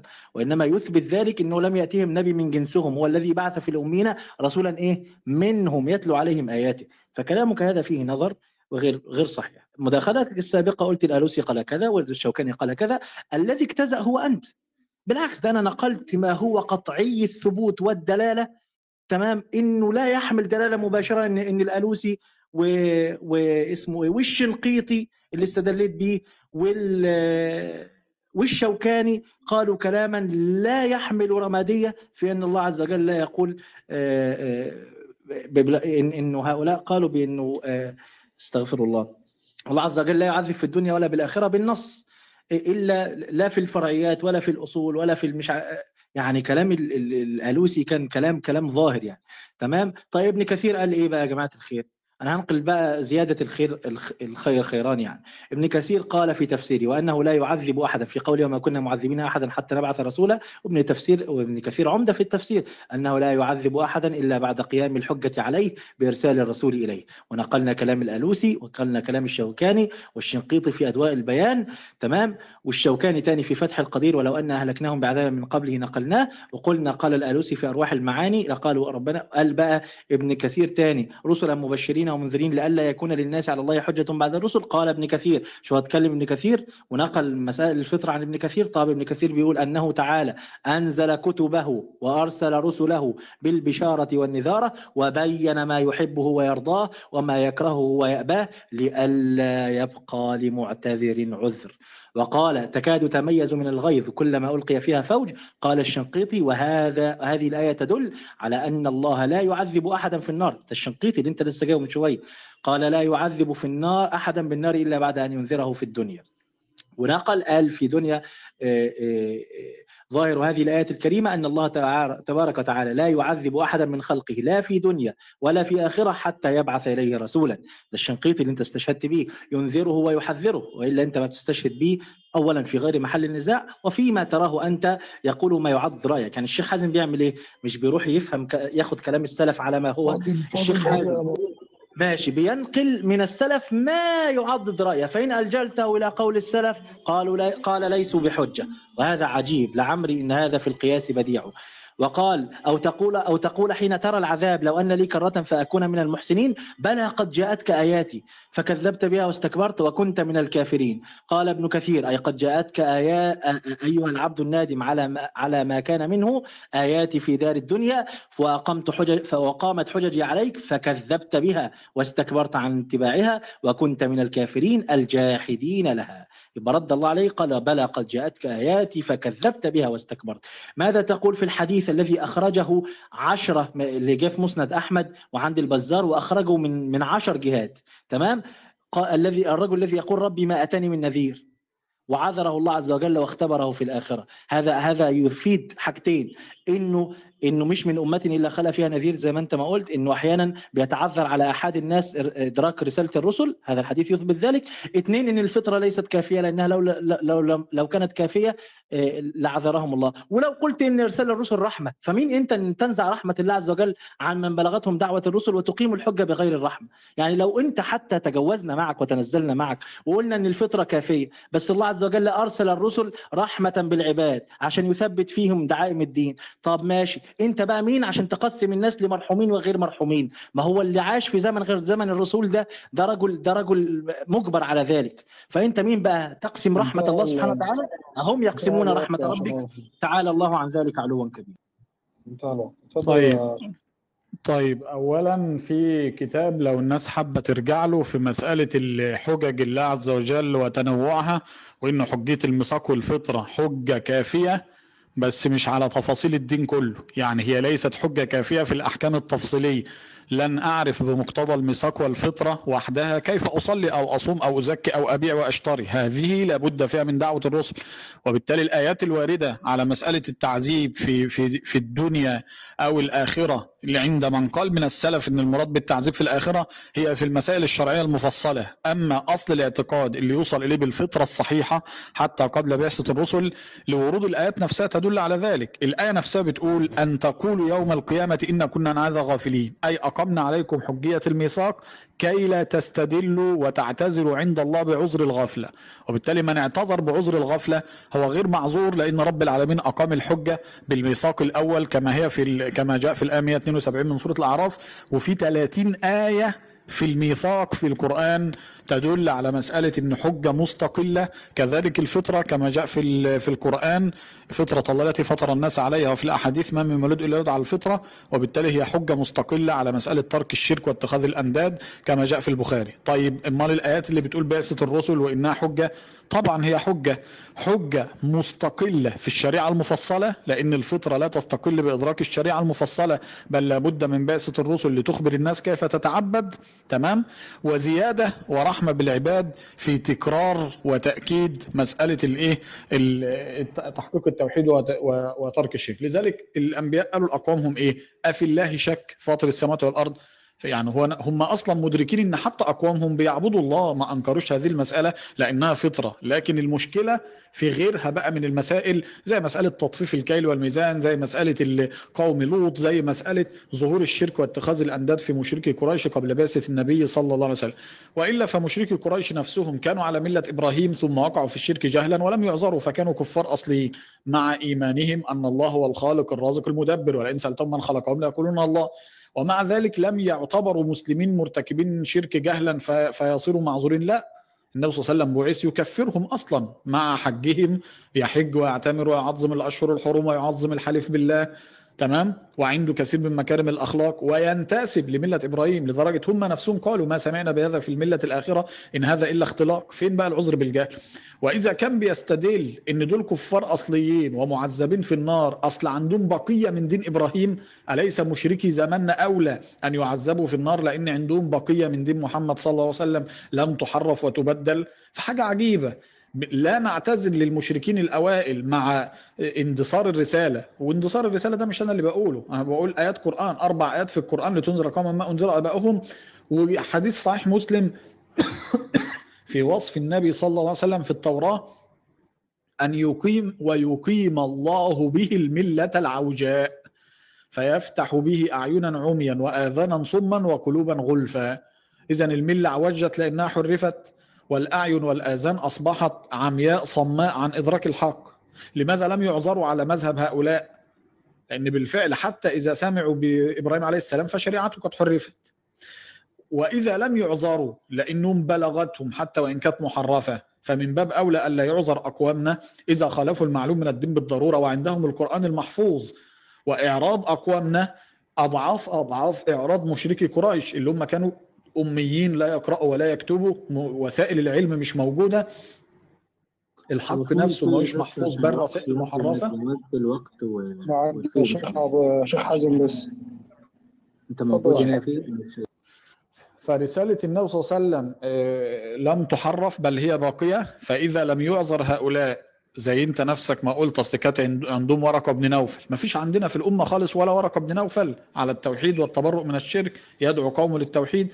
وإذا أقام الله عز وجل الحجه على العباد بأحاد الأفراد في زمن تندثر فيه الرسالة كمشركي قريش قبل البعثة أليس من باب أولى أن تثبت الحجه الان بوجود القرآن والسنة ووجود كثير من الصادعين بالحق؟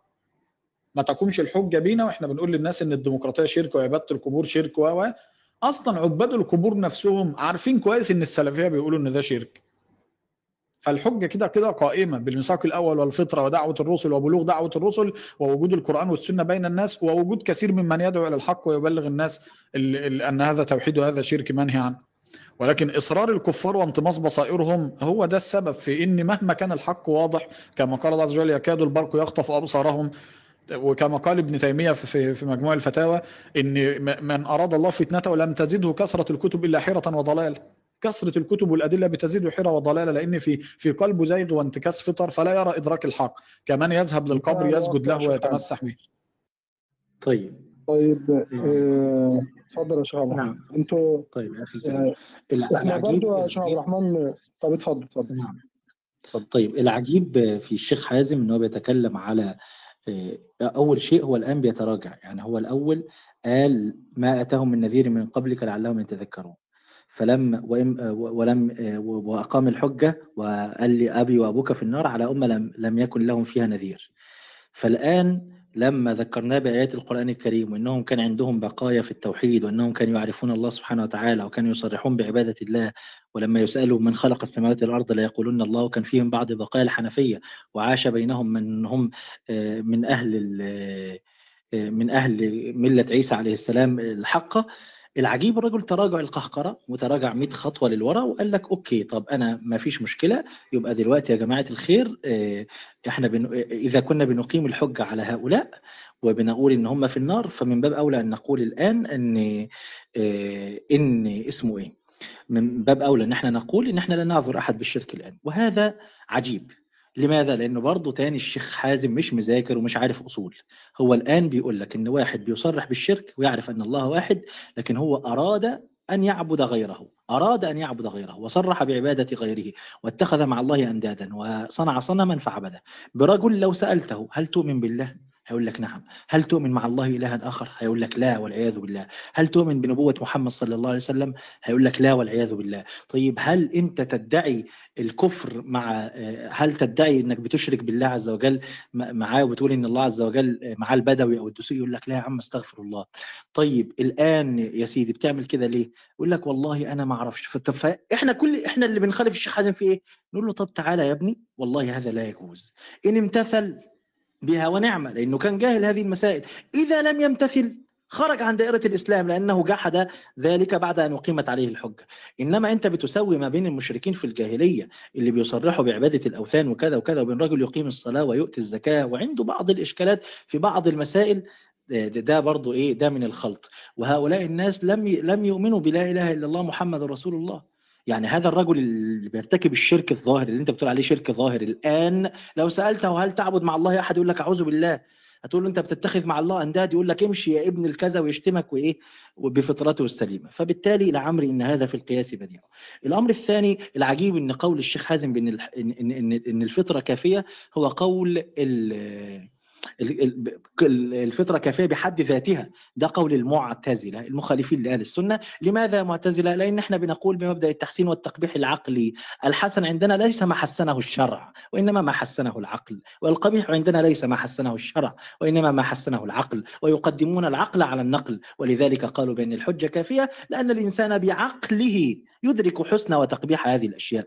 أهل السنة خالفوهم جملة وتفصيلا قال لهم لا الحسن ما حسنه الله والقبيح ما قبحه الله وإن جوزه العقل وحكم به القياس وكان المخطئ في ذلك غير معذور لماذا؟ لأن بوصلة التحسين والتقبيح هي من الله تبارك وتعالى القول بقى الجمع ما بين قول أن تقولوا أن تقولوا يوم القيامة إن كنا عن هذا غافلين تكلم منهم في كثير من المسائل من المفسرين ونقل ذلك ابن الجوزي ونقل ذلك البغوي ومعناها إن إيه وإذ أخذ ربك بيكلم النبي محمد صلى الله عليه وسلم من بني آدم من ظهورهم ذريتهم وشهدوا على أنفسهم ألست بربكم؟ قالوا بلى شهدنا أن تقولوا يوم القيامة إن كنا عن هذا غافلين. يعني ما تجوش يوم القيامة تقولوا إن إحنا غافلين عن ده لأن إحنا أرسلنا لكم محمد صلى الله عليه وسلم يقول لكم إن ربنا أخذ عليكم ميثاق. وهذا كلام قاله ابن الجوزي قال ابن الجوزي وقال المفسرون. يعني بينقل إجماع المفسرين. قال ابن الجوزي قال المفسرون وفي هذه الآية تذكير من الله تعالى. يبقى غاية هذه الآية التذكير تمام؟ بما أخذ على جميع المكلفين من الميثاق واحتجاج عليهم لئلا يقولوا يقول الكفار إنا كنا عن هذا غافلين. يبقى بيثبت هذا في القرآن عشان يبلغهم أن الله تبارك وتعالى أخذ إيه إيه أخذ منهم ميثاقهم. طيب لو قلنا بقول الشيخ حازم هيلزمنا عدة إشكالات طيب الإشكال الأول أن هناك قرائن محتفة بالآية الدالة على أنه ليس مناطا لمؤاخذة العباد إلا بعد التذكير الرسل. يعني عندنا الآية دي بتقول أن تقول يوم القيامة إن كنا عن هذا غافلين وظاهر عشرات ومئات النصوص القرآنية بتقول لا يعذب أن الله تبارك وتعالى كما قال المفسرون لا يعذب دنيا وآخرة إلا بعد إرسال الرسل. وما كنا معذبين حتى نبعث رسولا. يبقى الجمع بينهم أن آية الميثاق هي لتذكير الناس باتخاذ النبي صلى الله عليه وسلم كأداة والقرآن كنص لتذكير الناس بما أخذه الله على الناس في الماضي والدليل إن ما حدش فينا فاكر. ولا يكلف الله نفسا إلا وسعها يا جماعة. هو هو حد فينا فاكر إن ربنا أخذ عليه؟ لذلك الدليل الآية غايتها التذكير كما نص على ذلك البغوي ونص على ذلك ابن ابن ونص على ذلك سيدنا الإمام ابن الجوزي. اذا إذا بقى أنت بتقول بالتحسين والتقبيح العقلي وتخرج عن منهج أهل السنة وبناء عليه تبني إن الفطرة كافية في إقامة الحجة يا شيخ حازم فأنت حر أنت خالف أهل السنة كما تشاء. أهل السنة يقولون بأن التحسين والتقبيح شرعي. بقول لحضرتك يا مولانا في عندك تعليق يا شيخ حازم عشان إحنا يعني عندك تعليق على المداخلة طيب، الأخيرة؟ تعليق بسيط إن تعليق بسيط إن إحنا ذكرنا اسمعني حضرتك بس هقول لك على حاجة. طيب. حضرتك هنقلل وقت المداخلة لثلاث دقائق بعد إذنكم طبعا يعني. ده اشمعنى؟ إيه، حضرتك هتعلق؟ ثواني ثواني يا شيخ عبد الرحمن. اشمعنى؟ لا، اشمعنى؟ مش على حاجة ده أنا بقول إن إحنا هنقلل وقت المداخلة لثلاث دقائق ويبقى تعليق على اللي فات يعني قصدي كفاية يعني كفاية إثارة نقاط جديدة يعني. يبقى تعليق على اللي فات وأنت حضرتك تعلق برضه في ثلاث دقائق طيب وهكذا أنا بس. بطلب أنا أنا بطلب من الناس اللي بتسمع لنا إن الناس نفسها تقرأ وتدور علشان بعد كده نفتح الشات نلاقي الشات مليان نقولات تمام؟ نلاقي الشات فيه فعلا علم بيقال. ال- الأستاذ اللي أنا بناقشه أنا ناقشتك مثلا وجبت لك بص يا. شيخ حازم كده إحنا هنبدأ ثلاث دقائق موافق يا شيخ عبد الرحمن على الاقتراح ده ولا إيه؟ والله نقلل أنا وقت شايف المداخلات كافيين فمش عارف ليه هتخلي لها لثلاثه لا أنا عايز أقول مداخلاتي كاملة يعني. أيوه أنا بحاول إن كل كل كل ماشي انت أنت كده كده هو إحنا كده كده أصلا هندور في إحنا كده خلصنا أصلا نقاش في المسائل الرئيسية اللي فيه إعادة للكلام اللي اتقال. يعني مثلا- اقصد أقصد يا شيخ حازم إن يبقى فيه اسمعني بس أنا أقصد إن يبقى فيه خلاص تعليق على اللي فات وما نصيرش نقاط جديدة أو است... أو أدلة جديدة بحيث إن إحنا ما نتوهش إحنا كده هنتوه. أنا عن نفسي تهت. طيب أنا أنا, بقول- أفضل كده إن المسائل اللي طرحت كافية في إن الناس تاخد الآيات اللي ذكرت الأحاديث اللي ذكرت وتروح تدور هي في تفاسير. يعني حتى أنت لا تلتزم فقط بال... بإن قال ابن, ابن تيمية. اقرأ يا عم للعلماء التانيين وشوف ماذا قال العلماء في هذه المسائل بالتفصيل. ما فيش مشكلة كلام كويس وده أفضل عشان الناس نفسها يا تتعود شيخ إنها الرحمن؟ تبحث أنا ما زلت مصر إن مولانا؟ خمس دقائق إن خمس دقائق يعني حد معقول جدا ثلاث خلاص. دقائق مش. خلاص خمس دقايق بس بالله عليكم يعني إيه خليكم اشرحوا لنا بقى اللي فات اشرحوا لنا اللي فات حاضر حاضر بإذن الله تمام اتفضلوا طيب آه، هبدأ من النقطة الأخيرة اللي هو ذكر إن مذهب المعتزلة هم اللي قالوا إن ال- إن الفطرة آه، لا تكفي ال- آه، إن الفطرة وحدها تكفي. ده مذهب أهل السنة أصلا إن الفطرة هي الإسلام والكلام ده عشان نغ... يبقى في إغناء عن إعادته. ذكرنا قبل كده عشرات النقولات لأهل السنة ما لهمش علاقة بقى بالمعتزلة خالص قالوا إن الفطرة هي الإسلام. وآية القرآن نفسها بتقول كده فأقم وجهك للدين حنيفا فطرة الله التي فطر الناس عليه أحاديث الرسول كما في صحيح مسلم نفسه لما يقول إيه، ما من مولود إلا يولد على الفطرة في رواية قال إلا ع- على هذه الملة. الفطرة أصلا هي ملة الإسلام كما جاء في في سياق الآيات والأحاديث ونقولات العلماء من أهل السنة مش من المعتزلة. ال- أنا مش هتبع بقى أسلوبه في إن أنا يعني أتطاول أو أقول له أنت ما, ما بتقراش أو ما أو ما بتفهمش أو كذا لأ بس هقول لك إن اللي أنت ما خدتش بالك منه إن اللي فرق المعتزله عن أهل السنة مش التحسين والتقبيح العقلي في الشرك واتخاذ الأنداد لا في الشريعة المفصلة. المعتزلة وافقوا أهل السنة في حجية الميثاق والفطرة وأنها حجة كافية حتى قبل بعثة الرسل لأن مئات من أهل السنة قالوا الكلام ده زي ما ذكرنا لسه من شوية الكلام ده عن الإمام ال- الطبري وده مولود 200 وشوية هجرية مش مش مش متأخر وله معتزلة تمام؟ وذكرنا الكلام ده عن كثير من الأئمة أهل سنه خلص ليس لهم شوبة اعتزال. لكن المعتزلة زادوا بقى عن أهل السنة فقالوا إن حتى الفروض والمعاصي وغير كل دي تدرك بالعقل والفطرة وأن التحسين والتقبيح العقلي مقدم حتى على الشرع في ورود هذه الآيات. ولذا من أصول مذاهب المعتزلة تقديم العقل على النقل. أما ده لا ينافي إن أهل السنة ذهبوا إن ال- إن الميثاق الأول والفطرة حجة كافية في قبح الشرك وإبطال. ولذا يحتج بها الأنبياء والرسل أتعبدون ما تنحتون؟ ولذلك الكثير من المتحنفين قبل البعثة وصلوا إلى التوحيد بدون رسل. في بعضهم بحث وقرأ في رسالات الأنبياء كورقة بن نوفل كان يقرأ في العبراني. وفي بعضهم وصل بدون رسل. كما جاء مثلا في حديث صحيح مسلم عمرو بن عبسة كنت وأنا في الجاهلية أظن أن الناس على ضلالة.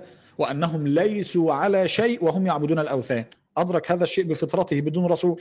الرسول ما قالوش أنت كده معتزل عشان أدركت الحق بالفطرة فقط. لا.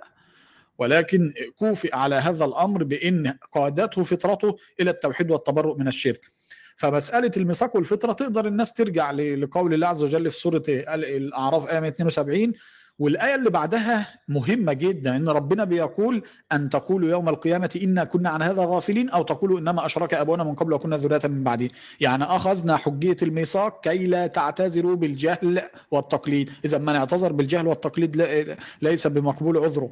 أنت بتقول إن أصل في سلف قالوا إن تتذكروا. أصلا حتى بعد تذكير الرسول أنت لا تتذكره وبالتالي ليس مطلوب تذكره وإنما المطلوب أثر الميثاق وهو الفطرة والعقل الصحيح اللي يدرك به الإنسان قبح الشرك. ولذلك أمرنا الله عز وجل بالتفكر والتدبر ليس فقط في أدلة الشرع بل في في الأدلة الكونية لأنها يحصل بها الاعتبار كما قال الله عز وجل إن في خلق السماوات والأرض واختلاف الليل والنهار. لآيات لأولي الألباب.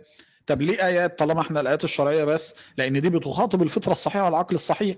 زيد بن عمرو بن نفيل استدل على كفار قريش فقال الشاة خلقها الله وأنزل لها المطر وأنبت لها الكلام. ثم تذبحونها لغير الله.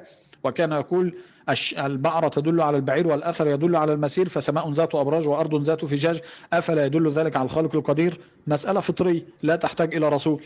ولذلك اقرأ آيات الفطرة وآيات التدبر والتفكر والتعقل وأفلا يعقلون هتجدها بالعشرات في كتاب الله عز وجل.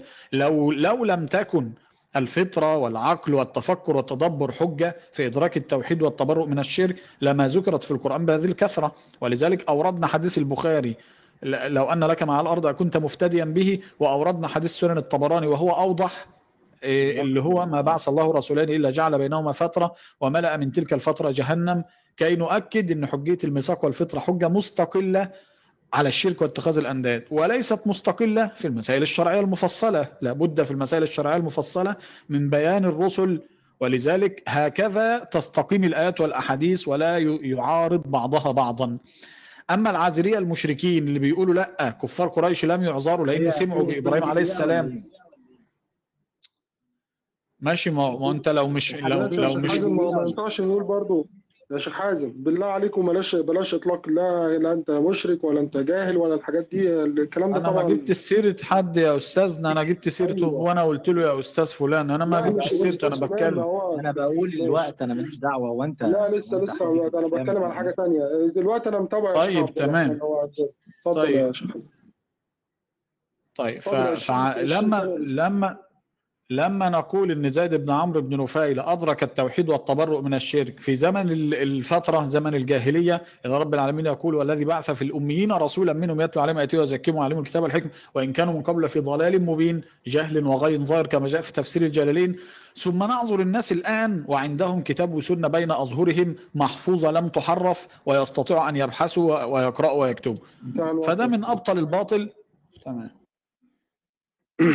طيب اتفضل يا شيخ عبد الرحمن. للمرة المليون بنقول إن إحنا لا نخالف بأن الفطرة التي فطر الله الناس عليها ميلهم الفطري إلى الله تبارك وتعالى والإعراض عما سواه وقضايا التوحيد وإثبات الربوبية لله وليكون هذا الخالق الكون صانع وخالق إلى آخره. لذلك لما تعرف لي الفطرة بأن هي الإسلام أو الإيمان إيه المشكلة؟ ما هو ده الفطرة؟ الأمور التي فطر الله تبارك وتعالى الناس عليها. لكن أنت الآن بتعتبرها حجة. يبقى لماذا أرسل الله الرسل؟ ولماذا رتب على ذلك الثواب والعقاب في الآخرة؟ عشرات النصوص الظاهرة في القرآن والسنة وما كنا معذبين حتى نبعث رسولا. وجعل الله عز وجل بيقول إيه يا جماعة الخير؟ يومئذ لا تنفع آية آه، ولا تنفع الشفاعة عنده إلا لمن أذن له. تمام؟ طب واللي يؤذن له إيه؟ لابد إن من أذن له الرحمن وقال صوابا فاللي هيروح له يوم القيامة ده كما ثبت في النصوص الصحيحة ويقول ربي ما أتاني من نذير وتعتمد هذه حجة عنده وهذا الرجل الأبكم ال- ال- الأصم الذي لا يسمع وهذا الرجل الذي بلغ به نوع من الخرف تمام؟ لماذا لم تقم عليه الحجة؟ هذا نص ظاهر إن أربعة يحتج على الله تبارك وتعالى في الآخرة أربعة نفر وهذا الحديث له عشرة طرق عند أحمد. الامام أحمد. هيقولوا له واحد منهم هيقول واحد ما بيسمعش فما فهمش. واحد كان كبير في السن طاعن في السن. ومنهم رجل رجل عادي زيه زيك قال ربي ما أتاني من نذير. قبل الله عز وجل عذرهم وأمرهم جعل لهم حالة مخصوصة. فإنه آه، في الآخرة آه، هيقول لهم ادخلوا النار فلو دخلوها آه، كانت عليهم بردا وسلاما. ولم يدخلوها سحبوا إليها. ولذلك عقيدة أهل السنة إن أهل الفترة هؤلاء يمتحنون بكيفية في الآخرة يعلمها هو سبحانه وتعالى لأن الله تعالى رتب الثواب والعقاب والجنة والنار على إرسال الرسل وهذا ظاهر النص لماذا هذا التكلف ولماذا. وأصل. ال... إحنا عندنا الأسهل يا جماعة الخير إن إحنا ندخل حد في دين الإسلام ظاهرا عن إننا نخرج واحد منه لأن إذا إذا أخرجنا واحد منه ظاهرا ترتب عليه أحكام في الدنيا لو دخلنا واحد فالله عز وجل أعلم بحاله ويحاسبه بمقتضى حاله وهذا مذهب أهل السنة. والعذر هو أصل في الشريعة الإسلامية. لماذا هذا التكلف والتطرف؟ إن أنا أقول ال... ال... الفطرة كافية لإقامة الحج طيب إحنا الآن هيتولد إشكالات. لو الفطرة كافية لإقامة الحج الفطرة بقى نفسها لا تع... لا تقتضي العلم التفصيلي لما يدخل في التوحيد وما لا يدخل. يعني هل هل القضايا الكلية إنه واحد واحد كده اتولد عارف إنه إن, إن لهذا الكون صانع واحد وهذا الصانع لابد أن نتوجه له بالعبادة ويستحيل انه يكون فيه شركاء كل هذه مسائل ضبطت بالوحي. تمام؟ أنت بتقول الرسل قلت في مدا... في في في لقاءات قبل كده إن الرسل غايتها إضفاء أو تفصيلات الشريعة لا هذا كذب.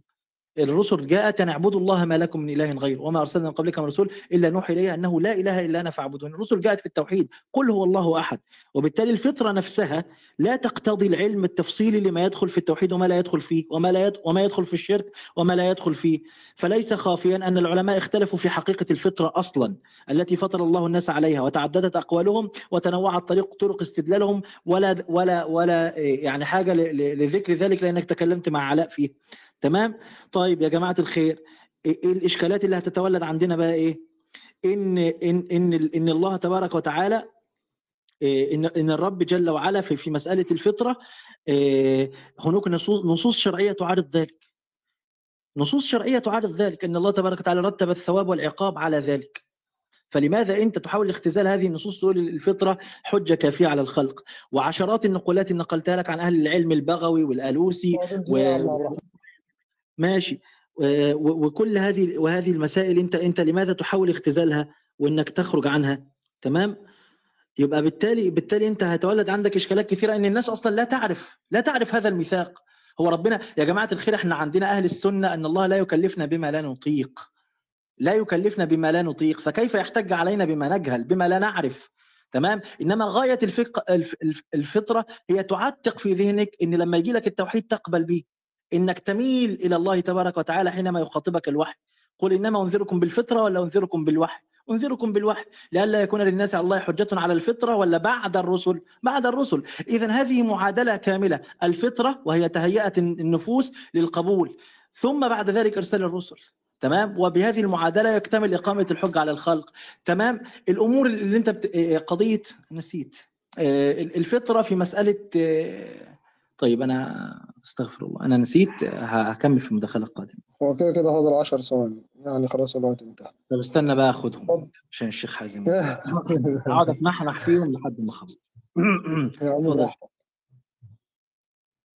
اتفضل يا شيخ طيب أنا بس عشان الناس تستفيد هنقرأ فصل صغير كده لابن القيم في كتاب طريق الليبراتين. بس بالله النسخة اللي معاه دي مش نقطة جديدة يا عم حاتم يا عم حاتم يا استاذنا يا أستاذنا فاهمين والله أنا عارف عارف كويس اللي أنت قلت. السابقة عارف كويس اللي انت قلته. يا أخي عارف كويس اللي انت قلته ومش هخرج عنه. والله خلاص. أنا أنا أنا أنا ماشي دغري بحترم اللي بيدير الحوار. لو تلاحظ أنا لا قطعته ولا مرة.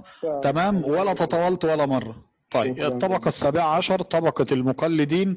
وجهال الكفرة وأتباعهم وحميرهم ابن القيم بيقول الكلام ده في النسخة اللي معاه المجلد الثاني صفحة 896 في نسخ من الكتاب ده مجلد واحد بس كبير. يقول جهال الكفار وأتباعهم وحميرهم الذين هم معهم تبع يقولون إن وجدنا أباءنا على أمة ولنا بهم أسوة. ومع هذا فهم متاركون لأهل الإسلام غير محاربين لهم كنساء المحاربين وخدمهم وأتباعهم الذين لم ينصبوا أنفسهم للقتال. بيتكلم في جهال الكفار المقلدين. طبعا إحنا عارفين إن دول كده كده هو بيتكلم هنا في ظاهر الكلام على الكفار الأصليين.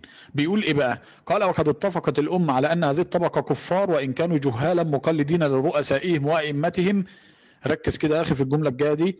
إلا ما يحكى عن بعض أهل البدع أنه لم يحكم لهم بالنار وجعلهم بمنزلة من لم تبلغهم الدعوة. يعني هو هنا اعتبر إن جهال الكفار دول إذا كانوا في جهل وضلال وتقليد ووقعوا في الشرك ما يعتبرش حكمهم حكم أهل الفترات ولا حاجة مش هيعذروا بالجهل في الآخرة. اعتبر هنا إن من عذرهم بالجهل في الآخرة طبعا هو خلاص اتفقنا إن هم كده كده كفار في حكم الدنيا ثم ذهب إلى مسألة إن التعذيب في الآخرة يعذبوا في الآخرة حتى وإن كانوا جهال بل هو نفسه بيقول وأتباعهم وحميرهم.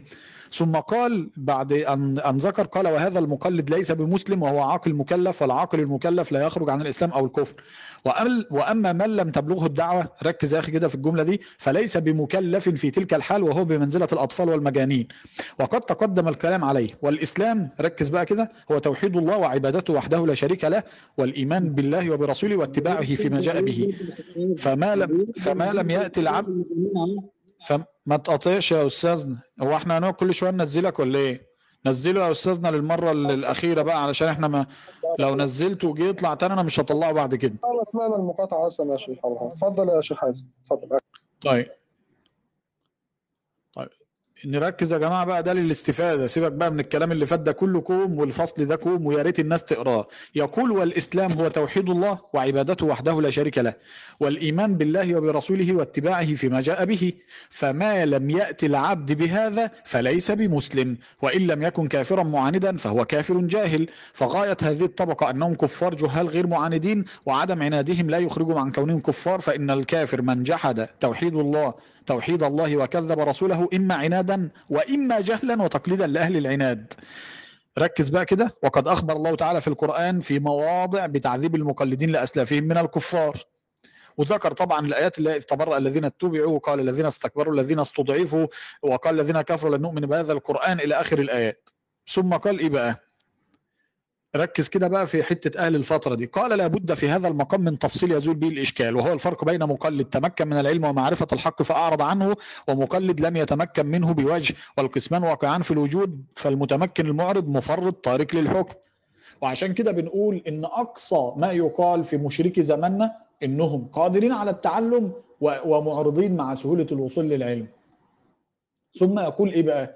والثاني معرض لا إرادة له ولا يحدث نفسه بغير ما هو عليه فالأول يقول يا رب لو أعلم لك دينا خير لك مما أنا عليه لدنت به وكان بيتكلم في زمان الفترة أهل زمان الفترة اللي قلدوا أباء وتركت ما أنا عليه ولكن لا أعرف غير غير غير ما أنا عليه ولا أقدر على غيره فهو غاية جهدي ونهاية معرفتي. والثاني شوف بقى المشركين اللي في أهل الفترة فيهم قسم راض بما هو عليه لا يؤثر عليه غيره ولا تطلب نفسه سواه ولا فرق عنده بين حال عجزه وقدرته وكلاهما عاجز وهذا لا يجب وهذا شوف الكلام بقى لا يجب أن يلحق بالقسم الأول لما بينهما من الفرق كمن طلب الدين في الفترة ولم يظفر به فعدل عن- عنه بعد استفراغ وسعه في طلبه. عجزا وجهلا والثاني كمن لم يطلبه بل مات على شركه. اعتبر هنا إن اللي مات على الشرك ده يعذب حتى وإن كان في زمان الف- زمان الفترة يقول وإن كان لو طلبه لعجز عنه ففرق بين عجز الطالب وعجز المعرض فتأمل هذا الموضوع. طبعا إحنا عندنا أصلا وعود ربانية إن من أخلص هداه الله ولو علم الله فيهم خيرا لأسمعهم. إن تتقوا الله يجعل لكم فرقانا. إيه، اتقوا الله امنوا برسوله يؤتكم من كفلين من رحمته ويجعل لكم نورا تمشون به. قد جاءكم من الله نور وكتاب مبين يهدي به الله من اتبع رضوانه سبل السلام. نودي الايات دي كلها فين؟ لما أنتوا إحنا بنذكر عشرات الآيات مش آية أو اتنين. وجاوبنا على كل آيات المخالف إن جمهور المفسرين فسر مثلا عذاب الرسل بإنه مرتبط به ال- العذاب الدنيوي بالهلاك العام ومن فسره بعذاب الآخرة ذكر أنه مرتبط بالشريعة المفصلة وليس بأصل الاعتقاد وهو البراءة من الشرك التي تدرك بالفطرة والميثاق الأول. الوقت أنا كده مش مش أنا كده لو هقول تعليقات هقعد أكرر في اللي اتقال يعني كفاية كده ال- الأجزاء عشان الناس نفسها تدور وتبحث في الكلام اللي بيتقال. تمام. إيه، طيب يا يا للأسف يا جماعة الخير كما ضبطت حالات من ال- من التدليس ال- ال- الغير مبرر بلاش برضه في القيم بلاش بس يا دكتور عشان ده دين ده دون ده دين ده تدليس ده وصف علمي هو يقول لي مدلس عادي ما فيش مشكلة. اسمع بس اسمع بس. بص دلوقتي في واحد اسمه وق- قصي بيقول لك والله كلام واضح وضوح الشمس في غسق الضحى. عشان تعرفوا بس دي نظرية بيب بيب شيخ حازم. بصوا يا جماعة الخير. الشيخ حازم دلس على ابن القيم تدليسا مزمنا وقوله ما لم يقله. ابن القيم في كتابه طريق الهجرتين بيتكلم عن الكفار بيقول طبقة المقلدين وجهال الكفر وأتباعهم وحميرهم. بيتكلمش عن المسلمين خالص. الذين هم تبعا لهم يقولون إنا وجدنا أباءنا على أمة. نروح للقرآن. من الذي قال ذلك؟ هل قال أهل الإسلام ذلك؟ لا. قال الكفار. إنا وجدنا على أباءنا على أمة وإنا على أثرهم مقتدون. وإذا قيل لهم اتبعوا ما أنزل الله قالوا بل نتبع ما ألفينا عليه أباءنا. يعني يخالفون بالصريح كده. نرفض ما قاله الله ونتبع ما ألفينا عليه أباءنا. وهذا قول الكفار بصحيح نصوص القرآن. وقد اتفقت على أن هذه الطبقة كفار وإن كانوا جهال مقلدين لرؤسائهم وأئمتهم. ده له علاقة بالمسلمين؟ لا. له علاقة بالجزء بالعذر بالجهل؟ لا. بص بقى يا سيدي. وقد صح عنه صلى الله عليه وسلم أنه قال إن إن الجنة لا يدخلها إلا نفس مسلمة. وهذا المقلد ليس بمسلم بيتكلم عن الكفار. وهو عاقل مكلف. يعني لو هو عاقل ومكلف هو ليس بمسلم. والعاقل المخلف لا يخرج عن إسلام أو كفر. يعني لا إن, إن القدرة فرع التكليف والتكليف هو البلوغ والعقل. قبل البلوغ والعقل هو غير مخاطب بإسلام. وكفر. بص بقى الكلام. وأما من لم تبلغه الدعوة ده نص في كلام ابن تيمية بكلام ابن القيم يناقض صريح ما قاله حازم ومع ذلك هو مكمل فيه. عشان كده أنا قطعت وقلت الله. وأما من لم تبلغه الدعوة فليس بمكلف. في تلك الحالة وهو بمنزلة الأطفال والمجانين وقد تقدم الكلام عليه. رفع عنه التكليف لأن التكليف فرع عن بلوغ دعوة الإسلام. هذا نص كلام ابن تيمية. وبعد كده ابن القيم بعد كده بيؤصل لما هو الإسلام. بيقول لك الإسلام هو توحيد الله وعبادته وحده لا شريك له إلى آخره. طيب فبيقول لك فمن لم يأتي بهذا العبد فليس بمسلم وإن لم يكن كافرا فهو جاهل. ما بيتكلمش عن المسلمين بيتكلم عن الكفار. اللي هم قالوا نقلد ابائنا وأجدادنا إسوة بهم وحميرهم. هو قال الذي لم تبلغه الدعوة إيه؟ بمنزلة الأطفال والمجانين. تمام؟ المجنون ده مخاطب بخطاب الشرع غير مخاطب بخطاب الشرع. الطفل مخاطب بخطاب الشرع غير مخاطب بخطاب الشرع بكلام الشيخ نفسه. قال ليس بمسلم وهو عاقل مكلف. طيب يبقى اذا هيرفع عنه وصف الإسلام إذا كان عاقلا مكلفا اللي هو بالغ عاقل. يبقى لمن لم تبلغه هو بمنزلة الأطفال والمجانين. شوف السرقة بقى. شوف شوف شوف الرجل عشان ينتصر لنفسه. عشان كده إحنا إيه بدأنا نشكك في تجرد حازم وأتباعه. لماذا؟ لأن الرجل بيدلس صراحة صراحة على العالم أهو. وبعد كده بيتكلم في يقول بص يا سيدي في الآخر. وبعد كده وبهذا التفصيل يزول الإشكال وهو مبني على أربعة أصول. بص بقى بيقول لك إيه؟ الأصول الأربعة. أن الله تعالى لا يعذب أحدا إلا بعد قيام الحجه عليه. ده كلام حازم. تمام؟ طيب والأصل الثاني أن أن العذاب يستحق بسببين. أحدهما الإعراض عن الحجة والعناد بعد قيامها. وأما كفر الجهل مع عدم قيام الحجة وعدم التحكم التمكن من معرفتها فهذا الذي نفى الله التعذيب عنه حتى تقوم الحجة بالرسالة. اذا حذافير الفصل هذا في كلام ابن القيم رحمه الله يفيد ما أقوله بالضرورة لو الناس فهمت ما أقوله ويناقض حازم بالضرورة مع إنه قال أختم في الفصل ده وأنصح الناس تقرأه أنا بقى أحط الرابط أهو أنا عايز بقى الناس تقرأه اتفضل يا فقي حط الناس تقرأه وشوف كم التدليس في كلام الشيخ حازم وإنه بيقول العلماء ما لم يقوله انتصارا لنفسه وفعل ذلك عشرات المرات وألقى الله عز وجل وأنا أشهد أنه يفعل ذلك عامدا متعمدا لأن ده سبق إصرار وترصد عشرات المرات عملت كده. تمام؟ حط يا يا يا يا, يا فقي في في الشات واللي ينقل يا جماعة يلاقي أنا بك... أنا كذاب يروح يقول أنا كذاب. زي ما قلت في بقية النقولات. بصوا يا جماعة الخير اذا دي حالة مزمنة. فاضل لي كام دقيقة يا فئ فاضل لي كام دقيقة؟ دقيقة واحدة. طيب ماشي. يبقى دي يا جماعة الخير حالات مزمنة. مش من بس انتقاء الكرز من كلام العلماء. واخد من تيمية ما ابن تيمية ما يعجبني لكن منهج ابن تيمية في الإعذار ما أخدش النصوص بيه. أقول بالنصوص الشرعية فلما نلجأك للنصوص تقول عايز أفتح كتب. فلما نقول لك تعالى نفتح كتب تقول العلماء يحتج لهم ولا يحتج بهم. وبعد كده لما نقول لك تفضل تقول ابن تيمية فنقول ابن تيمية تقول لك ده ابن تيمية سنة السبعة هجرية. وتحتج بالشنقيطي في أضواء البيان المعاصر وبتقول بتحتج بابن تيمية. ولما الجاك للشنقيطي تروح تجيب لي مش عارف مين النووي على شرح مسلم. ولما أروح أجيب لك النووي في مسائل الفطرة مثلا يقرر مش عارف إيه هتروح لي لفلان كل ده ليه؟ عشان أولف دين أطلع الناس من دين الإسلام. حازم قال لي في الشات بيني وبينه قبل كده يا مشرك ما الذي ارتكبته أنا في الشرك يا جماعة الخير؟ ها؟ بس تكفير المجتمعات بسلك تقول أنا ليه كافر؟ أنا رجل أدين إلى الله عز وجل بحب الله ورسوله أقيم الصلاة وأؤتي الزكاة وأحسب نفسي من المهتدين إن شاء الله. وأرجو أن ألقى الله على ذلك. لماذا أنا كافر مشرك؟ لماذا الفقه. عنده كافر مشرك؟ لماذا اللي ناقشه كافر مشرك؟ ها؟ نبدأ من هنا وبناء عليه يكفر كل هؤلاء العلماء الذين قالوا بالعذر تمام. خلصت كده؟ نبدأ مع طيب. نبدا من هنا مع الشيخ حازم لماذا يا شيخ طيب. حازم؟ لماذا ثواني ثواني ثواني بس بعد ما ثواني ترد بس. على بعد ما هترد على النقل برضه هسأل حضرتك. لماذا لا لا النقل نقل بنت... نقل آه، ما هقول لك اهو هقول لك اهو. هو أبسط سبب خالص إن إن أنتوا مش فاهمين التوحيد. نقل ابن القيم اللي هو نفسه قعد يقراه تقريبا خمس ست مرات وما فهموش.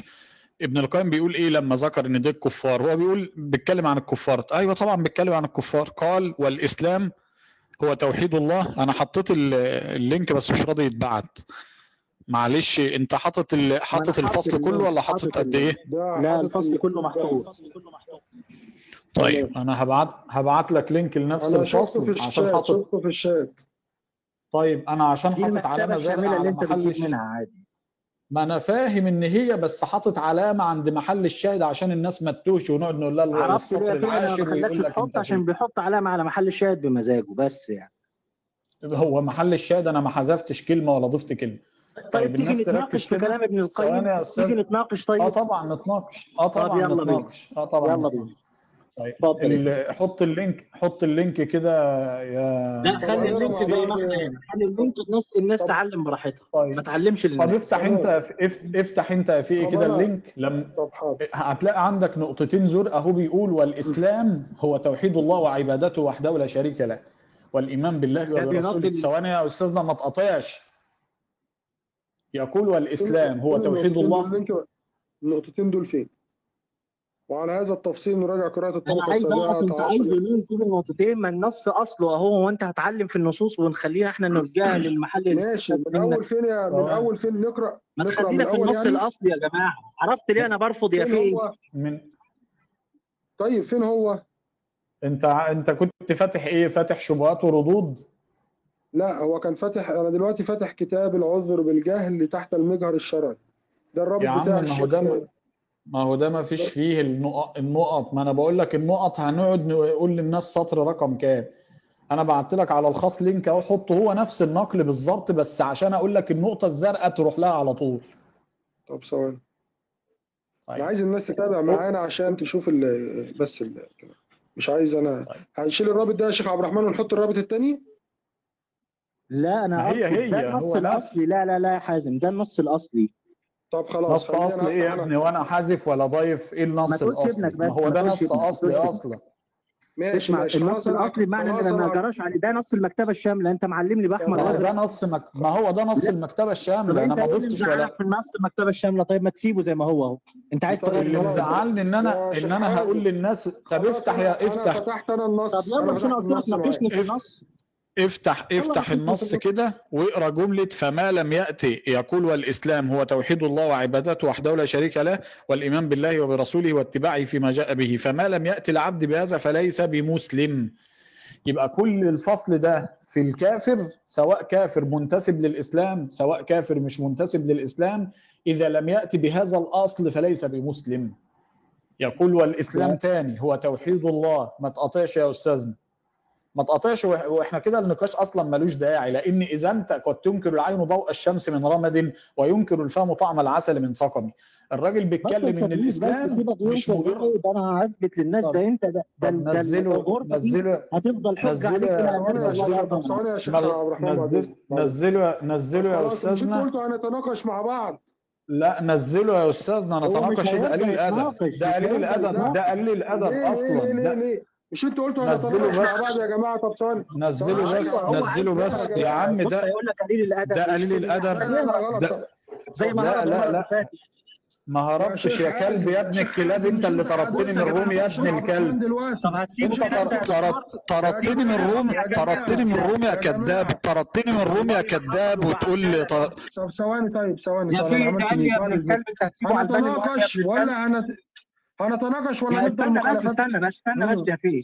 يا أستاذنا أنا قلت لك قلت لك ده وقت نزله علشان ننجز والناس تستفيد. ما تقعدش تقول لي يا فيه ومش فيه. ده وقت نزله خلينا نكمل. كويس ان الناس عرفت. طب يا أستاذنا وقتي وقتي نزله. طيب خلاص دقيقه واحدة بقى كده دقيقه واحدة. كده هنضيع وقت. بقى. ده مش ده مش نقاش. خلص الوقت بتاعك. هنبدأ الوقت تاني من من انت فات منك كده دقيقة يا شيخ حازم.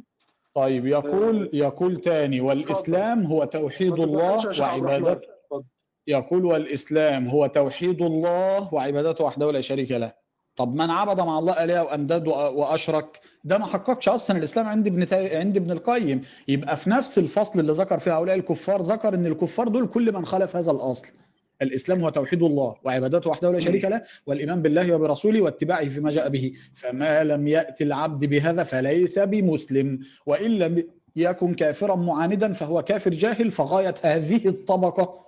يبقى اللي في هذه الطبقة كل من خالف هذا التعريف اللي هو وضعه اللي هو أن يوحد الله ويتبرأ من الايه الانداد والشركاء كلام واضح أهو. يبقى ده هيصدق على من من انتسب إلى الإسلام وخالف فأشرك واتخذ الأنداد أو بين من انتسب إلى غيره. زي ما في عشرات النقولات لابن القيم. ولابن تيمية نفسه في كتاب إغاثة اللهفان في فصل مطول ساوى بين عباد القبور وبين عباد الأصنام. بل قال بالنص كده وهم عباد الأصنام سواء. لما يقول في النص كده هم عباد الأصنام سواء تؤكد إنه لا يتكلم على الكافر اللي مكتوب في بطاقته كافر. فهو لما يقول في التعريف هنا وعبادته وحده لا شريك له فما لم يأتي العبد بهذا فليس بمسلم وإن لم يكن كافرا جا- معاندا فهو كافر جاهل فغاية هذه الطبقة أنهم فغايه فغاية هذه الطبقة أنهم كفار جهال غير معاندين وعدم عنادهم لا يخرجهم عن كونهم كفار. كلام واضح أهو. ثم ذكر لا أنا بستدل بإيه بقى؟ طبعا هو كلام العلماء مش دليل بس احتجت لي بكلام ابن القيم؟ إنه لما ذكر استثناء هؤلاء من عذاب النار نسبوا لأهل البدع. قال إن دول مبتدع اللي يقولوا إن هؤلاء ليسوا من أهل النار طالما ماتوا على الكفر والشرك واتخاذ الأنداد مع أنهم في زمان فتره بنص كلامه. النقل عندكم تقدروا ترجعوا له وحطيت ال link في التعليقات تحت أهو للي حابب إنه إيه؟ بس تقريبا ما ما اتنسخش. عامة هو في نفس صفحة تقريرات في التوحيد هتلاقي آخر link تقدر الناس ترجع له وتقرأ كلام ابن القيم لما ذكر إن هؤلاء الجهال غير معذورين حتى وإن كانوا مقلدين و- وطالما خالفوا أصل الإسلام وهو عبادة الله وحده لا شريك له فيصدق عليهم مسمى الكفر. ما فصلش بقى ال- الكفار اللي, اللي بيقطع يا جماعة؟ اتفضل يا شيخ معلش. فاضل وقت فاضل وقت قد إيه طيب فال... ف... ف... فالكلام هنا واضح. لسه فاضل دقيقة ونص. و- وال- والمخالف ما وراهوش غير التشغيب. طب التشغيب والنص واضح إنه بيقول الإسلام توحيد الله وعبادته وحده لا شريك له. ما لم يأتي العبد بهذا فليس مسلم. و... طب ما لم يأتي العبد بهذا يكون معاند؟ لا حتى وإن كان جاهلا. كلامه واضح أهو. الناس تقرأ. الناس عندها عقل تقرأ. عشان كده أنا بقول مش إحنا دلوقتي ادينا للناس جرعة من الكلام والكلام المخالف. الناس تروح ترجع للنقولات والكلام العلماء في الآيات والأحاديث اللي ذكرت وذكرنا عشرات الآيات والنقولات وتقرا وتشوف ال- ال- المصيب من المخطئ في هذه المسائل. هنكرر يبقى الكلام هي- هيمشي في تكرار نفس اللي فات. تقريبا هو كرر يجي 20 مرة. هو كرر يجي 20 مرة إن بندلس بندلس في إيه؟ ده ده المرة يمكن اللي أنت دلست فيها إن أنت قريت كلام الشوكاني وسبت جملة إن الجمهور ذهبوا إن ال- ال- ال- النفي التعذيب في في الدنيا بالهلاك العام. يبقى مين اللي بيدلس أصلا دلوقتي؟ أنا ما ذكرتش نقل من العلماء إلا وحطيت link أو اللينكات موجودة تقدر الناس ترجع له وتشوف مين بيدلس ومين لا يدلس لما ذكرت ذكرت الآراء الجمهور مش الأقوال الشاذة لبعض الناس. اللي اللي ذكر فيها مثلا إن قدر لا, لا, لا تتضمن معنى ضيقه أنها واردة في القرآن أصلا في ثلاث مواضع بمعنى ضيقه أصلا فقدر عليه رزقه وقول النون عليه السلام فظن أن لن نقدر عليه أي لن نضيق عليه. الوقت فخلي الناس تستفيد علشان ما نضيعش وقت في إننا نكرر. كان وقت كده يا شيخ. طيب بصوا يا جماعة شيخ. إيه، أنا ما زلت مصر أنني ألقى الله تبارك وتعالى واعتقادي في حازم بعد أن كنت أظن أنه ح- صاحب حقيقة وطالب للحق أنه رجل لا يفهم في العلم الشرعي ولا يفهم في منهج الاستنباط عند علماء الشرع وأنه يدلس على العلماء ويجتزئ النصوص ويكذب كذبا صريحا ويلوي عنق النصوص كما فعلت اليهود والنصارى ويحرف الكلم عن مواضعه. وانطلاقا من قول الله تعالى أنا لم أسئ له قط.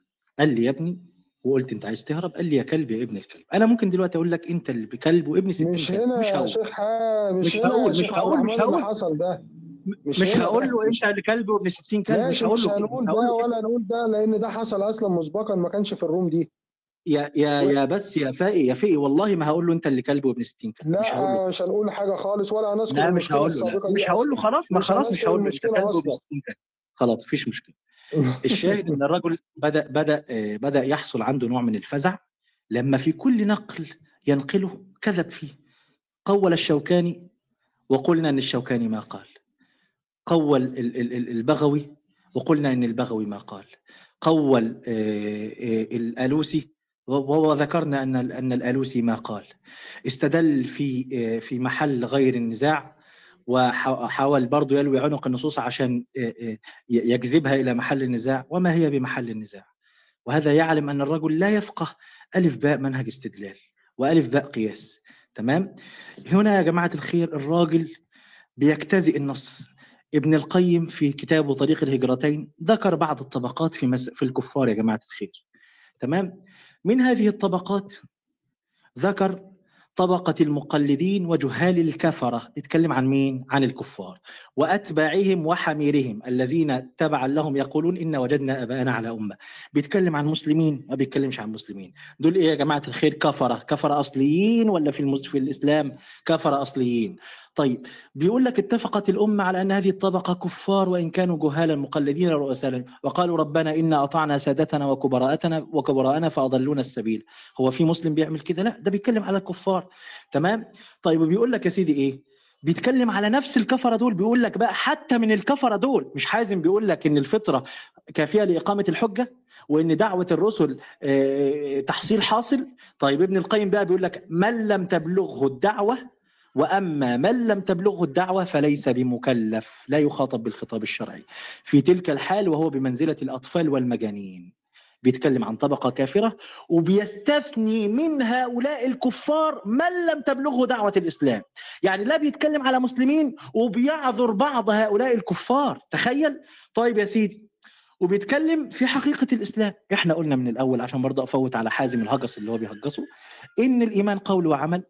ظاهر وباطن آه، عملي واعتقادي يزيد بالطاعة وينقص بالمعصية وأهل الإيمان في الإيمان متواصل متفاضلون فيه وإن هناك أصل للإيمان الواجب وكمال الإيمان الواجب وكمال الإيمان المستحب. عشان أفوت عليك اللعبة دي عشان ما تستشهدش بغير محل النزاع بيتكلم عن العذر بالجهل. ابن القيم بقى مش بيعذر المسلمين ده بيعذر الكفار الذين لم تقم عليهم الحجة. بيقول لك أما أما فغاية هذه الطبقة أنهم كفار جهال غير معاندين وعدم عنادهم بيتكلم عن الكفار. لا يخرجهم عن كونهم كفار. تمام؟ واحد ما عاندش. ما عاندش بمعنى إيه؟ إن هو رجل لم يعاند. لم يعاند لكنه كافر. ما دخلش أصلا في المسلمين. لم يدخل في مسمى الإيمان. واحد كافر هو بيتكلم بيعنون للباب يقول لك إن دول كفار وأتباعهم وحميرهم. ما بيتكلمش عن المسلمين خالص ومع ذلك عذر بعضهم. بص يا سيدي بل واجب بص وأما في أحكام الدنيا فهي جا- جارية على ظاهر الأمر فأطفال الكفار ومجانين الكفار في أحكام الدنيا لهم حكم أوليائهم. تمام دي مسألة ما فيهاش خلاف برضو عند أه- أهل السنة.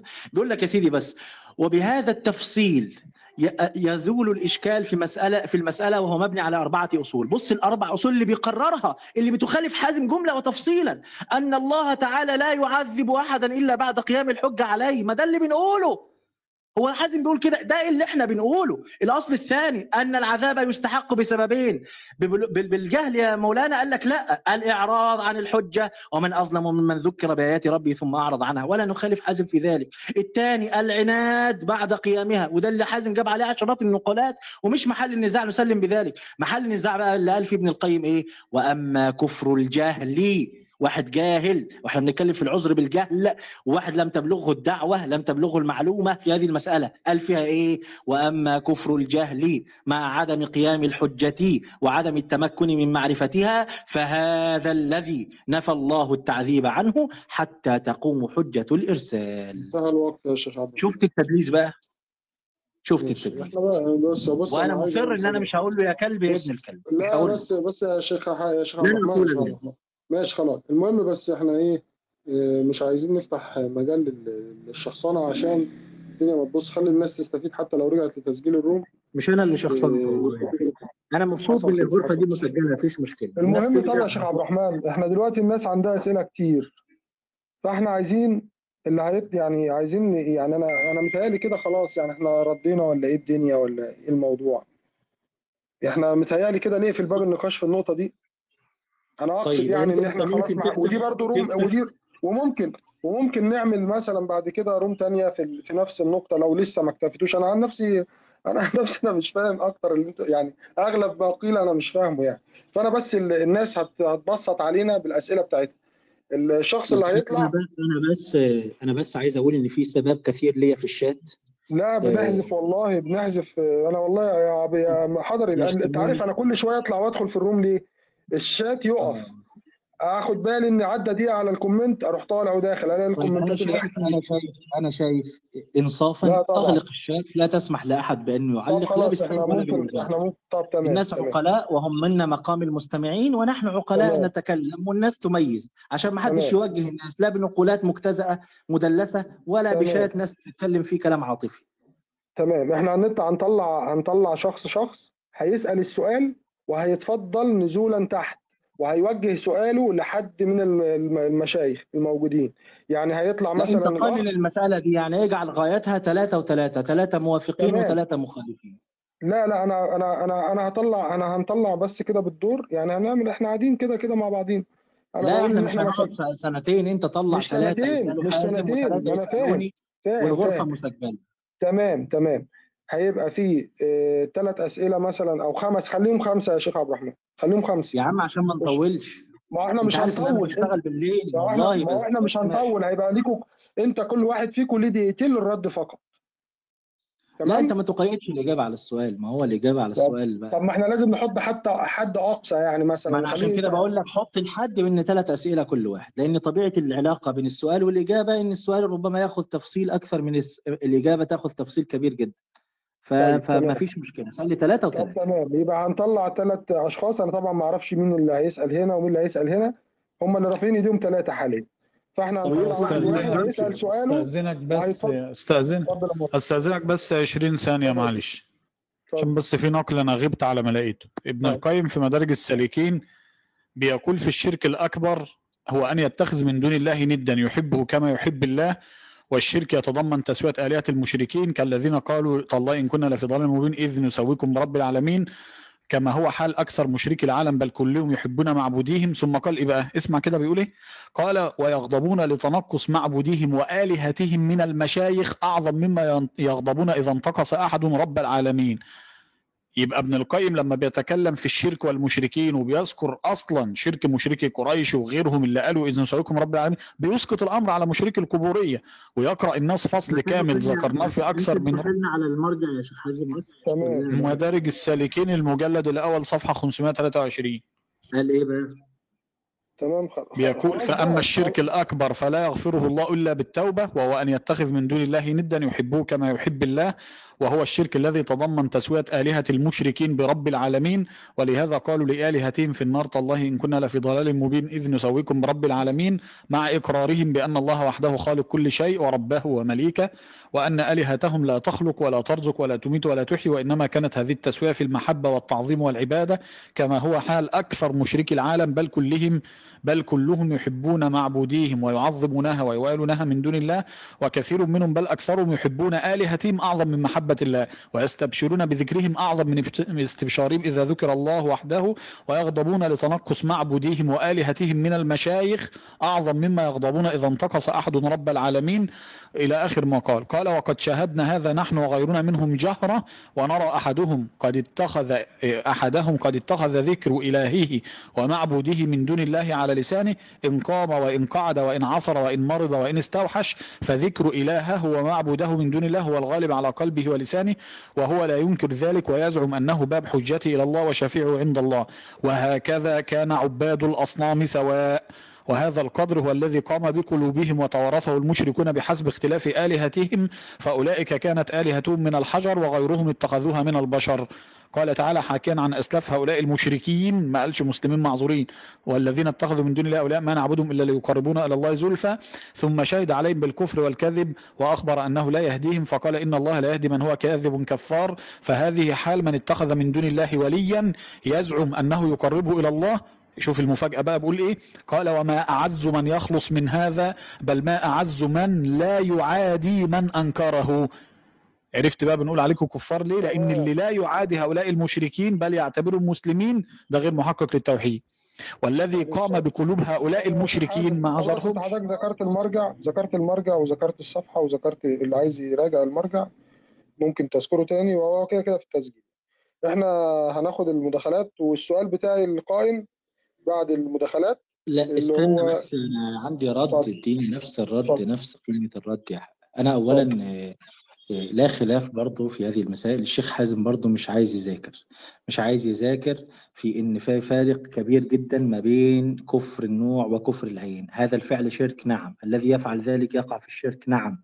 لكن النقل الموجود فوق ده يقرر مذهب آه، ابن القيم في قضية العذر بأنه من لم تبلغه الدعوة لا يصير مشركا. وزي ما إحنا ما قررنا في إن مذهب أهل السنة بالاتفاق في تنزيل حكم العام على المعين بأنه لا يتم الحكم حتى تجتمع. كل الشروط والموانع ترتفع وهذا نص كلام ابن تيمية في مئات النقولات أنه نص لابد من تثبيت شروط وانتفاء موانع في حق المعين حتى ننقل الحكم من العام إلى الأعيان.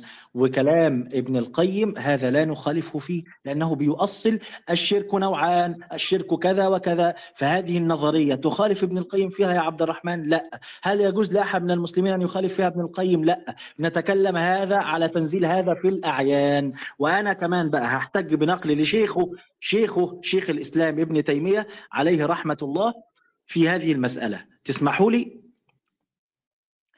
طيب. بسم الله الرحمن الرحيم. طيب. طب شوف أنت عايز تقول إيه قبل ما أجيب ال- المثال. أنا أنا طيب آه، إحنا طب هو قال ال- هو قال حاجة غريبة بيقول حاجة غريبة إن ابن القيم في النقل اللي ذكره حاطط اللينك بتاعه لم يكفرهم. فين لم يكفرهم؟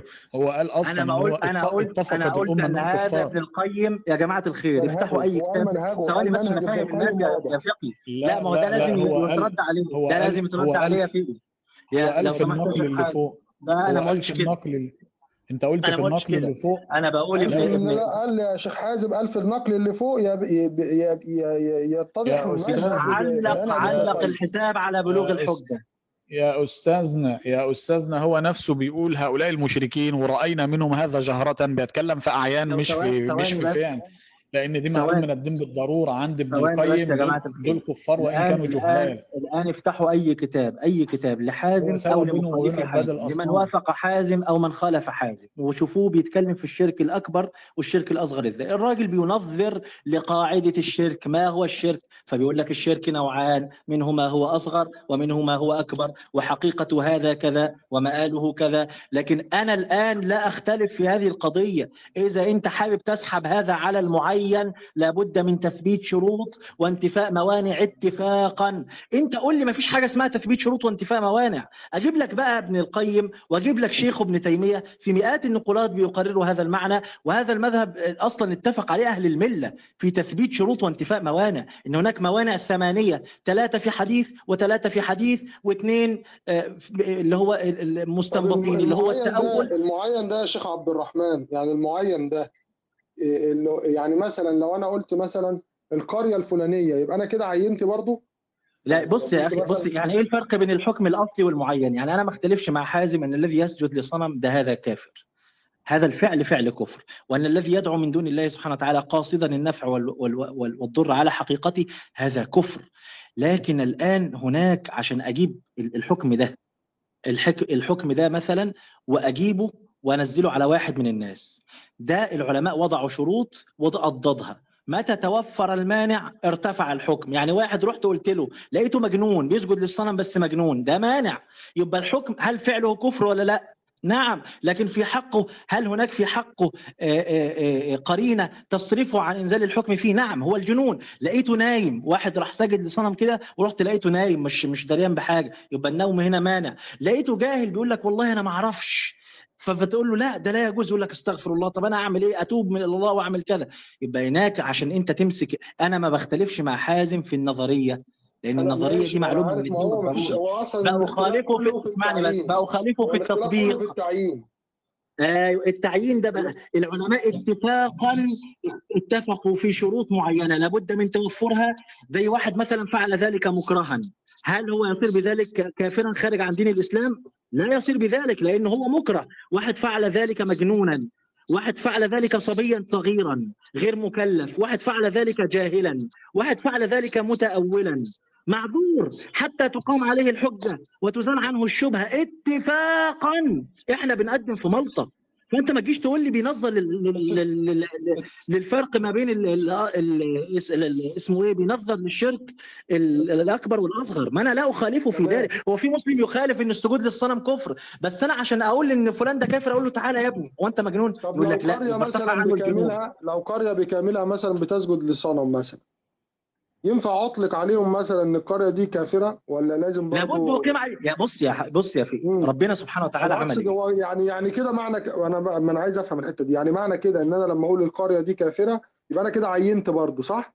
عينت لأن انت حكمت على احد يعني انت الحكم على المعين معناه ان انت ما تنزلوش على ارض الواقع انت تقول هذا الفاعل مرتكبه يرتكب فعلا ك... فعلا كفريا لكن عشان تقول ان فلان ده كافر والعياذ بالله عبد الرحمن أنا بقول لحضرتك مش هقول فلان أنا هقول يعني فلان اللي سجدوا للاصنام يعني اللي سجدوا للاصنام مسلمين خلص بس عشان الناس تستفيد يلا يا أستاذ فقي كفايه طيب، كفايه كفايه دي.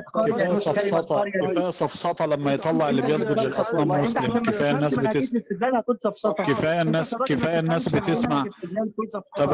احترم نفسك بقى ما أنت عرفت ليه بقول لك يبقى اشتمك؟ عرفت ليه بقول لك بشتمك عرفت ليه بقول لك بشتمك هنبوظها ليه؟ هنبوظها ليه؟ ما إحنا كلنا كويسين. بعد إذنكم خلاص. أنت عندك نقل يا شيخ عبد الرحمن؟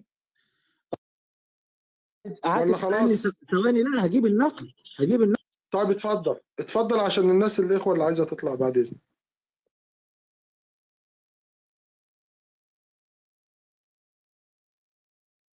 يا جماعة الناس اللي هتطلع هي... اللي هيطلع هيوجه السؤال للشخص الفلاني الشيخ عبد الرحمن ولا الشيخ حازم وهيسأل السؤال للشخص نفسه والشخص نفسه هيجاوب وطبعا بعد حضرتك ما تسال السؤال هتتفضل حضرتك مشكورا تحت عشان ما يحصلش إيه يعني تشغيب فوق والشخص اللي هتسأله بس هو اللي هيرد وسؤال واحد بعد إذنك عشان ما نطولش المدة أكثر من ذلك يعني.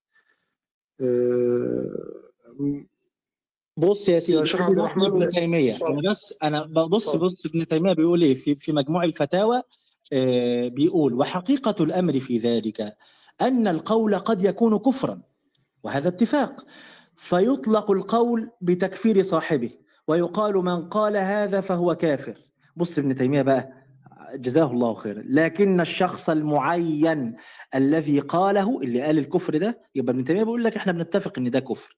لكن الشخص المعين بقى اللي قال قول الكفر ده لا يحكم بكفره حتى تقوم عليه الحجة التي يكفر تاركها. يعني نقول له ده غلط وده قول كفر.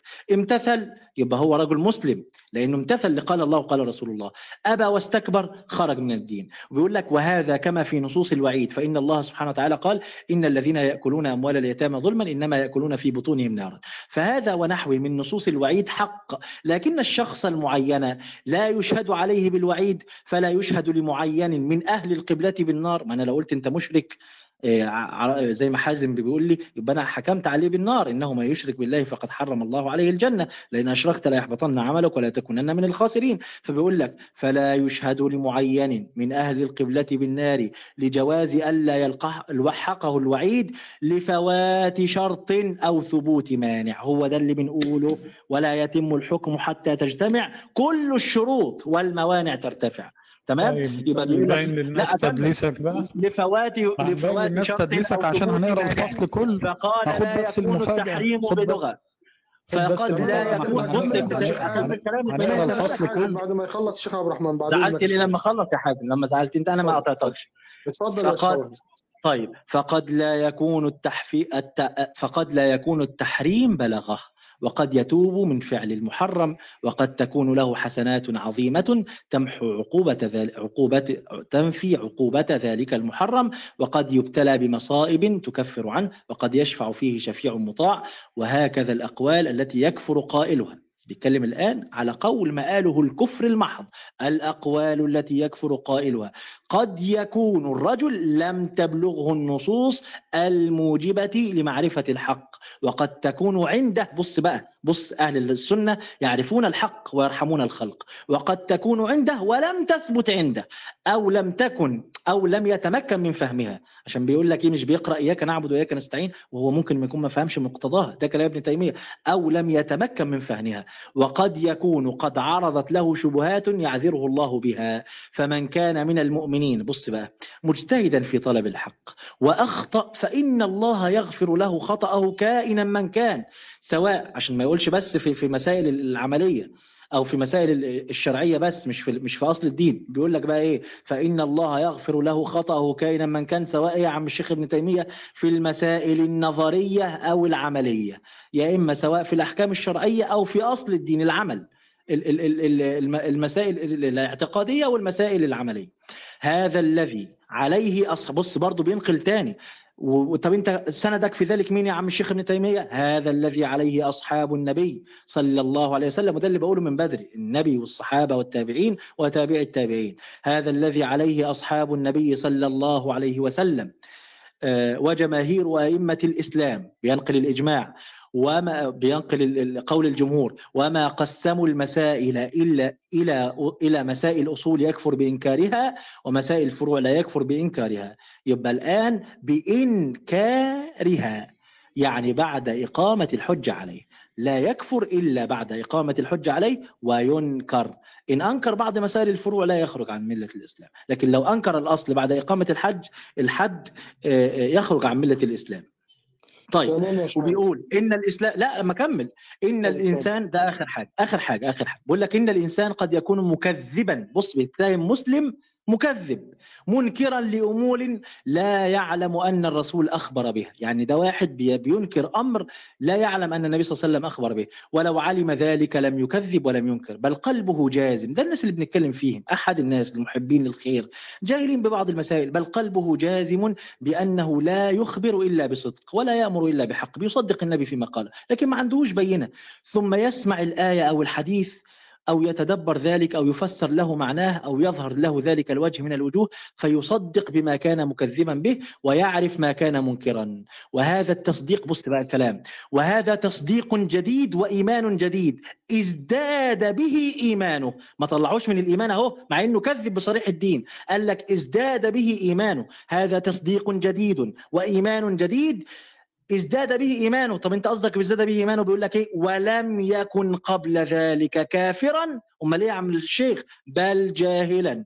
وهذا وإنه أشبه إن وإن أشبه المجمل والمفصل لكون قلب بص هو دلوقتي بيقول لك أهو وهذا وإن أشبه المجمل والمفصل لكون قلبه سليما عن التكذيب وتصديق لشيء من تفاصيل وعن معرفة العلوم والعبادات فيقوم بقلوبهم من التفصيل التفصيل أمور كثيرة تخالف ما جاء به رسول الله ولا يعرفون أنها تخالف. فان فإذا عرفوا رجعوا.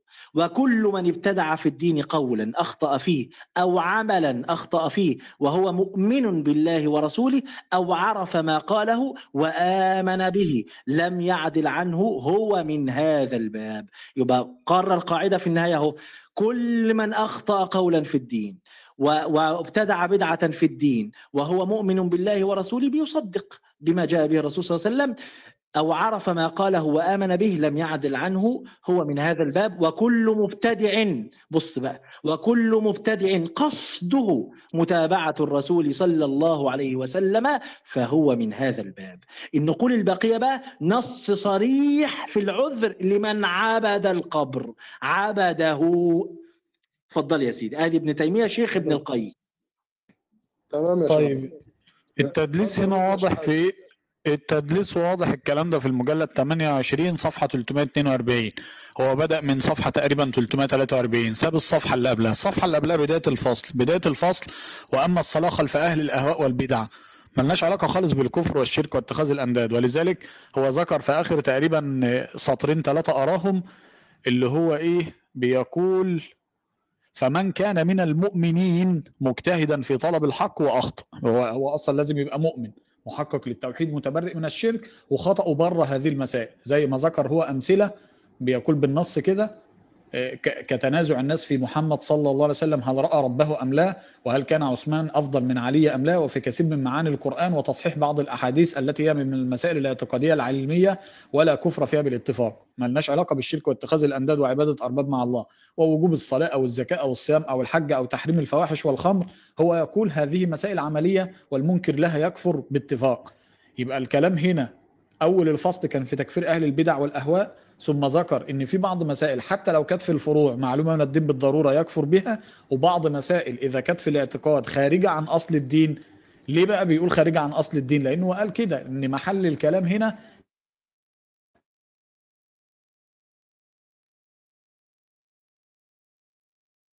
الصوت انقطع ولا عندنا بس؟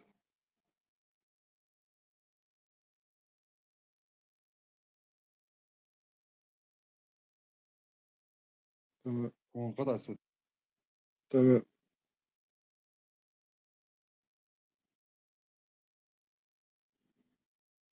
يا شيخ حازم ما عندكش صوت.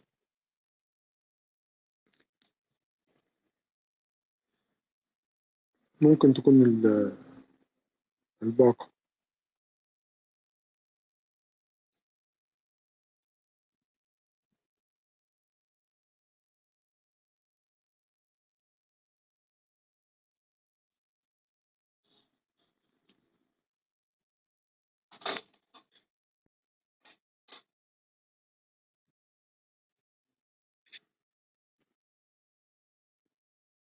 هو أصلا جبال الأرض من حسنات تمام؟ ف الناس تدور يعني النقولات اللي بنقولها وهيفضل فلان يجتزئ وفلان يحط من عنده. طيب الناس نفسها بقى تدور. صوت في مشكلة؟ لسه هو الصوت لسه راجع بتاع الشيخ حازم؟ مش عارف هو الناس بتقول الصوت في مشكلة. صوتك انقطع. أيوه آخر دقيقتين كده. آخر دقيقتين من أول فين؟ لا إله إلا الله. طب كده الصوت شغال؟ من دقيقة بالظبط مش من دقيقتين يعني ولا حاجة. شغال الصوت طيب؟ آه كويس كده.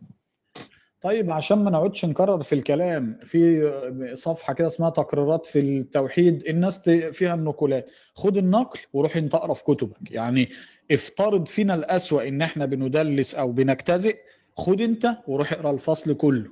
يعني إحنا لو جبنا نص صفحة اقرأ أنت الصفحتين ثلاثة اللي ذكر فيهم الفصل ودور على دينك لأنه ده دينك لابد أن تجتهد في معرفة والعمل بما فيه شوف بقى لو في. أسئلة علشان ما نضيعش. وقت ونكسب أنا. هطلع بس. هطلع هطلع أول واحد اللي هو أريجو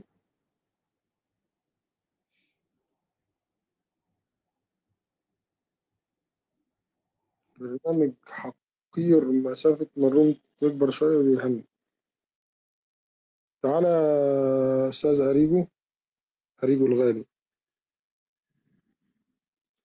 إيه، إزيك؟ حياك الله يا أستاذ أريجو. السلام عليكم. مين ده الجزائري؟ ما تطلعش حد يا محمد. أيوه هو تمام تمام. أستاذ الجزائري سمعنا؟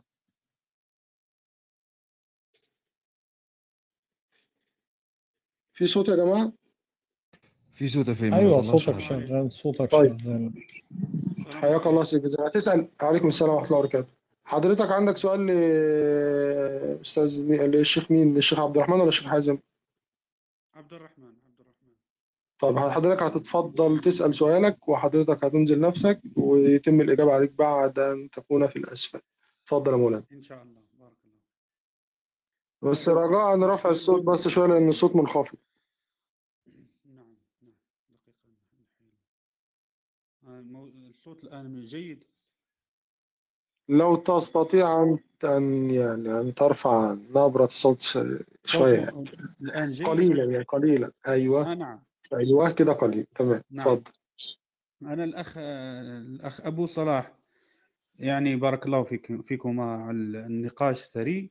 لكن أنا من- منذ بداية آه، متابعتي للنقاش أرى وكأنه الأخ آه، أبو صلاح لا يفرق في مسائل التكفير. بين الأسماء والأحكام. يعني الشيخ حازم كان يناقشه. لا ملناش لا لا لا لا. إحنا مش طالعين نقيم يا شيخنا. لا لا إحنا طالعين نسأل. اتفضل بس يا أستاذ.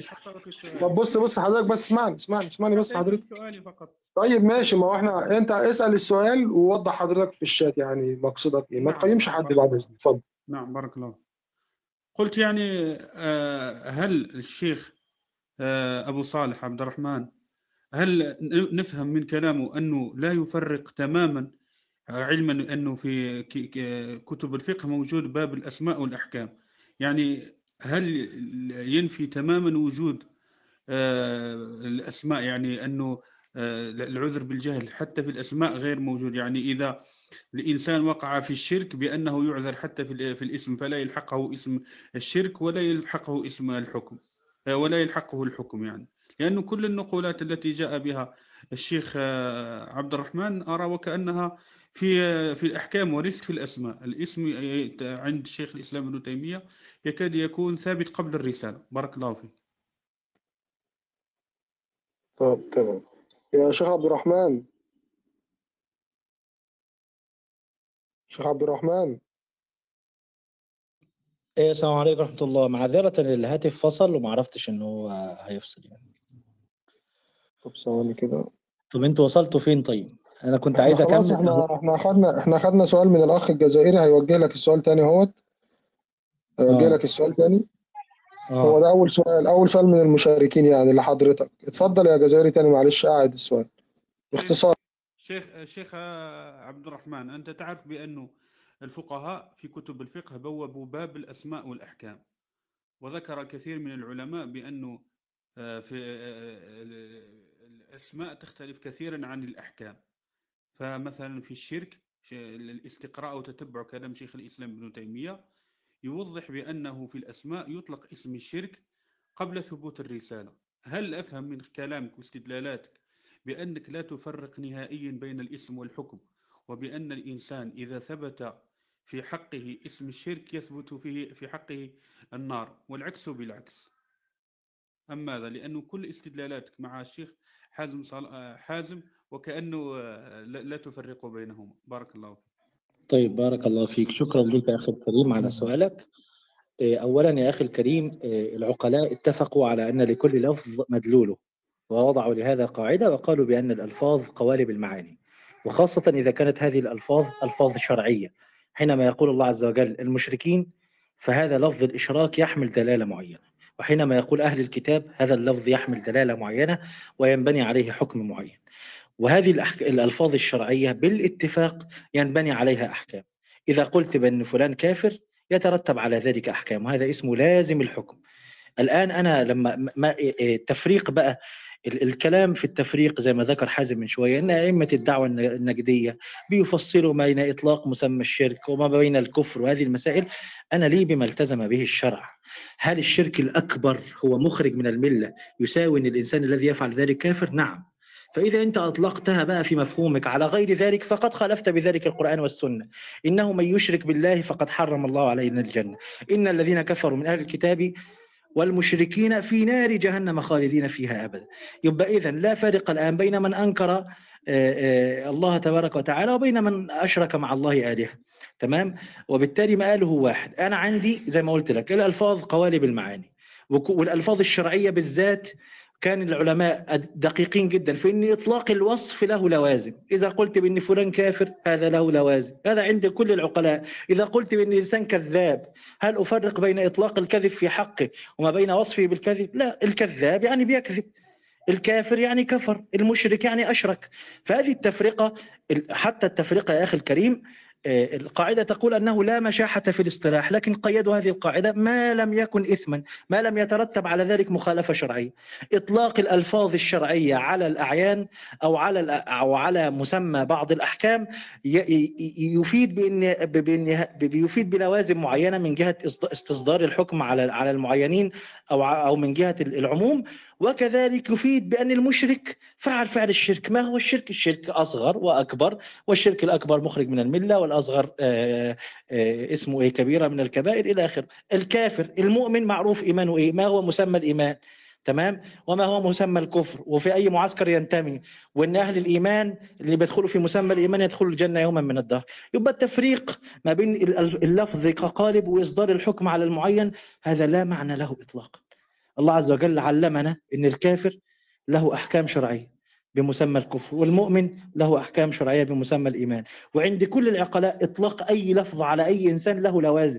الذي يفرق في ذلك يريد تكلفا أن يفرق من عبد الوهاب مثلا قال لا نكفر من آه، من سجد للصنم على قبل أحمد البدوي هو قال كده صراحة فحاولوا يحوروا كلام محمد بن الوهاب عشان يقولوا إن هو ما بيقولش بالعذر. فقال له أصل هو لما يطلق الكفر لا يريد الكفر وإنما يريد مش عارف إيه إيه الكلام الفاضي ده؟ لا ما فيش كلام ده. وأنت قلت أهل الفقه فرقوا ما بين ما بين هات لي كده حد من أهل الفقه. ضبطوا الألفاظ أنا معلش عشان أنا بنهج عشان واقف جنب الشاحن. ضبطوا الألفاظ الشرعية دي وفرقوا في أو جردوها من مسماها أنا لما أقول على حازم كذا فحازم كذا. اللفظ له دلالة. وإذا وإذا ارتفعت الدلالة عن اللفظ صار قالبا خاويا ك- ك- كالزجاجة بلا ماء لا معنى لها. وبالتالي هذه التفرقة غير معتبرة إلا إذا كان عندك مفهوم آخر اطلع ناقشني فيه. إنما أنا أقول على واحد مش لا نكفر وبعد كده أقول أنا مش قصدي إن هو إن هو كده مش مشرك وإن هو كده أنا بعذره. لا ده ده اسمه لي عنق النصوص وتحريف الكلمة عن مواضع تمام ماشي. في بعديه الشيخ آه آه أستاذ أبو هيثم. اتفضل يا أبو هيثم. سؤالك لمين يا مولانا؟ خلي بالكوا في ثلاث أسئلة لكل لكل آه، أستاذ من الأساتذة. ثلاث أسئلة فقط يعني. لو أنت حضرتك هتسأل الشيخ آه، عبد الرحمن هيبقى فاضل له سؤال واحد فقط. اللي هيطلع يسأله تاني مش هيت... مش هيسأل طبعا. فأنت سؤالك لمين؟ طيب أنا سؤالي ل- للاستاذ عبد الرحمن يعني وال- وقبلها ما اتفضل. تنقل يعني هو ما ردش على ال- على الجزائري أصلا يعني انقل معلش تعليق يا أستاذ سلمان يا أستاذ سلمان ما الروم مسجلة والناس بعد إذنك يا شيخ عبد الرحمن بعد إذنك ما إحنا مش هن... مش هن... إحنا مالناش دعوة هو إيه رد هو ما يا ردش هو؟ أنا اتسأل مش فاهم إيه هو اتسأل إيه سؤال يا أستاذنا يا أستاذنا هو اتسأل سؤال وهو ما ردش عليه إيه... لا بعد بعد إذن حضرتك أنت ممكن تكون مفكره ما جابش هو أجاب بص على التعليقات كده. مش واضحة بالنسبة لك أو الإجابة مقتطعة أو الإجابة قصيرة أو الإجابة غير وافية دي مالناش دعوة بيها هو يتحمل مسؤولية ده. طب يمكن الراجل ما عندوش مشكلة. طب يمكن الراجل ما عندوش مشكلة حضرتك اسأل سؤالك مالكش دعوة باللي قبليك اتفضل. ماشي يا فقيه هو كده ما جاوبش أنا هسأل سؤالي بس هو كده ما جاوبش على اتفضل السؤال يا اللي فات يعني. أستاذنا إحنا مش أنت مش في لجنة التحكيم هنا. إحنا بنقول لحضرتك اسأل أيوه يا سؤالك فقيه مش دعوة قبليك التحكيم أنا مش فاهم أنت إيه طب مشكلتك اتفضل برضه؟ يا مش التحكيم الفاضل أنا اسأل هسأل سؤال اهو حضرتك. آه ولو اتفضل. أنت السؤال الأولاني مثلا الأخ الجزائري ما كانش موضحه وعايز تضحي أنت وتسأل نفس السؤال تاني بصيغة تانية اتفضل. طيب ماشي. أنا أنا هسأل آه هسأل نفس السؤال تاني لأنه مهم يعني. هو تمام الاخ الجزائري كان تمام بيسأل اتفضل. كان اتفضل بيسأل على كان بس بيسأل كده يبقى على الشيخ عبد الرحمن اتسأل سؤالين. فاضل له سؤال واحد. اتفضل ممكن طب سيبنا كده فقيه قول يا سلمان قول يا حبيبي. طيب بص يا حبيبي. الر- الراجل كان بيسألك على على على المسمى يعني هو كان بي بي- هو بيقول لك سألتك عما فهمته من كلام شيخ الإسلام وليس كلامك وموقفك. شيخ الإسلام يقول للمنتسبين للإسلام عند ذكر ما من يقع في الشرك ولم يسميه مسلمين رغم ذلك لعدم تكفيرهم. فنفهم بأن العذر هنا في الحكم وليس في الاسم. فاسم الشرك ثابت قبل الرسالة من كلام الراجل بيسألك عن عن منهج الشيخ نفسه. هل الكلام على المسمى ولا الكلام على ما جابش العقوبة ما ابن بتتكلم تيمية بالمناسبة يعني. هو هو أنا ده الكلام اللي أنا بسأله ده كلام سؤالك نفسه سؤالك وانزل يلا عشان هو ما جابش سيرة ابن تيمية أصلا. طيب الس- السؤال الخاص بي أنا أنا كده نقلت كلام الراجل. السؤال الخاص بي أنا أنت ليه سؤ- سؤال بسيط جدا يعني يا رب يكون في رد واضح. أنت ليه لما جيت تتكلم على كلام الشوكاني ما ذكرتش إن ال- ال- ال- ال- ذكره للإجماع أو لجمهور المفسرين إن الكلام كان على العقوبة الدنيوية. عايز سبب وجيه لل... طيب لإن طيب أنت تقف عند ال... عند الذكر دوت يعني. طيب. آه، بال- بالنسبة بالنسبة للإجابة على آه، انزل تحت يا سلمان. الرحمن طبعا يعني هننزل نازل سلمان بقى اتفضل يا أخ سلمان أنا هنزل أنا مش لازم نتحمل اتفضل يا مولانا اتفضل اتفضل. طيب بالنسبة بالنسبة للسؤال الأول يا جماعة الخير إحنا قلنا إن هذه هذه هذه القواعد التي طوروها هم يريدون أن يلووا اعناق ابن تيمية، على فكرة ابن تيمية تجاذبه الكل، ولذلك أنا من أول المناظرة قلت للشيخ حات للشيخ حازم إذا أنت تجسر على أن تفرد لقاء في تحقيق مذهب ابن ابن تيمية في قضايا الإيمان والكفر ومسألة العذر بالجهل فأنا هكون سعيد جدا في ذلك. وأنا نقلت ما لا يعني واضح كالشمس تشرق من الشرق في عذر ابن تيمية في المسائل في الأصول والفروع في العملي والاعتقادي آه، في في في العذر بالجهل في هذه القضايا وإنه علق آه، إرسال آه، وعلق اسمه إيه؟ البلاغ آه، علق الثواب والعقاب في الدنيا والآخرة على بلوغ دعوة الإسلام وهذا معلوم من مما قاله شيخ الإسلام بالضرورة يعني الذي يريد بقى بيقول لك ابن تيمية هو ابن تيمية عيل صغير هيطلق لفظ الكفر وبعد كده يقصد مش عارف إن هم مش كفار ومش عارف إيه. أنا بقول هناك ألفاظ شرعية. أنتوا بت... الأخ اللي طلع ما جابش سيرة ابن تيمية قال الفقهاء والأصوليين تعالى كده هات لي من كلام الأصوليين أنه إذا قال فلان كافر لم يترتب على ذلك. انه يفرق بينه وبين زوجته مثلا. إن فلان مشرك شرك أكبر مخرج من الملة لا يفرق بينه وبين زوجته مش عارف إيه والكلام ده. هذا هذا غير موجود هذا موجود في أذهانكم أنتوا في شيوخكم أنتوا اللي علموك التحايل على الشرع. أنا بقول لكم الآن هاتوا هاتوا من أي كلام من عند الأصوليين من يثبت أن ال- الكافر مش عارف ان ان إن الكافر هذا إطلاق لفظ الكفر كحكم شرعي ليس له لوازم والمشرك ليس له لوازم وال- وال- طيب والسارق ليس له لك لوازم. أجيب لك 20 قول من المذاهب. الأربعة لا، لا، وهيبقى لا، شكلك لا. وحش دلوقتي. اسمع لما لا لا تقول لا ما فيش حد قال الكلام اسمع ده. بس اسمع بس اسمع أجيب لك 20 اسمع نقل بس اسمع ماشي بس. أنا عندي ماشي ماشي وأقول ما فيش حد قال الكلام ده.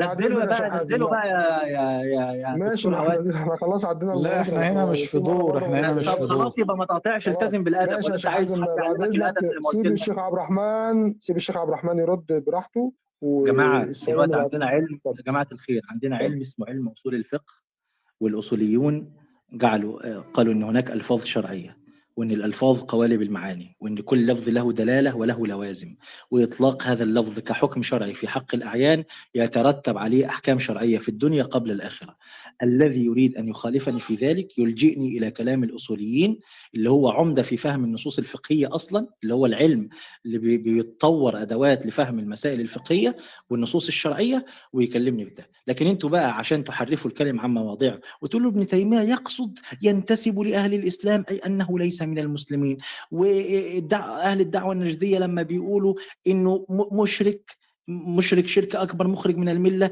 لا يقصدون به الكفر وإنما مش إحنا الآن الخلاف ما بيننا وبينكم إيه؟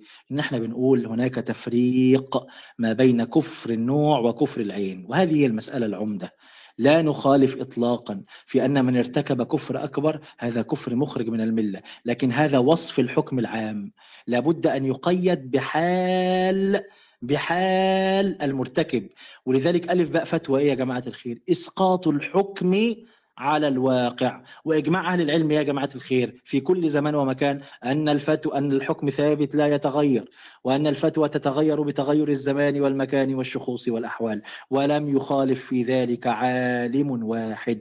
ولذلك قلنا منهج أهل السنة في الأحكام لا يتم الحكم حتى تجتمع كل الشروط والموانع ترتفع. سجد عند قبر البدوي كفر بواح بالله.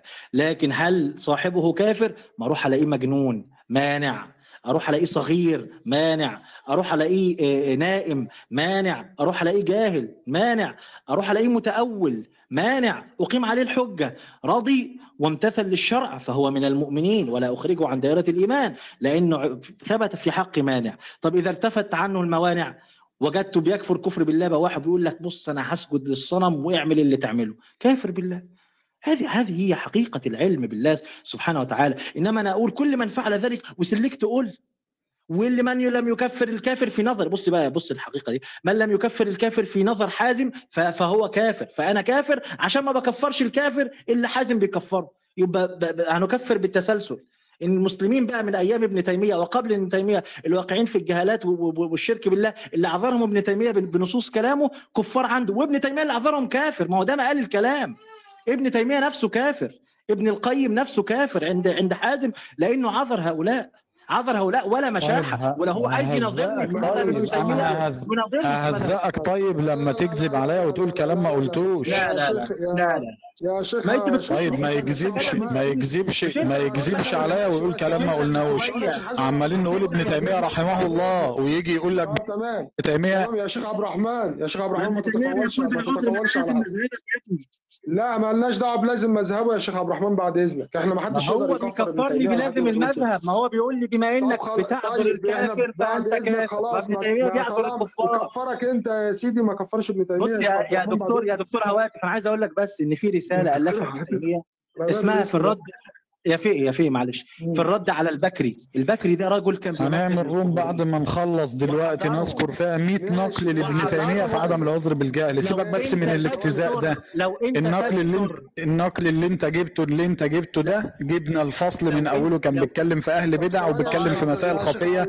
ملهاش علاقة أنا قلت المره لا لا لا لا اسمع بس. هتعرف تجاوب بس على الناس. الناس اللي سألوك أسئلة ده هتجاوب عليهم ولا هتقعد تجري بعيد عن الموضوع؟ الرحمن جاوبت. ثواني يا شيخ حازم جاوبت على السؤال يا شيخ عبد الرحمن جاوبت يا أخي على السؤال أنا قلت الآن بتحدث ثواني. بس انتظر بقى. خلاصة قولي من قولي يا دكتور خلاصة، قولي يا. فيه. خلاصة قولي إن أنا بقول إن الألفاظ عند علماء ال- ال- الأصول قوالب المعاني الذي يجسر إن هو يجيب لي عالم أصولي واحد قال إن إطلاق الحكم في حق المعين لا يلزمه توابع ولا يكون لإطلاق هذا الحكم لوازم وإنه يطلق كذا ويريد كذا هذا غير عند الأصوليين هذا عند المدلسين اللي بيحرفوا الكلمة. عن مواضعه أنا اتحدى تمام. في تاريخ الأمة أصولي واحد قال هذا الكلام الفارغ بس تمام تمام حياك الله ثواني بقى الأخ اللي بعدين أنا بحاول إلى حد ما يا جماعة إيه ما نعملش آه بالنسبة ل... استنى بس يا. يا دكتور بالنسبة اتفضل. الشوكاني عشان نسيت. دلوقتي يا جماعة الخير حازم دلس على الشوكاني وعلى غيره من الأئمة وقال بأن الشوكاني في فتح القرير القدير نص على أن العذر لا يكون إلا في الدنيا. وبالتالي محل النزاع هنا إيه؟ إنه اجتزأ كلام الشوكاني وقال كلام الشوكاني نفسه. أنه بيقول لا يقول بالعذر إلا في الدنيا. فأنا ما رحتش جبت ما نقله الشوكاني. أنا رحت جبت كلام الشوكاني نفسه في الآية. أن الله تعالى لا يعذب دنيا ولا آخرة إلا بإرسال الرسل. ولو معلش يا فقي اديني ثانية واحدة أجيب لك كلام الشوكاني تاني عشان أنا أفهم الناس إن ده اسمه استدلال بمحل النزاع. هو الرجل بيقول الشوكاني قال فقلت له الشوكاني ما قالش. لو قلت لي قل ما نقله الشوكاني عن الجمهور أقول لك قال ما نقله الشوكاني عن الجمهور. أنت راجل قول قال الشوكاني في فتح القدير كذا ولم يقل الشوكاني كذا. فقلت لك أنت تدلس لم يقل الشوكاني كذا. هذا ببساطة شديدة يعني. ثواني بس عشان طب طب تمام. خلي خليه بعد ما نشوف آخر مداخلة. خليه يعني طيب وما فيش حد بيسأل حازم ولا إيه يا جماعة ولا؟ ما هو عادي عادي. ما هو موجود. أنت ليك سؤال تاني كده فاضل لحضرتك سؤال تاني. هنشوف أستاذ الليث. هو اللي عليه الدور. أستاذ الليث. السلام عليكم ورحمة الله. وعليكم السلام ورحمة الله وبركاته. حضرتك آه، توجه سؤال لأحد ال- نعم. الأساتذة وهتتفضل بعد ت- ت- تنزل وهو هيجاوب عليه هتوجه سؤالك لمين يا أستاذنا؟ أي أستاذ حازم طيب سؤالي طيب جميل معلوم من الدين بس أبي أفهم هو ربما عنده يختلف الأمر. هل إسقاط شيء من كتاب الله آه كفر؟ لو أسقطت حرف من كتاب الله. فقط كي أبني سؤالي أو لا بأس أقول مداخلتي كاملة وأنت آه، طيب من المعلوم من الدين أن من حرف كتاب الله أو غير كلمة أو بدل كلمة فهذا محرف لكتاب الله وهذا كفر بالله لو أنا كنت إماما أصلي بالناس وأسقطت آية من كتاب الله وأنا أقرأ هل أنا كافر بهذا الاعتبار؟ هل من يسقط آية من كتاب الله ويقرأ هل هو كافر بهذا الاعتبار؟ سواء سهوا جهلا سميها ما تريد. فهل هو كافر؟ فقط جزاك الله حياك الله يا أستاذ. شيخ حازم طبعا. إيه اللي في كده كفر أصلا؟ هو إذا جهل آية أو نسي آية وهو بيقرأ أو أخطأ في في آية وهو بيقرأ وصححها له أحد المأمومين هنا يكفر؟ مين اللي قال كده؟ مفيش حد قال إن ده يكفر بهذه المقال. وده ليس تحريف أصلا. أنت بتقول لو حرف أو زاد أو نقص ده مش تحريف أصلا. طيب. طب هو, انت قليل آه، الأدب والله يا كونكر والله يا كونكر والله يا كونكر أنت ما تربيت. والله يا أخي ما تربيت. عشان كده فعلا ما هو عامل لك بتطليع لسان أهو وده عنده أدب ده ده عنده أدب ما أنت أسقطت مذهبك لما قلت لو جاهل لا يكفر. طيب ما أنا هشتمك برضه وأقول هشتمك هشتمك وأقول لك اسمع بس اسمع بس. اشتمني اشتمني تعبر عن أخلاقك وتعبر عن نفسك. لا مش ما أنا هشتمك هشتمك بمدلول القرآن إنك الأنعام بل اضال يا جماعة بالله عليكم بالله عليكم. طب اقفل المايك وسيبنا أكمل تعليق يا أخي. ثواني طيب ثواني أيوه ما أنا اللي فهمته من السؤال إن هو مش في التلاوة. اللي فهمته إن في أنا ما يعني أنا أعتقد إن هو مش في التلاوة. هو يعني بيقول لا ما هو بيقول خطأ في التلاوة. هو بيقول خطأ في التلاوة. إن آه، معلش ما سمعتهاش. ما سمعتهاش. طيب حضرتك الحمار؟ لا ما جاوبتش. الحمار اللي طلع لسانه وبيقول لك أنت كده أسقطت آه، مذهبك. يا شوية حميد اسمع بس يا أخي. يا أخي أنا ما جبتش سيرة اسم حد. الله يصلح حالك. لأن ما يبقى شخص يعني حمار قاعد وإحنا عمالين نقول حد بعد إذنك يا إحنا عمالين يعني يعني ماشي. طب انت مش عايزين ما انت كنت يعني، ممكن ما انت ملوش لازمة بعد ما انت كنت م... انت لو بتدير صح تجنبنا إحنا ان إحنا نتكلم وتقول له ان أيوة، الراجل نفسه قرر في أول كلامه في الروم. طب اسمع يا أخي بقى بتقاطعني ليه؟ إحنا مش قررنا في أول الروم إن المسائل الخفية والمسائل اللي ليست معلومة من الدين بالضرورة ومسائل الشريعة اللي هي الأحكام الخبرية كل المسائل دي فيها أصلا عذر بالجهل. وإحنا قلنا إيه عكس كده؟ وكانت مسألتنا الشرك واتخاذ الامداد فانت اما يطلع واحد يقول لك مسألة اتخاذ الأنداد أقول له يعذر فيها بالجهل. يطلع واحد حمار يقول لك كده أسقطت مذهبك يبقى حمار ما هوش قاعد بيسمع طيب. أصلا. طيب سواء خلاص طيب إيه ما هو انت ما أنت تقدر ما أنت تقدر يا شيخ حازم إحنا مش عايزين يا جماعة أصلا لا لا لا بالله عليك يا شيخ بالله عليكم يا جماعة. لا والله من غير اتزنقت يا ابني. اتزنقت إيه يا ابني؟ هو هو ده اصطلاح القرآن فامثالكم كالانعام بل اضال للصم البكم الذين لا يعقلون. خلاص يا شيخ حازم هناخد يا جماعة إحنا هناخد أسئلة من الناس يا دكتور يا دكتور اتفضل شوف مين اللي عنده سؤال لا قوه الا بالله. يا أخي يا أخي يا طيب. أخي أنا الرجل الرجل ذكرني فمن حقي أن أعقب بكل بساطة لا ما لأن أنا ما ذكرتكش أنا ذكرت أنا ذكرت الأنعام. مين اللي جاب سيرتك بس, أنا ذكرت الأنعام والحمار. مين اللي جاب سيرتك أنت؟ يا شيخ عبد الرحمن طيب، أنا ذكرتك فين؟ أنا ذكرتكش يا عبد الرحمن. أنت عرفت منين ان أنت الحمار؟ انت عرفت منين ان انت الحمار بس؟ أنا ما ذكرتكش حازم يا شيخ حازم يا جماعة إيه اللي أنتوا بتعملوه ده يا جماعة؟ طيب وبعدين يعني بالعكس هو اللي قاطعني. المفروض يا يا س... يا أستاذي يا, يا أستاذ عبد الرحمن يا أستاذ بعد اذنكم يا شيخ عبد الرحمن يا شيخ عبد الرحمن. استنى بس يا في استنى استنى يا في الله يرضى عليك. اتفضل يا مولانا. إحنا لا نختلف في إن العذر أصل من أصول التشريع.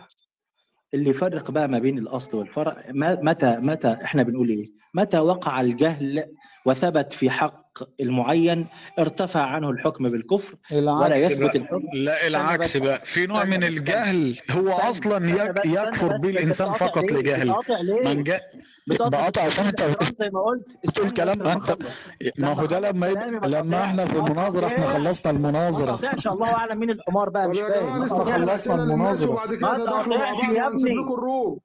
استنى بس يا, يا أصلا. أنا دلوقتي يا في يا في هو مش ده هو ده مش يا في أنا اتدخلت في الأسئلة اللي اتسألت له.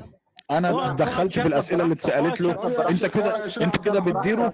دي كده إدارة يعني؟ يعني دي كده إدارة؟ دي كده إدارة أما تبقى أسئلته. أنا ما فتحتش المايك فيها خالص. وتيجي أسئلتي يفتح المايك ويشغب وتزعل اما أقول كالأنعام وكالحمار يحمل اسفاره خلاص. يا شيخ عبد الرحمن رجاء يا جماعة. بكل هدوء وأنتوا اللي بتقولوا لنا ما تتعصبوش وما تغلطوش في حد وما تعملوش مش عارف إيه وأنتوا اللي بتعملوا. شفتوا بقى أنتوا يعني. يعني مش يا أخي الكلام اللي بيغلط ده هو إنسان مخلص يا في استنى بس الله يرضى عليك. أنا بتكلم بكل هدوء أهو. لما الراجل اتكلم أنا ما قاطعتوش. الشتم ده إفلاس عشان يروح بعد إذنك بلاش أي تعبيرات أنا ما شتمتش أنا ذكرت إن في اسمع بس. أنا ذكرت إن القرآن ذكر الأنعام والحمير. أنت المشكلة فهمت إن أنت المقصود بالكلام دي مشكلتك أنت مش مشكلة. عامة أنا ده يعني في ده تعليق ده وقتي ولا ده وقته؟ ما أنا عايز أفهم برضه السؤال ده كان موجه ليه هو؟ لا أنا ما أنا ما فتحتش المايك في ما أنا ما فتحتش المايك في الأسئلة الموجهة ليه؟ ثواني يا شيخ عبد الرحمن. خلاص يا شيخ عبد الرحمن شكرا يا فين يا راجل شتمني أنت مش عايز تديني فرصة ليه؟ لا ما أنا أنا دلوقتي ما ما اتدخلتش في وقته أنا ما اتدخلتش في وقته بقى كل واحد يغلط في التاني والتاني يرد عليه لا وتبقى لا مش هغلط فيه والله مش أنا هغلط ما فيه عشان اتدخلتش في وقته يا أستاذنا وده وقتي طيب ولا ولا نعمل إيه بقى؟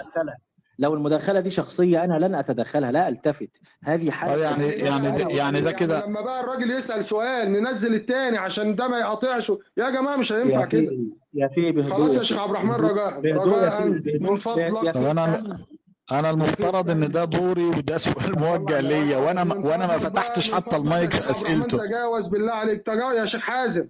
يا جماعة خلاص اتفضل يا شيخ حازم. جاوبت على سؤالي ليس يا شيخ حازم؟ لا لا ما جاوبتش لسه بجاوب قاطعني أنا لسه بجاوب هو عشان ما عندوش أدب الحديث قطع بعد إذنك ما عشان الناس تعرف أنا ليه ذكرت أمثلة القرآن للحب. خلاص يا شيخ حازم الناس مش عايزة تعرف ماشي. حاجة. سيبه سيبه يا طيب، على ماشي.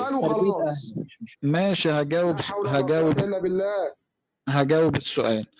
ال- اتفضل. الأستاذ اللي سأل في مسألة ال- إن من نسي آية أو جهل آية من القرآن فقرأ قراءة خاطئة هل يكفر؟ هل يكفر؟ أنت مش عارف الإجابة إن ده لا يكفر؟ يعني أنت ما تعرفهاش دي إن إن الخطأ في الصلاة مثلا لو صليت ركعتين وسلمت في صلاة رباعية لا تكفر؟ ولا أنا ترجم إن أنت كده جحدت الصلاة وصليت صلاة غير الصلاة؟ لا طبعا دي كلها أشياء يدخل فيها العذر بالجهل. فأنا أثناء إجابتي بقول إن ذكرنا في مقدمة يعني الروم أنت خالص عندك يا شيخ حازم إن- أصلا العذر بالجهل. إن- وأنت ما كنتش معانا في الروم أنت كمان ولا إيه؟ لا لا أنا بقول يعني أنت أصلا برضو بت... يعني أنت عندك في منها في ال... في في معط... يعني فيما ت... ت... تدين به لله. في عندك عذر بالجهل. فروع الشريعة والأمور الخفية والأمور الخبرية اللي قد يدخل فيها جهل أو تأويل كلها فيها عذر بالجهل. أما من اتخذ الأنداد والشركاء وعبد مع الله إله آخر هو ده اللي ما فيش فيه عذر بالجهل. عجيبة إن عذر انت تبقى. بتدير الروم. طيب ماشي. ما هو إحنا عمالين بن... ما إحنا عمالين بنتناظر في الروم وبيقول لك الراجل إن القرية الكاملة لو عبدت القبور مسلمين معذورين. أمال إحنا كنا بنتناقش في إيه من الأول؟ فأنا أنا لما أجي أستصحب آيات القرآن. سؤال إيه؟ سؤال القرية الكاملة. مش أنتوا ذكرتوها من شوية لما لما قال أيوة، إن أيوة، إن, وأنا اللي إن سألته. طيب ماشي. يبقى يبقى انت بتقول متفقين ان ما فيش عذر بالجهل في الشرك. لا المخالف بيعذر بالجهل في الشرك ان من سجد للقبور والأضرحة مسلم عنده. طيب يعني طب مسلم الخلاف وهو- في الشرك الأكبر إن من يعذر بالجهل الشرك الأكبر أنت كده اللي هو دي نقطة الخلاف أصلا. تمام؟ أيوه. أنا إحنا ما بنناقش ما إحنا عشان كده عمالين نقول إن كل نقولات العلماء زي ابن تيميه وغيره. هو يتكلم في يا أستاذنا يا استاذنا انت ملا انت بتفتح الروم ليه؟ ما انت انت عشان تعرف ما في فيش ساعه ولا. حاجة ساعه إيه بس ساعه إيه بس انت طيب، فاهم. والشيخ حازم فاهم إحنا مش فاهمين فاعذروا جهلنا بقى اعذرونا بالجهل بعد اذنكم اعذرونا أنتوا الاثنين بالجهل طيب يا شيخ حازم يعني كده اللي يخطأ في التلاوة مثلا أو اخطأ أو سهوا أو نائم أو غير عاقل أو أو أو ده كله لا يكفر طبعا بهذا هو الفعل. هو تمام. هو ممكن انسان ممكن إنسان ما يعرفش أصلا الفرق بين الفعل والمفعول. يقول مثلا صراط الذين أنعمت أنعمت بالضم هنا يعني جعل نفسه هو اللي بينعم على الناس. فهل نقول إن ده كفر بمجرد إنه أخطأ في التلاوة؟ لا لأن ما فيش هنا قصد النطق أو قصد المعنى نفسه الموجود. فده أخطاء ما في ما, ما نقولش إن ده يكفر بها الإنسان. إذا تلفظ إنسان بكلمة أجنبية تتضمن مثلا الإساءة إلى الدين واحد حفظها له على إن دي معناها مثلا آه، آه، زي ويلكم أو حاجة وكأن معناها جائز. ده ما يكفرش بمجرد النطق بهذه اللفظة. إيه علاقة ده بإن شخص يشرك ويتخذ انداد والهه مع الله؟ يعكف طوال عمره ال 60 70 سنة اللي عاشها رايح جاي للقبر. ما فكرش إنه يخلص لله وحده في الدعاء والذبح والنذر. وحتى مشركي قريش اللي هم كانوا كفار أصليين إذا ركبوا في الفلك دعوا الله مخلصين له الدين. فإذا لم يصل هذا الصوفي القبوري لما وصل إليه أبو جهل وأبو لهب فإزاي أنا اعذره بالجهل أنا؟ وقد تمام. تجاوزه أبو جهل وأبو لهب في هذه المسألة فإذا ضاقت به لجأ إلى الله عز وجل وحده وأخلص له الدعاء. تمام. ماشي يا شيخ حازم. خلاص كده السؤال انت جاوبت عليه. أستاذ ميراج عندك سؤال لمين يا أستاذ ميراج؟ ألو السلام عليكم. حياك الله يا باشمهندس. عليكم السلام ورحمه الله وبركاته ازيك يا دكتور؟ ازي حضرتك؟ إيه، السؤال لحضرتك السؤال بتاع حضرتك هتوجهه لمين؟ أنا عندي أنا عندي سؤال وهو the conqueror ده. لمين؟ ماشي قول يا حبيبي. the conqueror يا حبيبي. the conqueror ده قول قول قول. على فكرة على فكرة أنا مش حبيبك أنا عندي 50 سنة أنا أكبر منك. طب ماشي يا بتقول شيخ ماشي يا عم ده ليه؟ ما تحترم نفسك باشمهندس. طيب. معايا؟ إيه؟ هو عبد ليه الرحمن هو غلط فيك يا عم عبد الرحمن ما غلطش. آه بيقول مش عارف كونكويرر ده. إيه ما هو ده انت وهو ما عرفش يقرأ الاسم يا أخي. طيب ما يقولش ده. أمال يعني اسمه طيب مش عارف حصل خير حصل خير حصل خير يا شيخ مراج اتفضل يا شيخ ميراج. طب دلوقتي أنا عايز أعرف حاجة. خلاص؟ هو دلوقتي آه الشرك للأصنام أو السجود للقبور أو عدم الشرك للأصنام ده من. من المعلوم بالدين. من المعلوم من الدين بالضرورة ولا لأ؟ ها؟ تاني حاجة هو أنا النهارده لما أشوف واحد خلاص بيعمل عمل شركي كيف أثبت له اسلام وهو بيقوم بهذا الشرك؟ وبعدين هل التبرؤ من الأصنام ومن الشرك بالله ومن الطواغيت وهو من المعلوم بالدين بالضرورة. من لوازم إثبات الإسلام ولا أنا بمجرد ما أشوف واحد بيصلي خلاص واحد واحد بيصلي أو بيقول الشهادتين وبيفعل الأفعال شركية فأنا مج... كده أروح جاي بسماحه نيه أقول له لأ أنت سيادتك مسلم ولحد بقى ما أنا أجي اقيم عليك الحجة. يا عم روح قيم عليه الحجة. فيعني سؤالي كده عشان يبقى بالتحديد. خلاص عشان هم يبقوا سؤالين حتى كمان. هنضيف واحد تاني. هل الش... السجود عدم السجود للأصنام؟ وعدم الشرك بالله عدم الشرك بالله. وخلاص هل ده من المعلوم من المعلوم من الدين بالضرورة ولا لأ؟ دي أول حاجة، تاني حاجة كيف تثبت اسلام لواحد بيسجد لصنم؟ والصنم في عصرنا الحالي هو القبر. بل والقبر أسوأ. على الأقل الصنم ده حاجة لها معنى إنما القبر ده هوى حاجة مليانة هوى. وما يستتبعه. السؤال الثالث اللي أنا عايز أقوله هو هو المفروض سؤال هل واحد يا عم مراج. هو المفروض سؤال أنت مش واحد. أنت مش مش قلت ثلاثة يا دكتور؟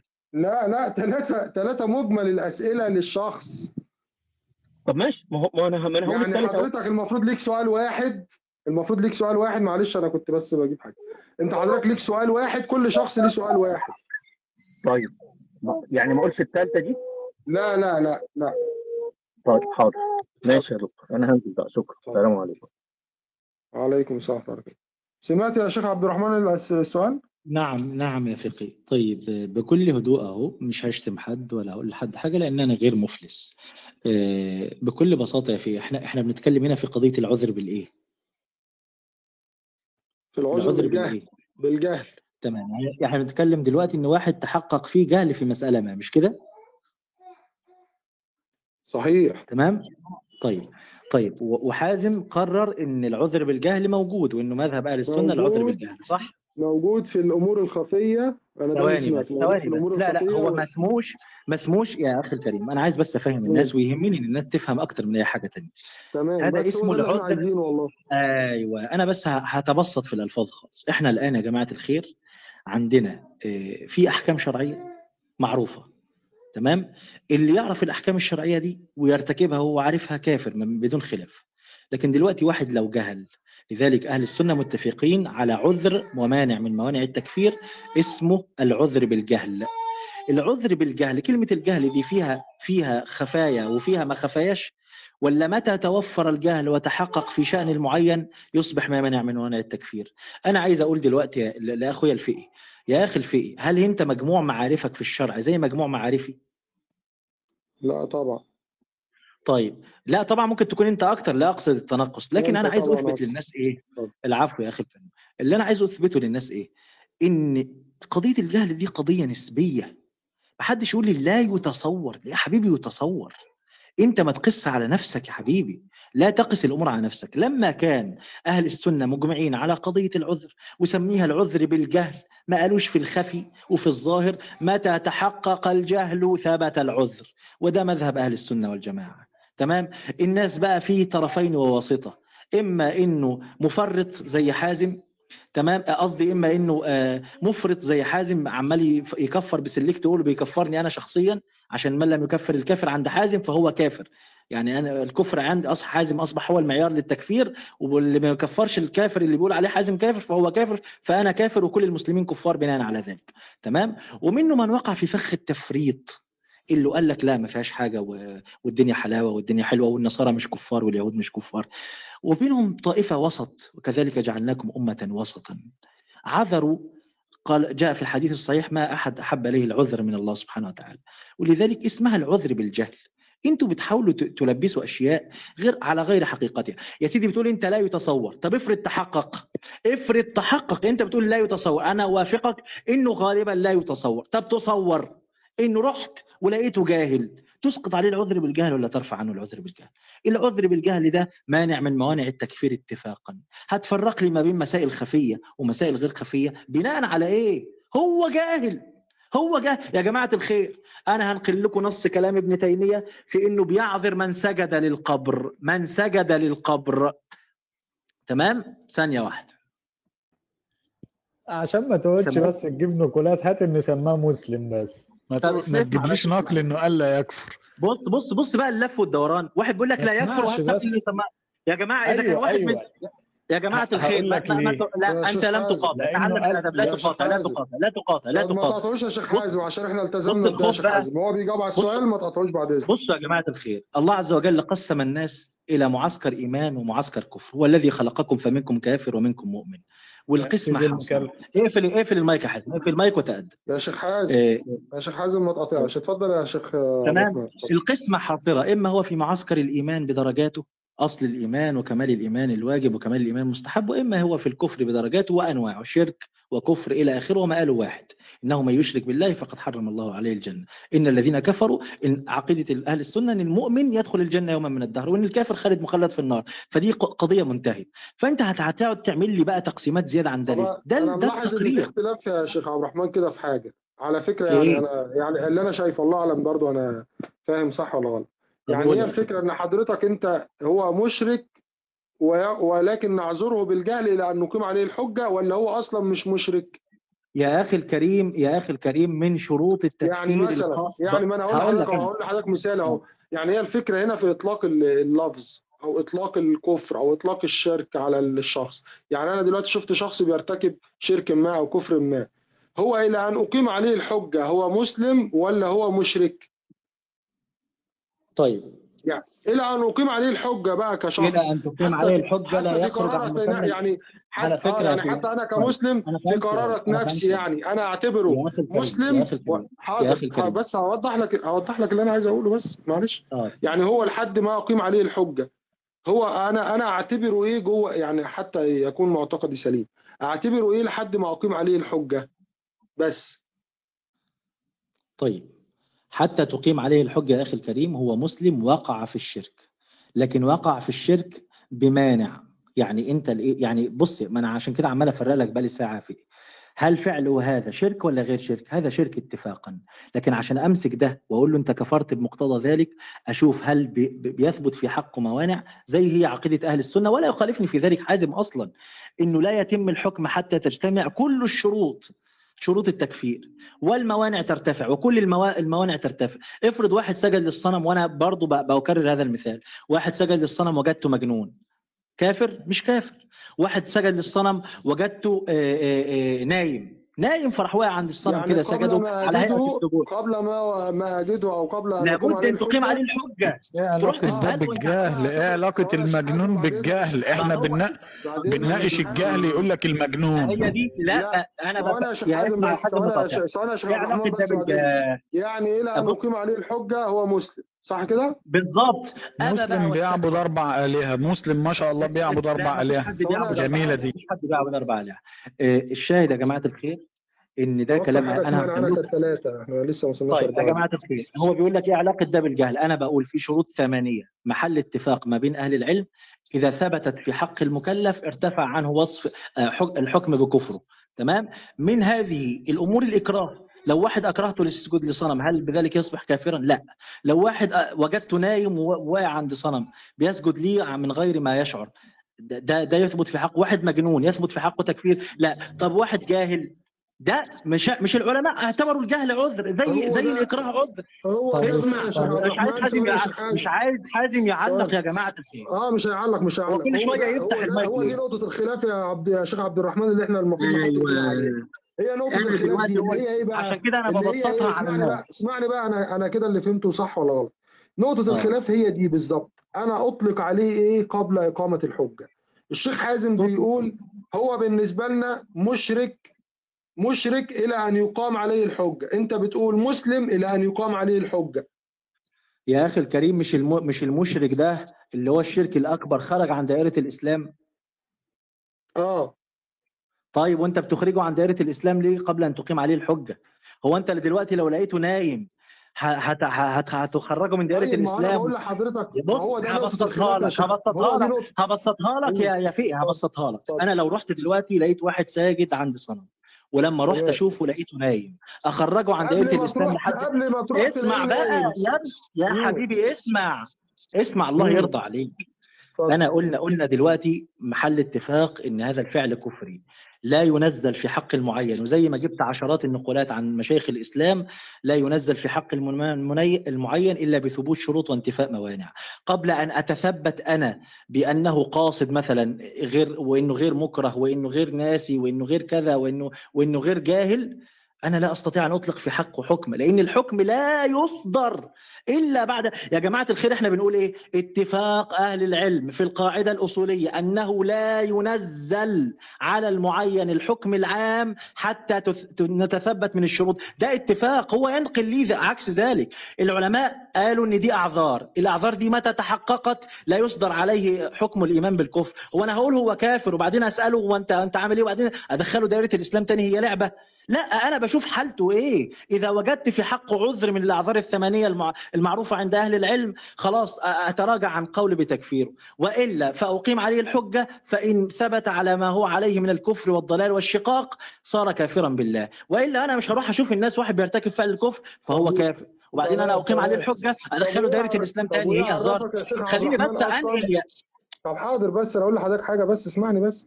إحنا مش عايزين أنا ما بنفهمش حاجة من النقولات دي على فكرة. إحنا إحنا بالعكس إحنا النقولات دي توثيق أنا لكلام أهل العلم. هنفهمها بعدين مش أنا بقول لحضرتك بقول لحضرتك حاجة. إيه اللي عرفني أصلا إن هو أصلا مسلم ابتداء يعني إيه هيضمني إن هو أصلا ابتداء مسلم؟ لأنه بيشهد أن لا إله إلا الله وأن محمد أنا رسول ما الله. أعرفش أصلا إن هو بيشهد أن لا إله إلا الله وان لا محمد رسول بقى الله. لا حازم لا اسمع اسمع ما شهدش اسمع بقى لا هو لا ما اسمع هو اسمع نطق يا مش جماعة حازم بعد إذنك يا شيخ حازم. اللي انت بتقوله ده مش ده اللي حازم بيقوله بقى يا يا في الحازم بيقول مم. لو في واحد بيشهد أن لا إله إلا الله وأن محمد رسول الله ويقيم الصلاة ويؤتي الزكاة ويصوم رمضان ويحج البيت ومن أصحاب الصف ما قلتش كده يا كذاب ما قلتش كده يا كذاب. ما قلتش كده يا كذاب. لي ما طيب. هو بيقول لك يا جماعة ما قلتش كده يا منهجك اسمع كده بس اسمع بس اسمع بس اسمع بس اسمع بس بيقول لك هو اسمع بس. تصوره كده يعني. استنى يا اسمع بس بس انت لا مش تصور على طيب فكرة أنا قلت نفس الكلام اما ناقش اما ناقشنا يجي ثلاث أربع مرات قبل كده ولسه يبقى أنا مس اسمع اسمع اسمع. سيدنا الإمام البخاري قال الكلام إنما يتم بآخره. اسمع بس.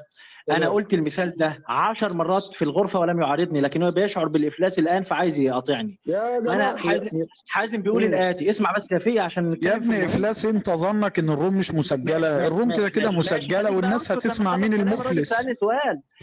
لو راجل يا حازم قول ده لا غير كافر عندك لو راجل لما أنت بتقول أنا كذاب لو أنت راجل بعد ما أقول المثال قول لي إن ده مش كافر عندك. قول لي إن ده مسلم صحيح الإسلام عندك. مش انت طيب يا ابني انت بت... يا آه طبعا قول كذاب. آه طبعا طيب كذاب. هقول لك ليه. حازم دلوقتي بت... بيقول انت أنا بتقول من آه كذاب. كمل. حازم دلوقتي بيقول أنا كذاب. أنا بقول له لو انت راجل راجل. بلاش انت راجل بقى والكلام ده. لا لا اسمع اسمع. ما هو الكذب أسوأ من ذلك. ما هو الذي يكذب ماشي انت انت اسمع انت بتقول يا ابني اللي بيكذب هو اللي ابني النصوص اللي قريناها والإجماعات. ليه بتشغب ليه؟ والله يا جماعة إفلاس والله. اتفضل يا شيخ يا عم عبد الرحمن اتفضل. بلاش شغل طيب الأطفال ده. اتفضل ماشي بقالك ساعة بتقول نزله بقالك ساعة بتقول قطعه بقالك ساعة بتقول الوقت انتهى. ده كله شغل أطفال بامتياز. لكن لا بأس. برضه هشتمك بقى والله هشتمك والله. خليه في المايك. اتفضل يا شيخ عبد الرحمن. اتفضل. طيب بكل هدوء خليه في المايك. طيب أنا الرجل قال لي إن أنت كذاب وأنا بتحداه إن هو بعد ما أذكر المثال يقول لي إن ده راجل مؤمن بالله. إذا كان بيقول علي أنا مشرك. المهم تمام. أنا هقول لكم المثال كالآتي يا جماعة الخير. وحتى هو كرره وقال الرجل عاش 20 سنة. قصدي عاش 70 سنة في الإسلام. لأن أنا كررت المثال ده يجي خمس ست مرات وهو قرر إنه بيكفر هذا المثال. التصور كالآتي يا جماعة الخير. رجل يشهد أن لا إله إلا الله. وأن محمد رسول الله. ويقيم الصلاة ويؤتي الزكاة ويصوم رمضان ويحج البيت. ورجل يحب الدين. ورجل من أهل الصف الأول ومن أهل الالتزام بصلاة الفجر. اقفل بس المايك يا في الله يرضى عليك. وهذا الرجل على ما فيه من هذه الأمور التي تثبت انتسابه لأهل الإسلام وحبه للمسلمين ظاهرا إلا أن هذا الرجل وقع في خسيسة ما. وهذه الخفي الخسيسة تنافي شيء من ما عليه المفروض أصل الإيمان عند المسلم. يعني واحد مثلا بيروح للقبر ويقول له ادعيني هو مع ذلك هو مع ذلك. هو لا هو يسلم بالله سبحانه وتعالى ويسلم بكل ويذعن ويقبل بكل ما جاء عن محمد صلى الله عليه وسلم. ومن أهل الصلاة ومن أهل الصيام ومن أهل الصدقة ومشهود له بالصلاح. ومع ذلك جهل. لذلك بنقول اسمها العذر بالجهل. منين منين جبتوا أصول وفروع؟ افرض واحد جهل يا سيدي. هتقول له لا أنت ما تجهلش بالعافية. ما هو جاهل. ولذلك نقول إن هو جهل مثلا وراح بيروح للسيد البدوي أو راح للسيد البدوي واحد راح قال له بقول لك إيه في شيخ طاهر مش عارف إيه تعالى روح وادعي عند القبر بتاعه وإن شاء الله ربنا يستجيب لك. فالراجل راح خد مظنة لذلك أنه يرضي الله ورسوله وفعل ذلك محبة لله ورسوله ولم يكن في قصده اطلاقا أن يكفر بالله وإنما هو رجل يجهل أن هذا من الكفر البواح. هو عند حازم لا يثبت له إيمان أصلا. شوف المشكلة بقى. ان حازم عبد استنى بقى في؟ لا أكمل جملتي أكمل طيب ما جملتي. أنت ما أنت بقالك بقالك في السؤال ده يجي 10 استنى يا دقائق حازم عشان أعرف الناس خطوره اللي أنت ما هي دي بتقوله نقطة الخلاف يا شيخ حازم هي دي أفيد حاجة في إحنا عايزين هو عند حازم هو عند حازم بقى بيعمل إيه يا جماعة الخير؟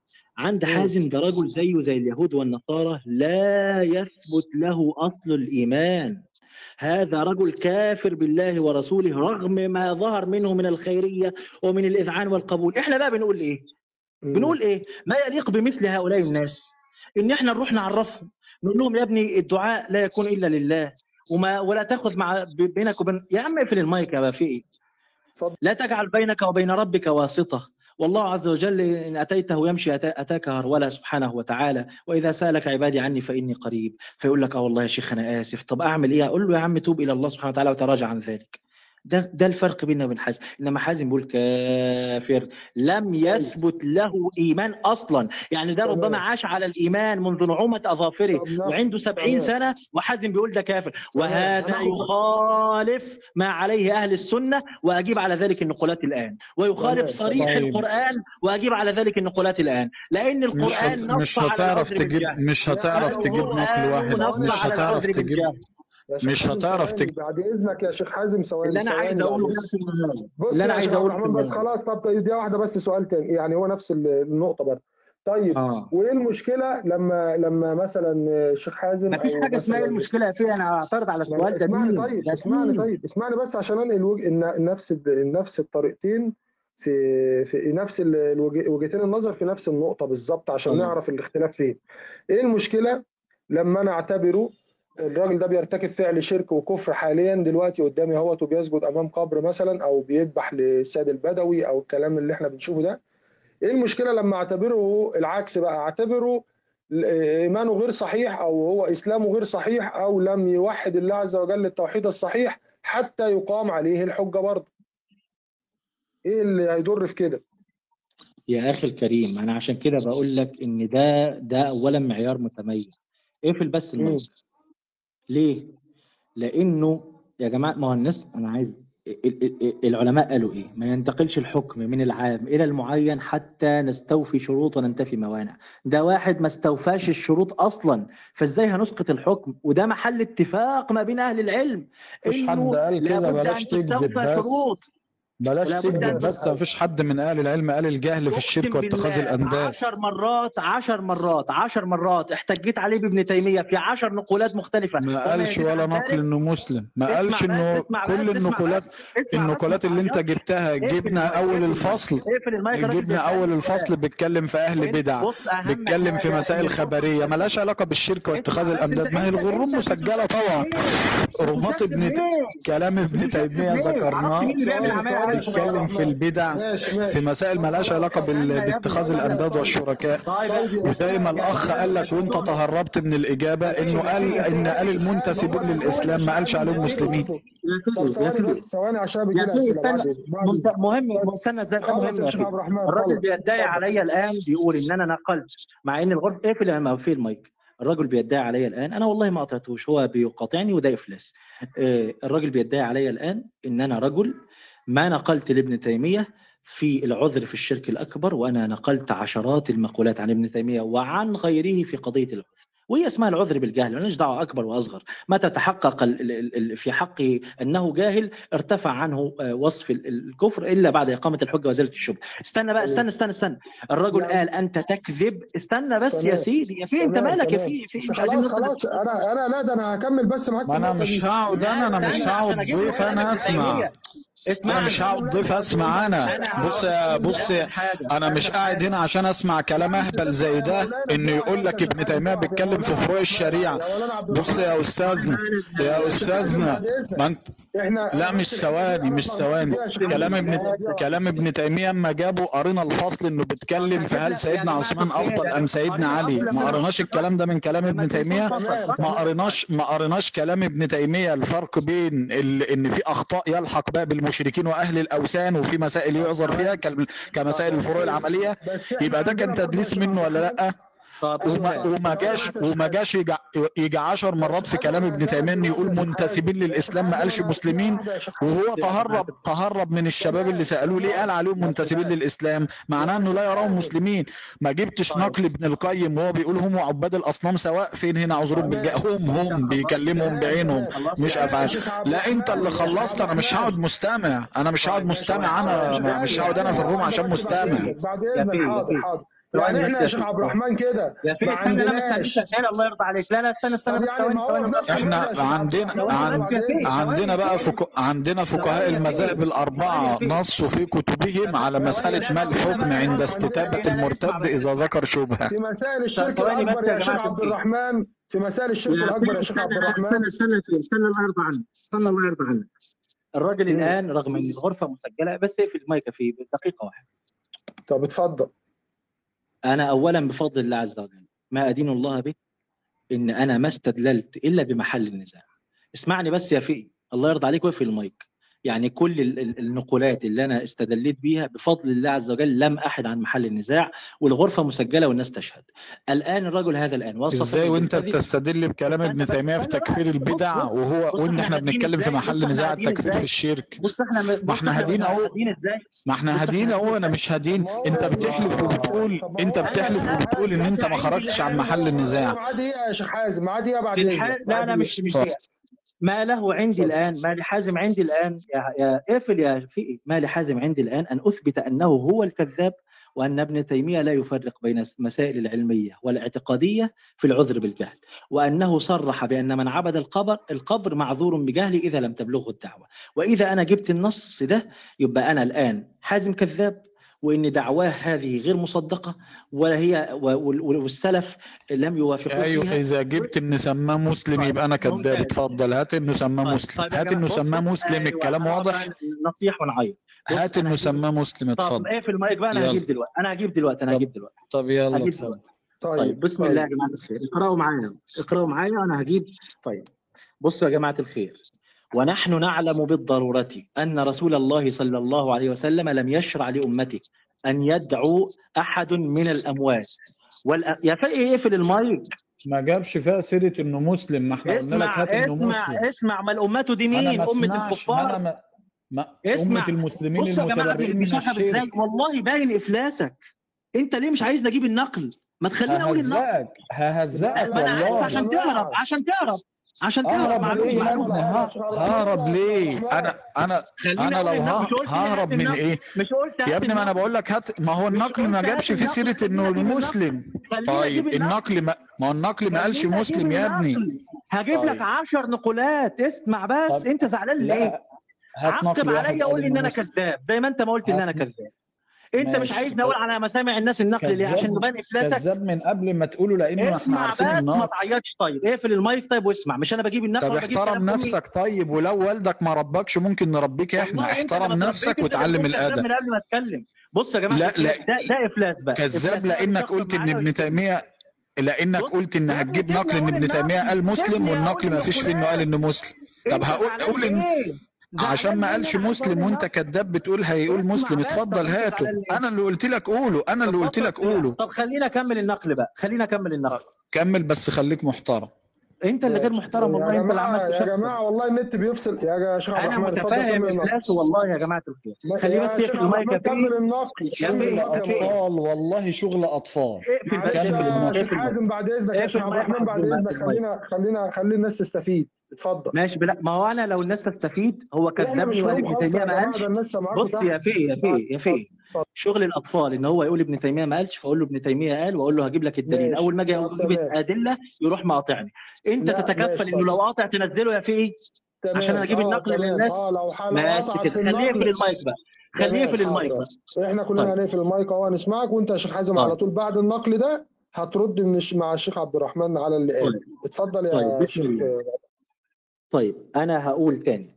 شيخ الإسلام محمد بن عبد الوهاب صرح بذلك وقال وإذا كنا لا نكفر من عبد الصنم. أوه يعني دي مش مسألة عملية ده مسألة علمية اعتقادية وفيها تصريح وكفر بواح. وإذا كنا لا نكفر من عبد الصنم.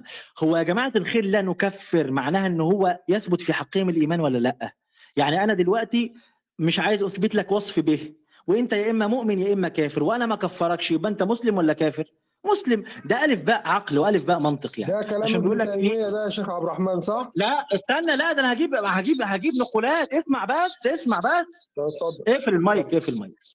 وإذ- ده شيخ الإسلام محمد بن عبد الوهاب اللي استشهد به عشرات المرات هو وتلاميذه هو وابنائه قال وإذا كنا لا نكفر من عبد الصنم. اذا بيثبت له الإيمان. لأن التكفير هو خروج عن وصف الإيمان. ولا يكفر ال- الكاف ال- الإنسان إلا إذا كان مؤمنا فينتقل من وصف ألف إلى وصف باء. إذ لا عبرة بأنه كافر فكفره ما هو كافر. وإذا كنا لا نكفر من عبد الصنم الذي على قبر عبد القادر والصنم الذي على قبر أحمد البدوي وأمثالهما. لماذا يا مولانا؟ عشان في حاجة اسمها العذر بالجهل فيقول لك لأن لأ- لأجل جهلهم وعدم من يفهمهم. يبقى ده اللي إحنا بنقوله عليه.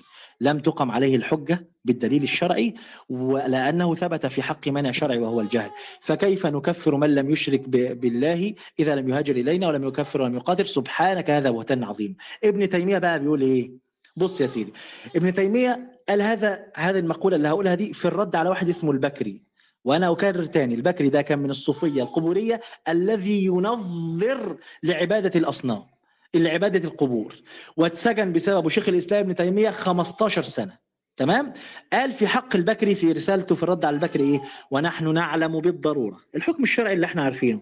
أن رسول الله صلى الله عليه وسلم لم يشرع لأمته أن يدعى أحد من الأموات والأنبياء ولا الصالحين ولا غيرهم. لا بلفظ الاستغاثة بان يقول لا فلان أغثني ولا بغيرها. اللي حازم بيقول اللي بيروح للبدوي ويقول له أغثني من دون الله ده كافر عند حازم ولا يعذر بجهله. ابن تيمية بيقول إيه بقى؟ إن النبي صلى الله عليه وسلم في الحكم الشرعي الثابت اللي إحنا بننظر له فيه إنه لا لا يجوز انه وهذا غير مشروع. كما أنه لم يشرع لأمتي السجود لميت بيتكلم في حق من يسجد للميت. ولا إلى ميت يعني بي- بيستقبل قبلته بالميت ونحو ذلك. يبقى تكلم الآن في لفظ الاستعانة ولفظ الدعاء للأموات وغير هذه الألفاظ والسجود للميت اللي هو محل النزاع المثال اللي بنتكلم فيه. ولا إلى ميت ونحو ذلك. بل نعلم أنه نهى كل المسلمين عارفين الحكم الشرعي في المسألة دي أن النبي نهى عن كل هذه الأمور وأن ذلك من الشرك الذي حرمه الله. ده إيه يا مولانا؟ ده حكم شرعي. ده هذا ذلك من الشرك مين اللي فتح المايك. أنا يا مولانا أنا أنا طب اقفل بس المايك. يعني إحنا كده يا شيخ عبد الرحمن يا سيدي خلينا أكمل النقل. لا أنت ما ينفعش تقاطعني في الوقت ده. طب اتفضل. هي في في إيه؟ ثواني. أنا عايز أسأل سؤال يعني إحنا كده ما لا كمل السؤال لما أخلص النقل. عشان هو حلف بالله ابن تيمية ما قالش كده وقال لي أنا كذاب عشان نعرف. مين كذاب. يا إما هو. جاهل يا إما بيدلس على ابن تيمية بقى. تمام. طيب يبقى ذلك بل نه بل نعلم أنه نهى عن كل هذه الأمور وأن ذلك من الشرك الذي حرمه الله تعالى ورسوله صلى الله عليه وسلم.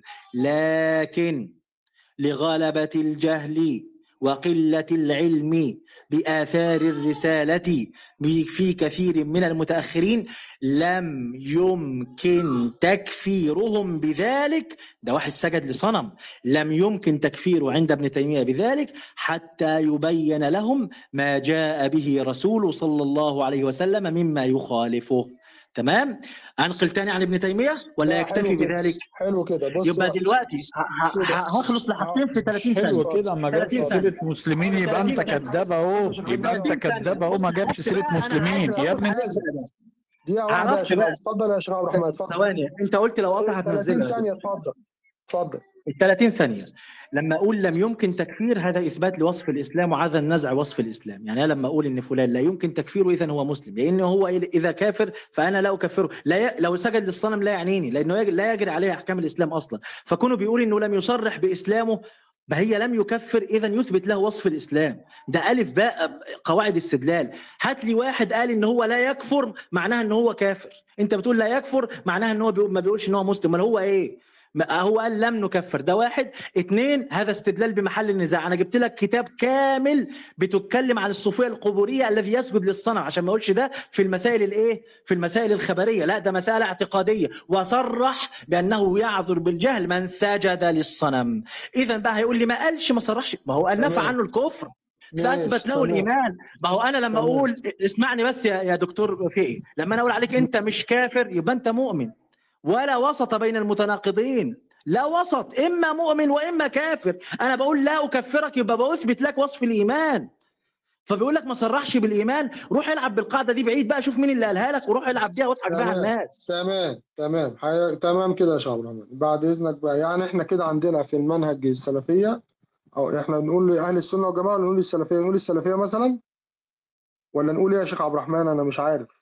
ده مذهب أهل السنة يا أخي واجيب لك 20 أنت جايبني على في أنت ذلك جايبني في أنت جايبني في الروم هنا عشان أقعد أسمع ولا إيه يعني؟ أجيب لك صريح القرآن نفسه في ذلك. أيوه يعني دي, دي إدارة ما أنا قاعد بقالي تلت ساعة قاعد أسمع كلام فاضي. أنا أنا باخد بس التص... أنا باخد تصريح بس بعد اذنك يعني إحنا كده عندنا في مذهب أهل السنة مفيش عندنا تكفير لأي حد إلا بعد إقامة آه الحكم. حتى اللي عبد مولانا؟ حتى اللي عبد الأصنام عند الأستاذ اللي شيخ عبد حازم بعد الأصنام. إذنك يا شيخ حازم. بعد اذنك ماشي ما أنا مش ه... ما أنا مش هنضيع وقت إن هو لا يريد أن اللي يعبد بعد الاصنام اذن بص يعني بقى بقى. بقى كلام ابن تيمية كلام فاضي دلوقتي أنا على فكرة مش عشان يا اعرفه إن أنا مش مسلم بعد إذنك بعد إذنك يعني إحنا كده زي ما قلت لحضرتك كده إحنا ما عندناش تكفير نهائي إلا بعد إقامة الحجة؟ يا أخي الكريم إقامة. الحجة ماشي حياك الله. بس ثواني بسم بقى الله الحمد لله. الله بقى يا ثبوت شروط وانتفاء موانع. وهذا تمام، محل. اتفاق. لابد من بسم ثبوت الله. شروط وانتفاء موانع. لنقل الحكم من العام إلى المعين. بسم الله بالاتفاق. الحمد لله والصلاة والسلام على. رسول الله. عليه الصلاة والسلام. يا طيب شيخ حازم. هن... ما أي ما. الحاجة هقول لحضرتك أهو هقول لحضرتك أهو. أنت هترد الأول على النقل اللي هو نقله للإمام ابن تيمية وبعد كده بقول ماشي لحضرتك ماشي. سؤال أنا ماشي. بسأله أنا س... أنا وصل السؤال وصل الحاجة السؤال إيه وصل؟ السؤال. إن أنا أقول عليه مشرك؟ جاهل ما أقولش مسلم جاهز. آه. ما الحاجة إن آه أنا ليه أقول عليه يعني؟ مشرك ليه جاهل ما أقولش ليه مسلم اطلق جاهل عليه الشرك والكفر قبل إقامة الحجه إيه الفائده من هذا؟ اتفضل. الس- السؤال إجابته أصلا في التصور الخاطئ لمسألة إنه وكأن الموضوع هوى أنا عندي نصوص شرعية بتقول إن من أشرك واتخذ الانداد ليس مسلم. عندي أدلة القرآن والإجماعات اللي قلناها إن لا يكون المرء مسلم إلا إذا حقق التوحيد. وبالتالي يعني أنت نفسك إذا جهلت دخول الوقت أنت ما تعرفش إن الظهر اذن فلم تصلي الظهر. هل جهلك بدخول وقت الصلاة وبالتالي عدم إتيان الصلاة بسبب الجهل يجعلك أتيت بالصلاة؟ هقول لك زي ما قلت للناس بي- إن أنت اقفل المايك يا الرحمن اقفل المايك يا ابني. اقفل المايك اقفل المايك عشان ما أزعجش. يا عم حازم بعد إذنك لا تقول لحد اقفل ولا تقول لحد افتح. أنا معاك اهوت ومالكش دعوة بحاجة. اتفضل. طيب فالجهل بالمأمورات مش عذر لمن لم يفعل المأمورات. لا ده مانع من ثبوت أصلا المأمور. لما جهل الصحابي كما في البخاري مسند أحمد الصلاة وهي من فروع الشريعة وليست من الأصول. قال له النبي صلى الله عليه وسلم ارجع فصلي فإنك لم تصلي. ليه؟ إنه أ- أ- ترك أمر لا يثبت له مسمى الصلاة إلا بإتيانه أصلا.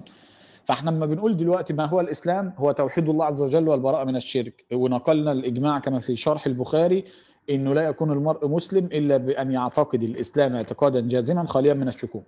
اللفظه اللي أنا قلت له فيها كذاب إيه؟ لما كان بيقول من شهد أن لا إله إلا الله وصلى وصام لكنه كذب. أنا قلت له كذاب من قبل ما يقول مجرد إنه تجاوز كلمة شهد أن لا إله إلا الله وصلى وصام قلت له كذاب. والتسجيل موجود ترجعوا له. ما استنيتش إنه يكمل المثال. ليه؟ ليه بقول له كذاب؟ لأن شهد أن لا إله إلا الله لو حققها فعلا مش هيشرك مع الله. وبالتالي انت كذاب هو لم يشهد أن لا إله إلا الله هو قالها بلسانه. أما لو وقرت في قلبي واعتقد وحدانية الله عز وجل وتعظيمه وأنه القادر سبحانه وتعالى والعليم والخبير و عمره ما كان دعا غير الله ولا استغاث بغير الله ولا ذبح ونظر لغير الله ولا غيره. وبالتالي أنا قلت له كاذب في زعم إنه شهد أن لا إله إلا الله. لا أنت كذاب اما تقول شهد أن لا إله إلا الله هو لم يشهد لأنه لو شهد لقامت لا إله إلا الله في قلبه وبالتالي نطق بها بلسانه فكشهادة حقيقية على وحدانية الله عز وجل والبراءة من الشرك.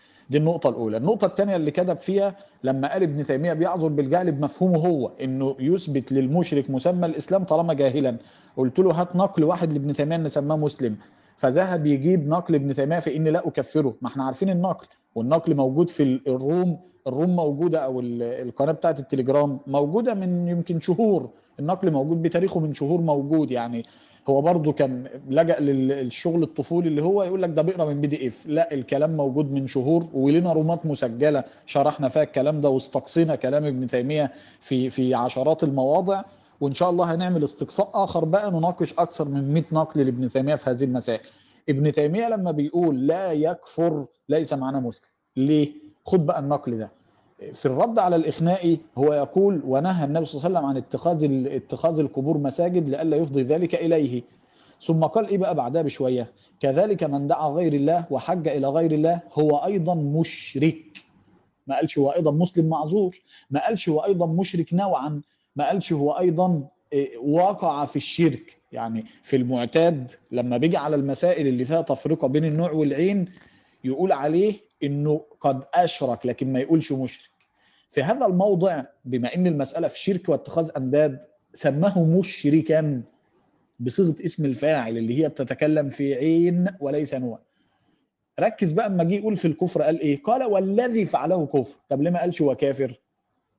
ما كان قال كذلك من دعا غير الله وحج إلى غير الله هو أيضا مشرك وكافر.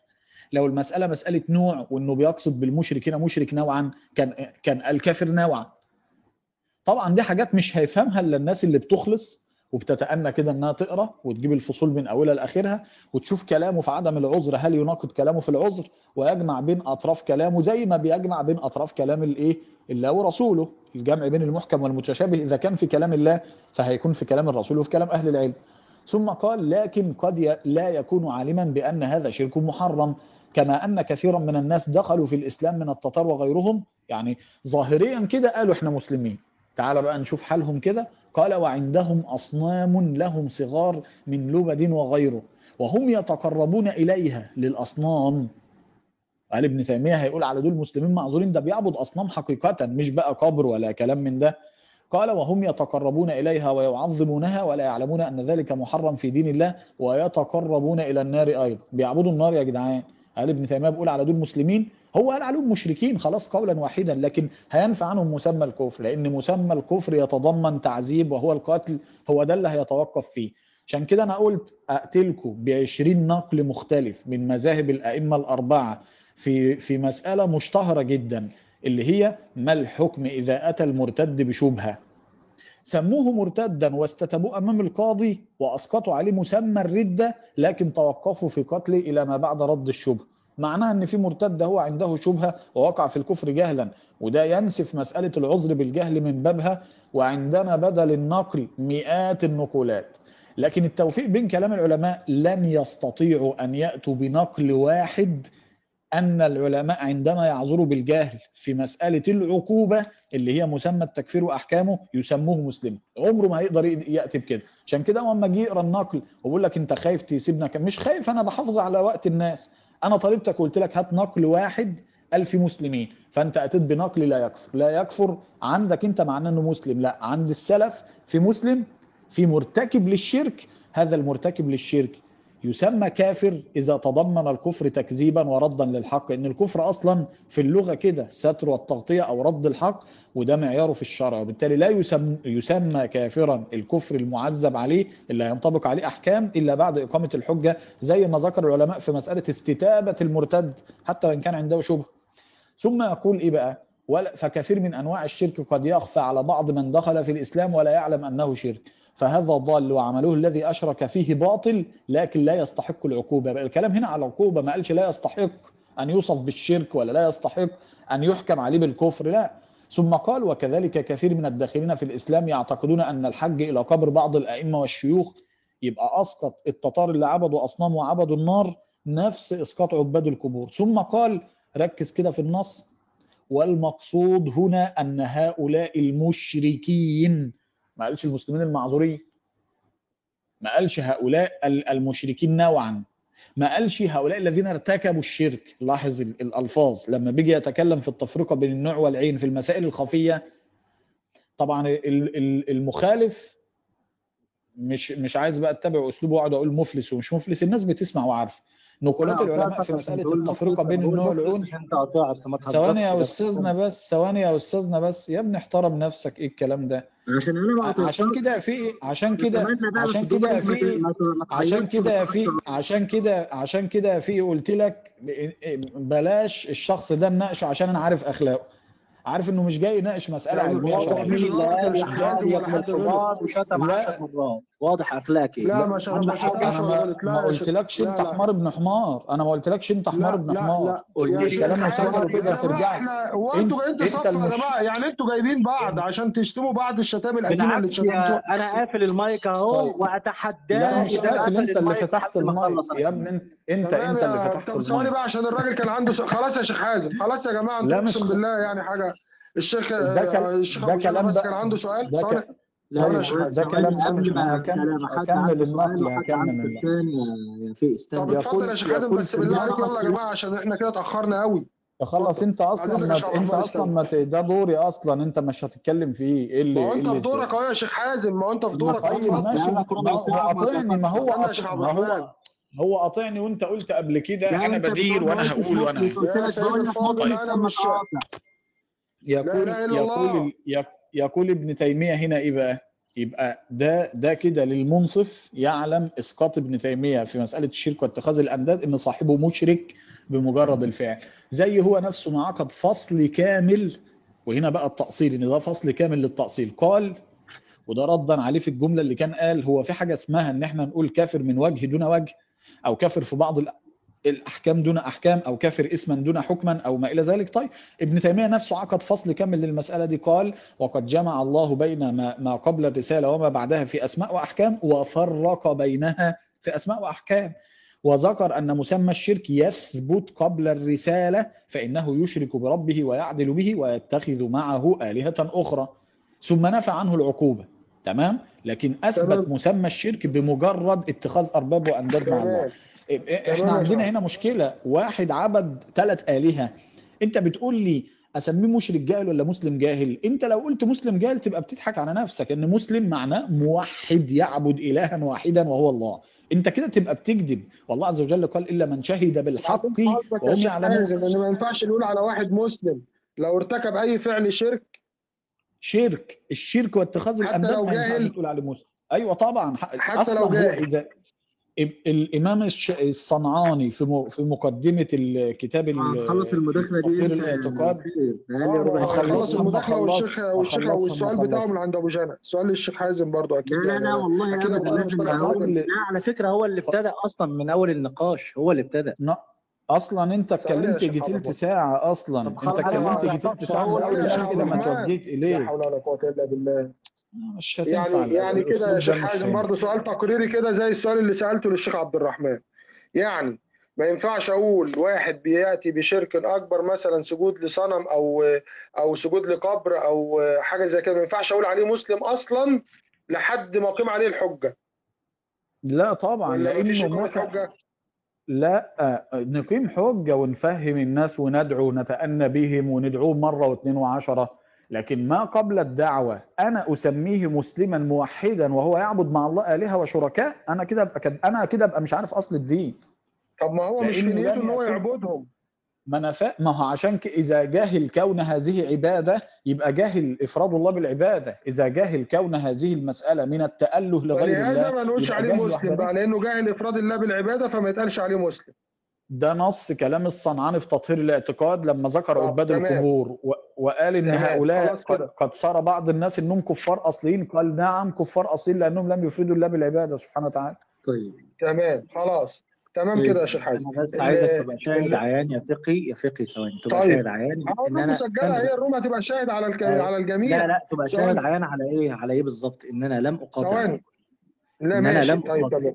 انت نزلت انت نزلت يجي مرات يا شيخ عبد الرحمن الله يبارك فيك بص شيخ. برضه هيقعد يسخن. لا ثواني. سؤالك استنى قبل أبو جنى الله يرضى عنك لا بص يا أخي الفريق يا يا يا في يا في. إحنا لما بدأنا النقاش يا في استنى بس اسمع اسمع الله يرضى عليك. يا في أنت يا عم في إيه خلاص الراجل عايز يسأل سؤاله. طب يا جماعة إحنا طيب حاضر. ما هيسأل سؤاله بعد ما اخلص والله ده مهم. أنا بس عايز أقرر إن الرجل ما مش هنخلص كده يا شيخ عبد الرحمن. اسمع بس اسمع يا يا أخي الله يرضى يعني عليك لازم أقول اللي عندي. أسئلة يا شيخ عبد الرحمن. لازم أقول اللي عندي يا لازم أقول اللي عندي لا عشان الناس ما تتوهش. اتفضل يا أبو جنى اتفضل يا أبو جنى اتفضل يا أبو جنى علشان نخلص ونفتح روم. ده مش يلا يا شباب علشان نخلص ونفتح روم قبل الناس ما تنام. عايز يشغب إزاي؟ عايز يشغب إزاي؟ شغب يا ابني ده دوري أصلا. يا ابني ده دوري. دورك يا حبيبي وأنت خلصت دورك. يا سيدي الفاضل. لا ما خلصتش لسه الراجل هيسال كده حقيقيه انت بتضيع وقت كتير. الراجل عمال يقول لي رجاء أنا رايح مشوار. رجاء أنا رايح مشوار. معلش معلش يا أبو جنى ما إحنا مش هنخلص كده. يا يا في اسمع بس اسمع بس يا في. مش انت يا عم عبد الرحمن نقلت نقل وهو نقل اسمع نقل. بس يا في. لا ما أنا لا. يا أخي الكريم يا أخي الكريم يا عم بستسمحك يا أخي الفريقين ما ينفعش كده يا في ما ينفعش كده يا في والله. ما ينفعش كده لأن هو ده دوري أصلا. يا عم بتستسمحوا إيه؟ ده دوري أصلا والراجل موجه السؤال ليا. الراجل موجه السؤال ليا وأنت تقول له بس بستسمحك. لازم دقيقة واحدة يا شيخ عبد الرحمن. نسيتوا الناس إحنا بنتكلم فيها أصلا. دقيقة واحدة. أبو جنى هيسأله وأنت اتكلم براحتك. يا في اسمع بس. ابو أبو جنى أنا بس اسمح والله وأخ عزيز وتاج على رأسي. بس أنا عشان بس المسألة دي ما تفوتش لازم الناس تعرف الرحمن الساعة 2 والربع يا عم عبد الرحمن ماشي معلش. أنا قدمته في الأول وهو اللي ابتدى مداخلته فأنا المفروض إن أنا أنتهي ده العدل يعني. وبعدين هو دلوقتي تكلم ربع ساعة وأنا لا مقاطع. يا في على فكرة أنا نص مداخلتي برده كانت مقاطعة وما عرفتش أقول اللي عندي وفي الآخر برده هو رد عليا وأنا مش عارف أرد عليه. ما ينفعش كده يا دي والله. يا سيد ما ينفعش والله كده. أنا بقول لك خلي الراجل يسأل سؤال لا ثواني. أنا استسمحت أبو جنى يا سيدي. خلاص بقى أبو جنى. اتفضل أبو جنى. اتفضل امشي أنت أبو طيب، جنى. طيب بقول لك وأنت تمشي الراجل ليه؟ بقول لك يا بقول لك يا أستاذ في إيه؟ إحنا إحنا كده طب يا أستاذ في إيه؟ 20 ثانية بس 20 ثانية 20 ثانية بس 20 ثانية. يا ابني إحنا خلصنا النقاش ودي مجرد شوية أسئلة. يا أستاذ في إيه؟ والله هنفضل كده لحد بكرة الظهر. يا في معلش أنا لازم أرد. أنا دلوقتي الراجل ده التزمت بأدب الحوار وقفلت المايك لحد ما خلص أنا عايز أرد الآن. إذا هو دلوقتي هيشغب من حقي ان أقول لك نزله. يا ابني المناظرة خلصت ودي أسئلة لينا وليك. يا حبيبي دي أسئلة ليا وليك. إحنا مش في نقاش. انت كل ده خايف. يا ابني احترم نفسك يا ابني احترم نفسك. خايف من إيه؟ يا ابني أنت ناكر أخاف منك في إيه؟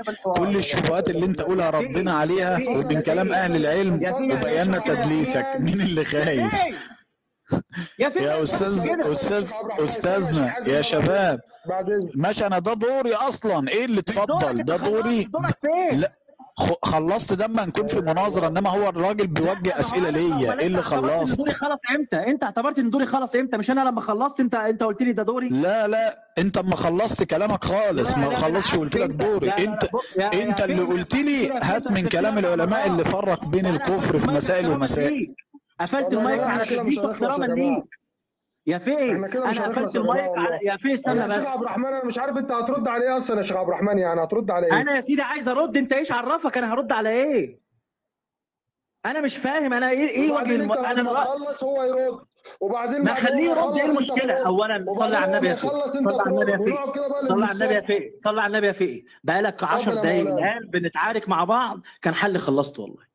ما هو إحنا مش عارفين انت هترد على إيه ولا عايز قد إيه وقت أنا يا سيدي عايز إيه عارف أنا هرد على إيه. أنا عارف أنا هرد على إيه. معاك قد إيه وقت يا شيخ عبد الرحمن بعد إذنك؟ لا عشان لما اخلص زي ما هو ما خلص وأنا ما قطعتوش ما لما اخلص زي ما هو ما أنت خدت قبليها نفس المدة يا شيخ يا أخي الكريم الله يرضى عنك ثلاث ارباعها مقاطعات. أنا مش عارف بننتعوا في قلبنا ليه كان طيب زماني عايز خلصت قد إيه وقت؟ عايز قد إيه وقت؟ عشان لو هو قال لي هرد عليه برضه يبقى ملتزم بوقت. طيب خلاص خلاص بس استنى لما أخلص إن شاء الله زي ما هو خلص عايز قد الراجل وقت طيب يا سيدي ما أعرفش الفاضل لما لما أخلص بس أنا عايز أبين شوية حاجات مش هاخد وقت يا كتير. شيخ عبد الرحمن يا شيخ إحنا عبد الرحمن. كأننا أطفال والله. يعني ده ينفع. وده أسلوب. بص يا جماعة الخير. يا جماعة هاخد زي ما خد حازم في آخر مداخلة 15 يا دقيقة. ما ينفع هو حبيبي انت خدت يا حبيبي ده المداخلة أصلا. في طيب. يا حبيبي أنا أصلا. دقائق خمس دقائق يا فقي خمس لا دقائق لا خمس أنا أصلا ما اتدخلتش ثواني الأسئلة دقائق ليه؟ يا يا استاذنا أنا ما اتدخلتش هو هو عايز الأسئلة ليه؟ الناس اللي طلعوا أنا سألوه أنا ما اتدخلتش. عايز هنح- وخلاص يا والله.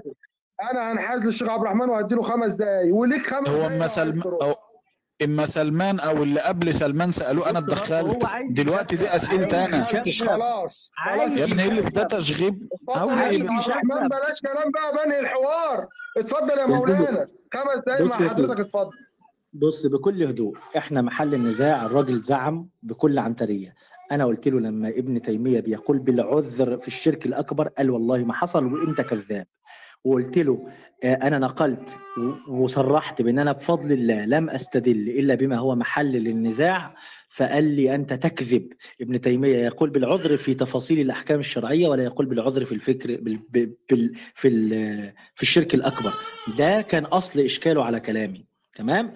فرحت جبت له ابن تيمية بيجيب ال- ال- العذر في الشرك الأكبر بالذي يسجد للصنم. يسجد للصنم. وده أصل الشرك الأكبر ما فيهوش هزار ده. تمام؟ فالراجل قال لي أصلا ما صرحش بلفظ الكفر. أنا عايز أقول دلوقتي الله عز وجل قال هو الذي خلقكم فمنكم كافر ومنكم مؤمن.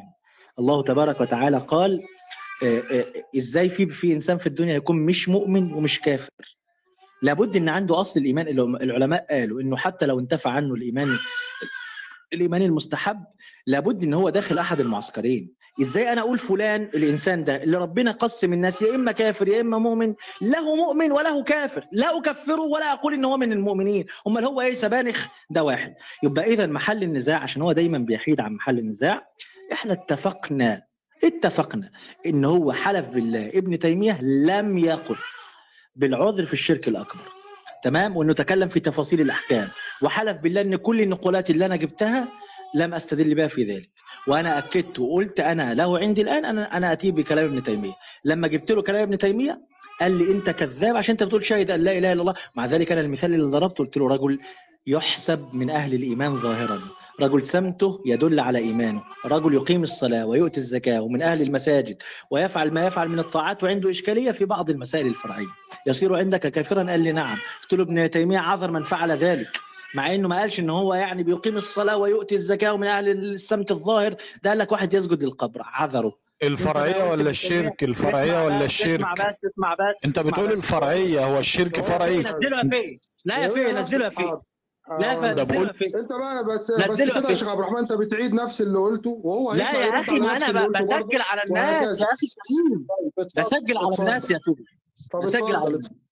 بسجل على مسامع الناس إن ليك هو أكد. يرد برضه يا شيخ عبد الرحمن. هو هو أكد إن ابن تيمية ما قالش الكلام ده وابن تيمية قال. تمام؟ بيؤكد إن ابن تيمية ما قالش وابن تيمية قال. قال ابن تيمية لا يعذر في في في, في الشرك الأكبر وعذر ابن تيمية في الشرك الأكبر. ابن تيمية تكلم في مسائل في مسألة السجود للقبر اللي اللي, اللي حازم صرح بأنه لا يعذر من فعلها والرجل ابن تيمية بيعذر من من فعلها. اذا كلام ابن كلام ابن من الذي يدلس الآن للمرة المليون والغرفة بفضل الله مسجلة؟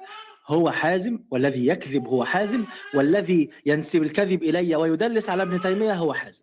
أنا هكتفي مرة أخرى بنقل آخر عن ابن تيمية في هذه المسألة. تمام؟ آخر حاجة هعملها. نقل وحيد بس بيقرر هذه المسألة برضو آه، في في في مسألة الكفر الأكبر. بيقول لك يا سيدي ولا يثبت الخطاب. إلا بعد البلاغ لقوله تعالى لانذركم به ومن بلغ. وقوله صلى الله وقوله تعالى وما كنا معذبين حتى نبعث رسولا. ولقوله لئلا يكون للناس على الله حجة بعد الرسل. في الجزء ده من كلام ابن تيمية بيقرر إن إن إن الناس لا الفطرة ليست حجة عليها وده عكس ما يقوله مين؟ حازم إن الفطرة كافية. ابن تيمية بيقول لا يثبت الخطاب إلا بعد البلاغ لينذركم به ومن بلغ ولئلا يكون للناس على الله حجة بعد الرجوع. يبقى أول حاجة في هدم مذهب إيه؟ حازم. ان إن ابن تيمية بيقول إن الفطرة ليست كافية وحدها في تثبيت ال- في في ال- المكلف بالإيمان. ومثل هذا في القرآن متعدد. يعني بينقل إن هذا المعنى كثير في القرآن الكريم. بين سبحانه وتعالى أنه لا يعاقب أحدا حتى يبلغه ما جاء به الرسول. ومن علم أن محمدا صلى الله عليه وسلم أن محمد رسول الله فآمن به. بذلك يعني دخل في وصف الإيمان. ألا أنا أؤمن بمحمد صلى الله عليه وسلم وأشهد أن لا إله إلا الله ان محمد رسول الله؟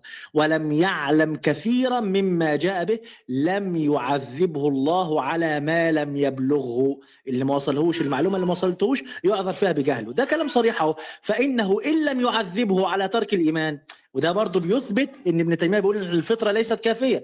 بيقول إن الله عز وجل لا يعذبه على ترك الإيمان إلا بعد بلوغ الحجة. فإنه لا يعذبه على شرائطه. هو حاصل كلام ابن ابن ابن- آه، حازم إيه؟ بيقول إن لا إله إلا الله شروط لازم تحققها عشان نثبت لك وصف الإيمان، هذا ما لا يقوله ابن تيمية، بيقول لك فإنه لم إن لم يعذبه على ترك الإيمان إلا بعد البلوغ يعني بلوغ الحجة فإنه لا يعذبه على بعض شروط الإيمان، لا يعذبه لا يعذبه على بعض شرائطه إلا بعد البلوغ أولى وحسرة. وبينقل في ذلك أن هذه سنة النبي واصحابه من بعد ولذلك نقول إن ده منهج أهل السنة. بيقول وهذه سنة رسول الله صلى الله عليه وسلم المستفيضة عنه. يعني كثير من النصوص من الأخبار. بقال الله وقال رسول الله وفعل رسول الله على مثل ذلك من الأقوال. وعلى ذلك عشرات الأقوال لابن تيمية. ولذلك يا في أنا عايز أقول إن الحج... ال... ال... ابن تيمية لا يقول بأن الفطرة حجة. ابن تيمية بيعذر في الشرك الأكبر بظاهر النصوص ولا يخالف في ذلك عاقل. الذي يريد أن يلوي أعناق ابن تيمية هو حر. أنا عن نفسي أنا عن نفسي بعذر الناس وشايف إن الغرفة دي كافية شافية في تثبيت جهل حازم وتثبيت تدليسه على أهل العلم وتثبيت إن هو بينتقي الكرز وبينتقي زلات العلماء عشان يولف بيها مذهب على مزاجه ولا يعذر الناس ويقول عبد الرحمن كافر والفقي كافر أنت عنده كافر. ماشي؟ وانت قلت لي كده. ومحمود عنده كافر وكل اللي في الغرفة عنده كفار بسلك تقول. تمام؟ فاحنا بندافع عن منهج أهل السنة وابن تيمية قال أهل السنة يعرفون الحق ويرحمون الخلق. إذا بتقول ابن تيمية ما قالش يبقى انت لم تقرأ ابن تيمية ولم تعرف ابن تيمية ولا تفهم ابن تيمية فمش حجتنا إن أنت رجل جاهل. تمام؟ فما تجيش تتهمنا بالكذب وبالافتراء على ابن تيمية وأنت الذي افتريت على كل العلماء وهذه الغرفة عمدة في كذبك وتدليسك وجهلك الذي يحمل دلالة واضحة لا عذر لك عندي بعد اليوم. أنا كنت بقول أنت مظنه للحق لكنك جاهل لكن أنت الآن جاهل ومدلس. يعني أنا لا أظن فيك بعد اليوم حقا. أنت لا تطلب الحق لأنك بتحرف الكلمة عن مواضعه وبتنقل كلام أهل العلم وتولفه على مجازك يعني الراجل بيقول كلام أي حد عام هيسمع هيقول آه ده بيعذر مش بالجهل. موجودة يا شيخ عبد الرحمن أصلا. طيب ممتاز. أنا عايز الناس بعد الم... بعد الغرفه دي ما تخلص تسمعها بقى. الولد بيعيط والله ومزعل قلبي بس أنا عايز أكمل مع الناس. الناس تسمع الغرفة دي يا جماعة الخير وتتتبع الأقوال اللي أنا قلتها. وهل كذبت فيها؟ والأقوال اللي قالها حازم وكذبوا وتدليسوا فيها. بس يعني اللي أنا عايز أقوله إن العذر ده اسمه العذر بالجهل يا جماعة. الجهل ده نسبي. اللي أنا عارفه غير اللي يعرفه الفقه اللي أنا أجهله غير اللي يجهله الفقه متى كان الإنسان جاهلا؟ ارتفع عنه آه، وصف الكفر. حتى نبين له حجة الرسول. لماذا؟ ليه حجتنا في ذلك يا جماعة الخير؟ إن ربنا قال وما كنا معذبين حتى نبعث رسولا. بيقيم الحجة على البشر بنقول لهم اعبدوا الله واجتنبوا الطاغوت. أنت يا في سألت سؤال مظبوط. هو اللي راح يدعي البدوي ده بي- بيعتبره إله من دون الله؟ ده أنت لو قلت للي عند البدوي هيضربك بالشبشب يقول لك أنت إزاي تقول كده يا راجل أنت؟ هو مش بي... مش قصده. هو مش عايز يعبده من دون الله. هو بيقول إن الله واحد لا شريك له لكن يجهل أن هذا من الكفر. ولذلك لا نعوذ بالله من من, من هذه الأقوال آه، آه، عياذا شديدا يعني. لو حابب يا فقي ننقل على بعض نصوص القرآن اللي بتثبت في العذر بالجهل قولا واحدا ولو نقل واحد ماشي. لو عايز نقفل نقفل لا بس أنا بس أنا كان كنت سألت طبعا أحد المشايخ هنا برضو الفاضل يعني معانا وسألته برضو السؤال اللي هو هل نعذر بالجهل في الشرك ما في في مسائل الشرك الأكبر وكده؟ قال لا طبعا. اللي هي اللي هي ال- الحاجات الكبيرة يعني اللي هي مثلا السجود لصنم قال لأ طبعا كافر. طب وابن تيمية قال إيه؟ طب ثواني بس يا يا يا, فقي ابن تيمية قال إيه؟ بنص كلامه. مم. قال لا يكفر.